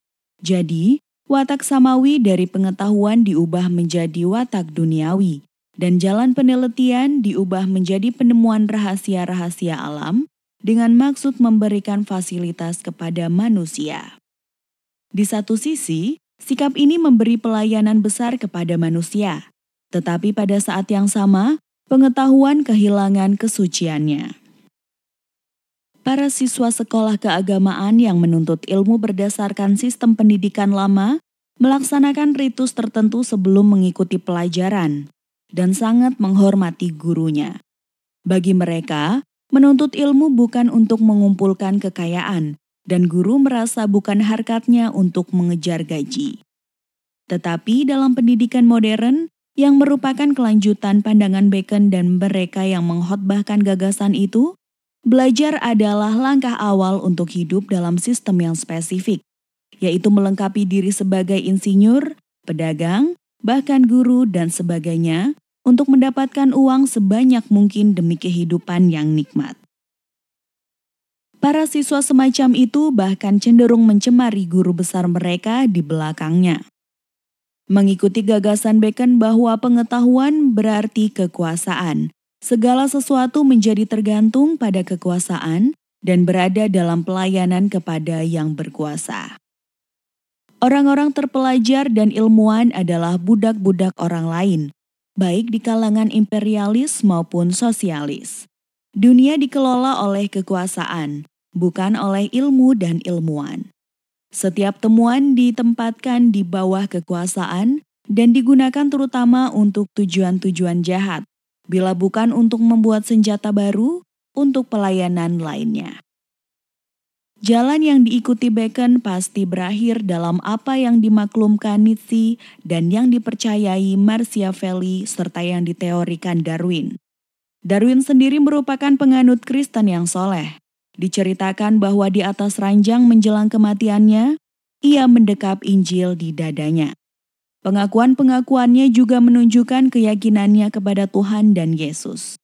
Tetapi, pandangan-pandangan digunakan orang dengan cara berlawanan dengan keinginannya sendiri. Kaum materialis menggunakan teori evolusi Darwin untuk menolak adanya Tuhan. Falsafah Darwin juga disalahgunakan dalam etika. Ia mengajukan empat prinsip. Dua di antaranya, yaitu cinta diri, yang mendorong setiap makhluk hidup berusaha mempertahankan diri. Yang kedua, survival atau kelangsungan hidup, yang membuat setiap makhluk saling bertempur, di mana hanya yang terkuat yang akan bertahan hidup. Prinsip ini ditolak dengan berbagai alasan. Salah satunya ialah karena banyak makhluk yang selamat dari kompetisi tidak memiliki kekuatan dan kemampuan untuk kelangsungan hidup. Nietzsche bukan saja mengikuti teori ini, tapi juga menambahkan bahwa mereka yang kuat memang harus survive. Perjalanan alam katanya diarahkan untuk menghasilkan adi manusia atau Superman. Baginya, inilah manusia sempurna yaitu makhluk tanpa kelemahan. Menurut dia, kasih sayang, kebajikan, dan pengabdian bukanlah moralitas. Sebaliknya, justru hal-hal inilah yang menimbulkan bencana dan menghalangi evolusi manusia ke arah adi manusia. Ia sepenuhnya menantang Sokrates dan Almasih karena Sokrates mendukung kebajikan, kebaikan, dan keadilan, sementara Almasih bahkan maju lebih jauh dan mengkhotbahkan cinta dan kedermawanan. Menurut dia, ini adalah kelemahan yang menghalangi sempurnanya manusia. Forogi dalam bukunya The Course of Philosophy in Europe berkata, Semua orang terpelajar di dunia memandang keakuan itu tercela dan kasih sayang itu terpuji. Sementara Nietzsche menganggap keakuan adalah benar dan kasih sayang adalah kelemahan dan cacat. Ia sependapat dengan Schopenhauer bahwa prinsip dalam alam adalah gairah untuk hidup. Ia mengatakan bahwa gairah hidup itu baik dan benar, dan gairah itu ialah gairah untuk berkuasa. Nietzsche mendefinisikan teori survival Darwin sebagai perjuangan, dan apa yang ditolak orang lain dalam teori Darwin oleh dia malah dibenarkan. Menurutnya, perjuangan ini perlu untuk mendapatkan kekuasaan. Seluruh filantropis di dunia memandang wajib memperhatikan keadaan orang banyak dan mendasarkan urusan-urusan dunia pada kemaslahatan umum. Nietzsche sebaliknya, mencemooh mayoritas dan memberikan prioritas kepada beberapa orang pilihan atau minoritas. Makin besar kekuasaan seseorang, makin bahagialah ia, dan makin besar pula manfaatnya bagi gairahnya. Sebagian orang mengatakan bahwa lebih baik tidak dilahirkan sama sekali. Tetapi manusia berpikir, karena toh ia telah lahir, maka ia harus mendapatkan sebanyak mungkin dari dunia ini, sekalipun dengan cara kejam, penipuan, dan peperangan. Segala sesuatu yang menentang tujuan ini, seperti kebenaran, kebaikan dan kebajikan adalah buruk. Tulisan-tulisan Nietzsche sebagiannya dimaksudkan untuk menghancurkan prinsip-prinsip moral masa lampau dan sebagian lagi untuk menggantikannya dengan apa yang telah ia anggap terpuji dan patut buat mereka. Ia berpendapat, keliru bila semua manusia dan bangsa dipandang sama dalam hak. Pandangan semacam itu bertentangan dengan kemajuan manusia. Selalu ada dua kelompok, yaitu superior dan inferior. Kemuliaan serta hak istimewa adalah milik si superior yang merupakan tujuan terakhir eksistensi, sedang para inferior digunakan sebagai alat dan sarana para superior untuk mencapai tujuan-tujuan mereka. Kemajuan manusia tergantung pada para superior yang minoritas, sedang yang mayoritas melayani mereka. Masyarakat dan peradaban terbentuk untuk kelompok mulia ini, bertentangan dengan anggapan bahwa superior melayani inferior. Para superior harus dipelihara agar menjadi adi manusia dan bangkit ke puncak kemajuan. Para inferior adalah seperti hewan yang harus memikul beban demi para superior. Sikap ini sangat berlawanan dengan yang dikatakan Sa'di. Domba bukan untuk gembala, Justru gembala harus melayani domba. Kaum terpelajar barat mempunyai teori perbaikan ras yang dikembangkan Alexis Carl dalam bukunya Man and Unknown Creature. Ia di dalamnya mengatakan bahwa kaum lemah tidak boleh diberi hak berkembang biak. Menurut Nietzsche, prinsip-prinsip moral yang dijalankan hingga kini dibangun demi kepentingan mayoritas, yaitu para inferior, dan ini harus digantikan dengan yang menguntungkan para superior. Kebajikan, kejujuran, dan keindahan bukanlah hal-hal yang sejati dan real. Yang real adalah setiap orang menghasratkan kekuasaan. Ia yakin bahwa agama telah mengkhianati umat manusia karena mengkhotbahkan keadilan dan perlindungan terhadap orang-orang lemah. Ketika tidak ada agama dan hukum rimba berkuasa, keadaan jauh lebih baik karena yang kuat menghancurkan yang lemah. Dunia pada awalnya memihak yang kuat, dan yang lemah adalah budak mereka. Tetapi karena yang kuat minoritas, yang lemah lalu mengadakan siasat mempropagandakan kebajikan, keramahan, kesederhanaan, keadilan, dan sebagainya sebagai hal yang baik dan indah. Demi mengimbangi kekuasaan si kuat dan membebaskan diri dari mereka. Untuk itu, agama digunakan sebagai sarana untuk mencapai tujuan mereka. Ini sangat bertentangan dengan Karl Marx yang mempercayai bahwa agama ditemukan oleh yang kuat dan menentang yang lemah, dan bukan sebaliknya. Menurut Nietzsche, etika Kristen adalah penghambaan yang menghancurkan pertuanan. Pembicaraan tentang persamaan, persaudaraan, cinta, dan pelaksanaan hak-hak kaum wanita dan pekerja yang telah menjadi lumrah sekarang berasal dari sumber itu. Dan semuanya merupakan tipuan secara siasat licik yang menyebabkan kemiskinan, kelemahan, dan kemunduran. Ini harus diganti dengan prinsip kehidupan pertuanan. Pikiran tentang Tuhan dan akhirat harus ditinggalkan. Keramahan dan simpati harus disingkirkan. Keramahan berarti kelemahan. Kerendahan hati serta ketaatan berarti kenistaan dan kesabaran serta sifat pemaaf menunjukkan tak ada ketegasan dan tekad.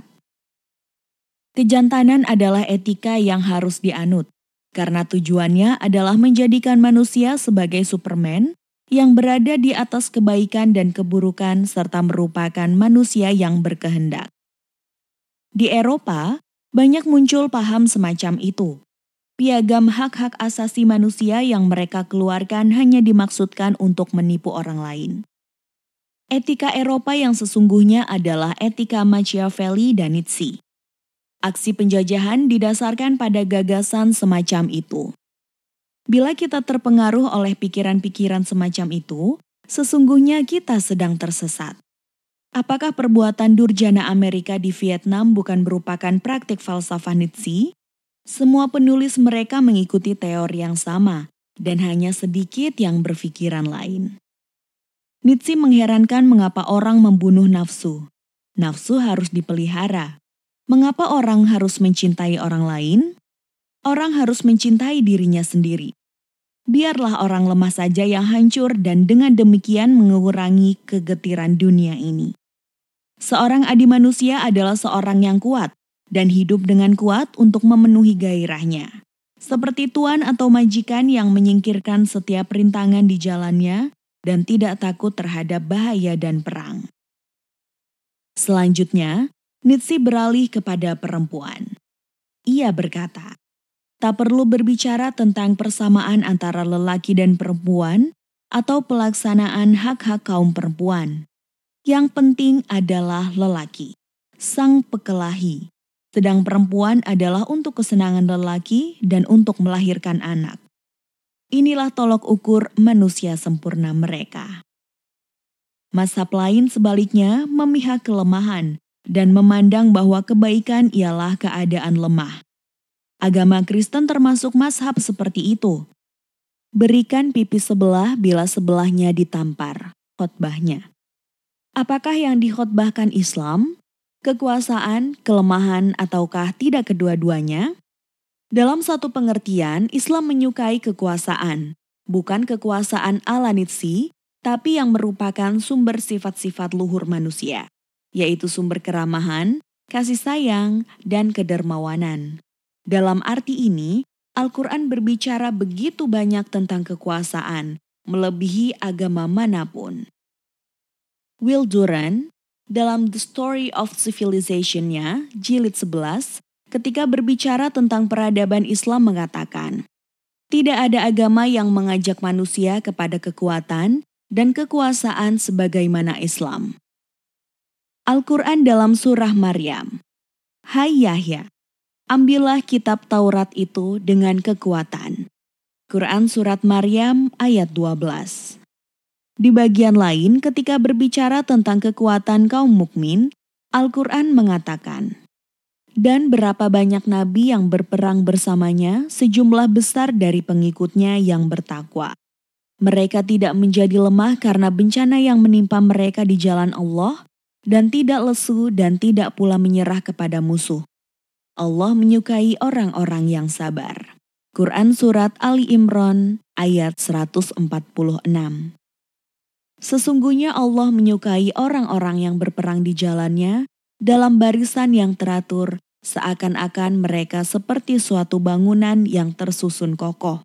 Quran Surat Asyaf ayat 4 Dan orang-orang yang bersama dengan dia adalah keras terhadap orang-orang kafir, tetapi berkasih sayang sesama mereka. Quran Surat Al-Fat ayat 28 Islam membenarkan pemilikan kekuasaan dengan ketentuan tak boleh digunakan untuk menindas orang. Al-Quran mengatakan, dan siapkanlah untuk menghadapi mereka kekuatan apa saja yang kamu sanggupi, dan dari kuda yang ditambat untuk berperang, yang dengan persiapan itu kamu menggentarkan musuh Allah, musuhmu dan orang-orang selain mereka yang kamu tidak mengetahuinya, sedang Allah mengetahuinya. Quran Surat Al-Anfal ayat 60 Dan perangilah di jalan Allah orang-orang yang memerangi kamu, tetapi janganlah kamu melampaui batas, karena sesungguhnya Allah tidak menyukai orang-orang yang melampaui batas. Quran Surat Al-Baqarah ayat 190 Apabila musuh meletakkan senjata dan menyerah, perang harus dihentikan. Tidak boleh ada lagi agresi terhadap wanita, orang tua, anak-anak, atau orang yang telah meninggalkan medan peperangan. Selain ayat-ayat Al-Quran, ada juga hadis-hadis Nabi. Misalnya, dua hal tidak patut bagi seorang mukmin, yaitu kikir dan pengecut.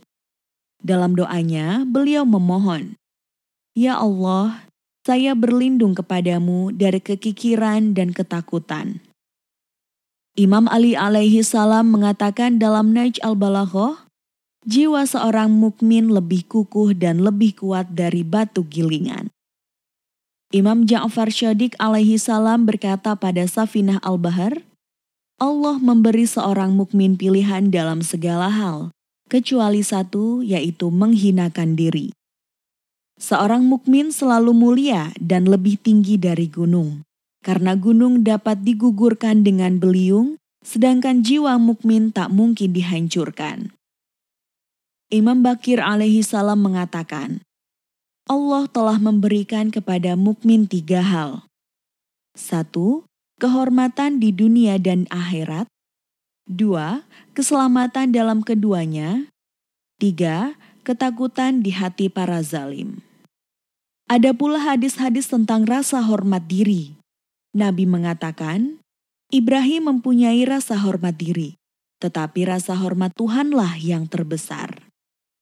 Mussolini, diktator Italia itu, pernah berkata, "Orang yang mempunyai besi mempunyai roti. Besi di sini berarti senjata dan kekuatan." Dr. Muhammad Iqbal mengubah pernyataan itu menjadi, "Orang besi mempunyai roti." Imam Ali alaihi salam mengatakan dalam Naj al-Balaghah, Orang tak akan mempunyai hak-haknya tanpa usaha, dan manusia yang tertindas tak mungkin mencegah penindasan selain dengan usaha. Orang Barat mengatakan hak harus direbut, tetapi masalahnya apakah direbut atau diberikan?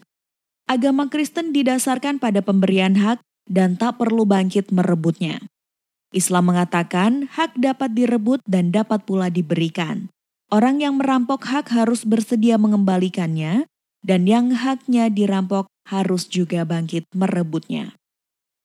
Dalam Naj al-Balaghah dalam suratnya kepada Malik Ashtar, Imam Ali mengutip sabda Nabi. Tak ada kaum yang bangkit ke tingkat kesucian kecuali bila yang lemah berani berdiri di hadapan yang kuat tanpa ragu. Tak ada masyarakat yang islami kecuali bila mereka bangkit membela haknya. Nabi memiliki kekuatan fisik sekaligus spiritual. Dalam buku Muhammad, A Prophet to Know Afresh, dua pokok diterangkan dengan jelas. Satu, Nabi secara politik dan sosial ditempatkan pada situasi di mana beliau tidak mempunyai pertolongan apa pun. Tetapi beliau tak pernah berputus asa dan selalu berdiri teguh. Kekuatan rohaninya selama 23 tahun itu amat menonjol. Hasan bin Sabit penyair Arab mengatakan tentang beliau. Ia mempunyai banyak aspirasi yang besarnya tiada batas. Yang terkecil daripadanya lebih besar dari dunia. 2. Secara fisik Nabi kuat dan sangat berani sehingga Imam Ali alaihi salam mengatakan, di saat-saat sulit, kami semua mencari perlindungannya. Beliau selalu memuji kekuatan dan keberanian. Ini berarti sifat-sifat ini sering dengan nilai-nilai manusiawi dalam Islam. Nietzsche hanya mengambil satu nilai, yaitu kekuasaan dan kekuatan sebagai kriteria kesempurnaan sedang nilai-nilai lain diabaikan. Sementara dalam Islam terdapat banyak nilai yang secara kolektif merupakan tanda kesempurnaan manusia. Pada paham Nietzsche, kekuasaan sama artinya dengan kebenaran dan keadilan, sedang kelemahan sama artinya dengan kesalahan dan kekalahan. Ada dua kesalahan dalam falsafah paham itu. Pertama, ia mengabaikan semua nilai manusiawi kecuali satu. Bagi Tuhan pun kekuasaan dan kekuatan bukanlah satu-satunya sifatnya. Ada banyak sifat lainnya untuk menunjukkan kesempurnaannya. Kesalahan kedua menyangkut definisi kekuasaan itu sendiri, yaitu hanya satu kekuasaan, yakni kekuatan hewani, baik kekuatan fisiknya maupun nafsu-nafsu jasadinya. Yang untuk memuaskan orang harus bisa menekan orang lain dengan menggunakan kekuatannya. Ada riwayat tentang Nabi yang berkaitan dengan ini. Beliau sedang melewati suatu jalan di Madinah, di mana sejumlah remaja dengan berlomba mengangkat sebuah batu besar. Nabi menawarkan diri sebagai wasit dan disetujui. Lalu Nabi mengatakan, tidak perlu mengangkat batu untuk membuktikan siapa yang lebih kuat. Orang yang terdorong nafsu untuk melakukan dosa tapi melawannya, itulah yang terkuat. Di sini Nabi berbicara tentang kekuatan tekad, dan ini berbeda dengan kekuatan fisik yang jamak di antara manusia dan hewan. Dalam etika Islam dan literatur tasawuf, tekad ini dipandang sebagai kekuatan yang melebihi kekuatan fisik. Sa'di mengatakan dalam puisinya, Bawakan rasa manis ke mulut lain bila engkau mampu. Tidaklah jantan memukul mulut orang lain. Maulawi mengatakan, Siapakah dia di saat berang dan bergejolak nafsu? Ku cari orang semacam itu di setiap jalan. Mampu menguasai diri dalam kemarahan dan bergejolak nafsu adalah kekuatan. Kadang apa yang sebenarnya kelemahan dianggap kekuatan. Dan karena itulah kaum moralis mengatakan bahwa perasaan harus disertai kebijaksanaan dan iman agar memiliki nilai. Sa'di berbicara tentang hal ini. Belas kasihan kepada harimau bertaring runcing adalah kekejaman terhadap domba. Belas kasihan semacam itu adalah kezaliman terhadap yang lemah dan yang tertindas. Ada sebuah ayat Al-Quran mengatakan, apabila lelaki yang beristri berzina, hukumannya adalah mati, dan perempuan bersuami yang berzina harus dirajam dengan disaksikan kaum mukmin. Apabila perasaan sayang timbul dalam kasus demikian, Al-Quran mengatakan, dan janganlah belas kasihan kepada keduanya, mencegah kamu untuk menjalankan agama Allah. Quran Surat An-Nur ayat 2 dalam kasus ini, kepentingan manusiawi dan ilahiyah yang tinggi menjadi taruhannya, dan kasih sayang berarti kezaliman terhadap masyarakat. Sekarang ini sering dikatakan bahwa hukuman mati tak bermakna dan tak manusiawi. Alasan mereka, penjahat harus diperbaiki. Perbaikan memang benar, tetapi perbaikan harus sebelum kejahatan terjadi. Banyak masyarakat tidak mempunyai kemampuan pendidikan sedang sarana korupsi banyak. Apabila hukuman mati dihapus, penjahat potensial yang tak terbaiki akan menjadi sangat giat. Ia terdorong melakukan lebih banyak kejahatan, entah untuk membalas dendam karena ia diabaikan atau karena berharap menerima pendidikan dalam penjara, hak yang sebelumnya direbut dari tangannya. Orang lain menentang pemotongan tangan pencuri. Tetapi Anda dapat melihat betapa banyaknya kasus pencurian, bahkan yang menjurus kepada kejahatan yang lebih besar, karena hukumannya terlalu ringan atau bahkan diabaikan. Para jemaah haji yang ke Mekah beberapa puluh tahun lalu mengetahui betapa seringnya terjadi pencurian di Saudi Arabia. Para musafir tak berani melakukan perjalanan dalam kafilah yang kurang dari 2.000 orang atau tanpa pasukan bersenjata. Walaupun demikian, setiap tahun ada saja bencana yang menimpa mereka, dirampoki atau dibunuh. Pemerintah Saudi mengambil langkah memotong tangan perampok dan semua perampokan dan pencurian pun berakhir serempak. Sekarang Anda lihat, harta benda pada jemaah dibiarkan saja di sana-sini tanpa seorang pun berani menyentuhnya. Jadi mazhab kekuatan tidak mengenal nilai-nilai manusiawi lainnya, tidak pula mengenal kekuasaan atau kekuatan itu sendiri. Kekuatan berarti menolong orang lain. Imam Ali alaihi salam mengatakan kepada dua orang putranya, Hasan dan Husain, Hendaklah kekuatan kamu digunakan dalam menolong orang tertindas dan dalam memerangi kaum penindas. Dengki, iri, hasut, semuanya kejahatan ini berakar pada kelemahan. Orang yang memendam dan menerima penganiayaan bukan orang yang kuat, melainkan sangat lemah. Orang kuat jarang dengki dan dendam. Suatu pernyataan yang dilaporkan berasal dari Imam Husain alaihi salam berbunyi, kekuatan menyingkirkan kedengkian. Ini bertentangan dengan gagasan bahwa kelemahan menghilangkan kedengkian. Pernyataan lain dari Imam Ali alaihi salam tentang fitnah patut diperhatikan. Ali ditanyai tentang jenis manusia bagaimana yang menyenangi fitnah. Ia menjawab, orang lemah. Itulah usaha tertinggi dari orang lemah. Orang kuat tidak memerlukannya. Imam Ali alaihi salam juga menisbahkan perzinaan dalam kelemahan, karena orang yang mempunyai rasa hormat diri tidak akan melakukannya.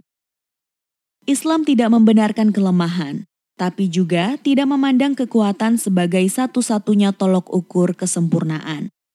Lagi pula, kekuatan lebih beraneka ragam dan bertingkat-tingkat dalam Islam, yang diabaikan dalam mazhab-mazhab lain.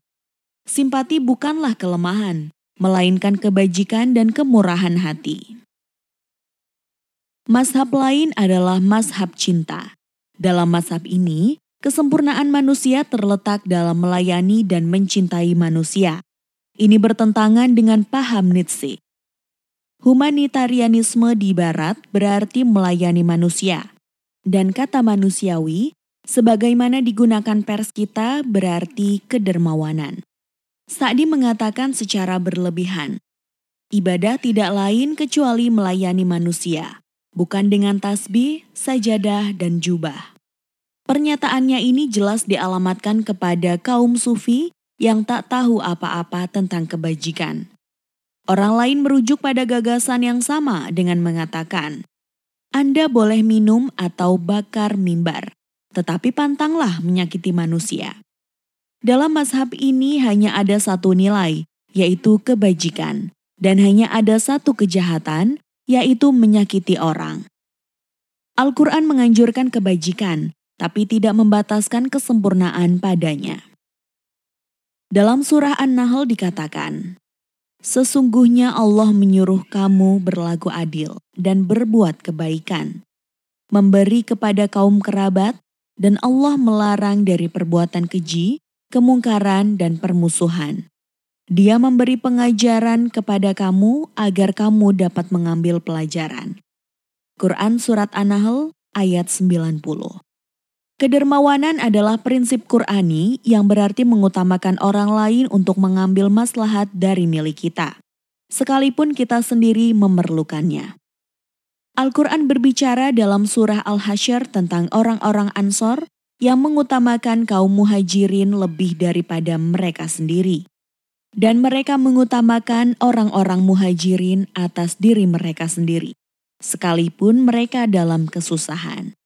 Quran Surat Al-Hasyr ayat 9. Dan mereka memberi makan yang disukainya kepada orang miskin, anak yatim, dan orang yang ditawan. Sesungguhnya kami memberi makan kepadamu. Hanyalah untuk mengharapkan keridoan Allah, kami tidak menghendaki balasan dari kamu dan tidak pula ucapan terima kasih. Quran Surat Al-Insan ayat 8 sampai 9. Ayat ini mengacu pada peristiwa ketika anak-anak Ali berpuasa. Di saat hendak berbuka, seorang yatim datang ke rumah mereka. Mereka lalu memberikan kepada anak yatim itu roti yang ada pada mereka tanpa menyisakan untuk mereka sendiri. Ini contoh pengorbanan dan kedermawanan yang selalu ditekankan dalam Islam. Seorang bangsawan kafir datang kepada Nabi Shallallahu Alaihi Wasallam dan melihat beliau sedang bersama anak-anaknya yang berada di pangkuannya sambil mencium dan membelai mereka. Orang itu berkata, saya mempunyai sepuluh anak lelaki, tak satu pun yang pernah saya cium. Dengan resah Nabi mengatakan, Barang siapa tidak menaruh kasih sayang kepada orang lain, ia tidak akan menerima kasih sayang dari Tuhan. Apa yang dapat saya lakukan untuk Anda apabila Tuhan menyingkirkan kebaikan ini dari hati Anda? Imam Ali alaihi salam sendiri adalah teladan keramahan dan simpati. Telah kami katakan sebelumnya bahwa kekejaman terdapat pada lubuk jiwa barat. Kenyataan ini diakui oleh orang-orang barat sendiri. Mereka menganggap keramah tamahan, kedermawanan dan kasih sayang, bahkan kasih sayang sebagai bapak, sebagai ibu, dan sebagai saudara, sebagai sifat-sifat timur. Itulah sebabnya mengapa orang timur menyebut orang barat gersang tanpa perasaan sekalipun mereka mempunyai keadilan sosial. Seorang sahabat saya bercerita, ketika sakit, ia berangkat berobat ke Austria. Setelah operasi dan duduk bersama putranya di suatu restoran, sepasang pria dan wanita memperhatikan mereka. Ketika putranya melewati pria dan wanita itu untuk mengambil sesuatu, mereka mengajukan beberapa pertanyaan. Setelah itu putranya menceritakan kepadanya. Saya katakan kepada mereka bahwa Anda adalah ayah saya. Mereka menanyakan apakah saya wajib melayani Anda? Saya katakan bahwa Anda yang menopang saya untuk menyelesaikan studi saya. Pria dan wanita itu datang ke meja teman saya dan berbicara tentang anak mereka yang sedang belajar di luar negeri. Tetapi putra sahabat saya itu mengetahui bahwa mereka berdusta. Mereka tidak mempunyai anak. Kedua orang itu sepakat untuk hidup bersama sejak 30 tahun lalu. Dan bila merasa saling cocok, mereka akan menikah. Namun, mereka tidak peduli lagi dengan kawin sah setelah sekian lama itu. Ini sikap barat yang khas. Almarhum Muhakiki bercerita tentang kunjungannya ke Jerman seorang guru besar sering mengunjunginya. Ia berpenyakit kanker, dan muhakiki dan muslimin lainnya menjenguk di rumah sakit. Suatu hari ia mengeluh tentang putra dan istrinya yang telah mengetahui ia menderita kanker dan menduganya tidak akan sembuh. Mengatakan selamat jalan kepadanya dan tak pernah kembali menjenguknya. Ketika sahabatnya orang-orang Iran mendengar ia meninggal, mereka hadiri upacara pemakamannya. Putra guru besar itu juga ada di sana, tetapi orang-orang Iran itu mengetahui kalau ia telah menjual mayat ayahnya kepada rumah sakit, dan sekarang ia datang untuk menerima uangnya. Tetapi harus diingat bahwa tidak semua kasih sayang berwatak benar. Ada kasih sayang yang sesungguhnya merupakan sejenis keakuan karena meninggalkan hak sah seseorang demi menyenangi orang lain. Orang semacam itu harus menahan diri dari melanggar hak orang lain. Ia harus menghormatinya untuk kemudian mengambil haknya sendiri dan menggunakannya demi orang lain. Mengumpulkan kekayaan secara tidak sah kemudian menafkahkan sebagiannya demi orang lain bukanlah kedermawanan. Bukan pula kebajikan sosial melainkan mencari popularitas. Contoh lain ialah mengaku ramah dan menjamu orang di berbagai kesempatan dengan memaksa istri bekerja sebagai budak. Imam Ali alaihi salam selalu bekerja sama dengan Fatimah dalam urusan rumah tangga dan selalu tulus serta membantu. Diriwayatkan bahwa mujtahid besar Haji Mirza Muhammad Taqi Shirazi tak pernah menyuruh orang. Pada suatu hari ia sakit, makanannya dibawakan dan ditinggalkan dekat pintu ia tak dapat bangkit dari tempat tidurnya. Sementara itu, ia pun berpantang menyuruh orang untuk membawakannya kepadanya. Beberapa jam kemudian, mereka dapati makanan itu masih di tempat yang sama. Sebuah cerita tentang beberapa sahabat Nabi dalam perang Mu'tah sangat mencengangkan.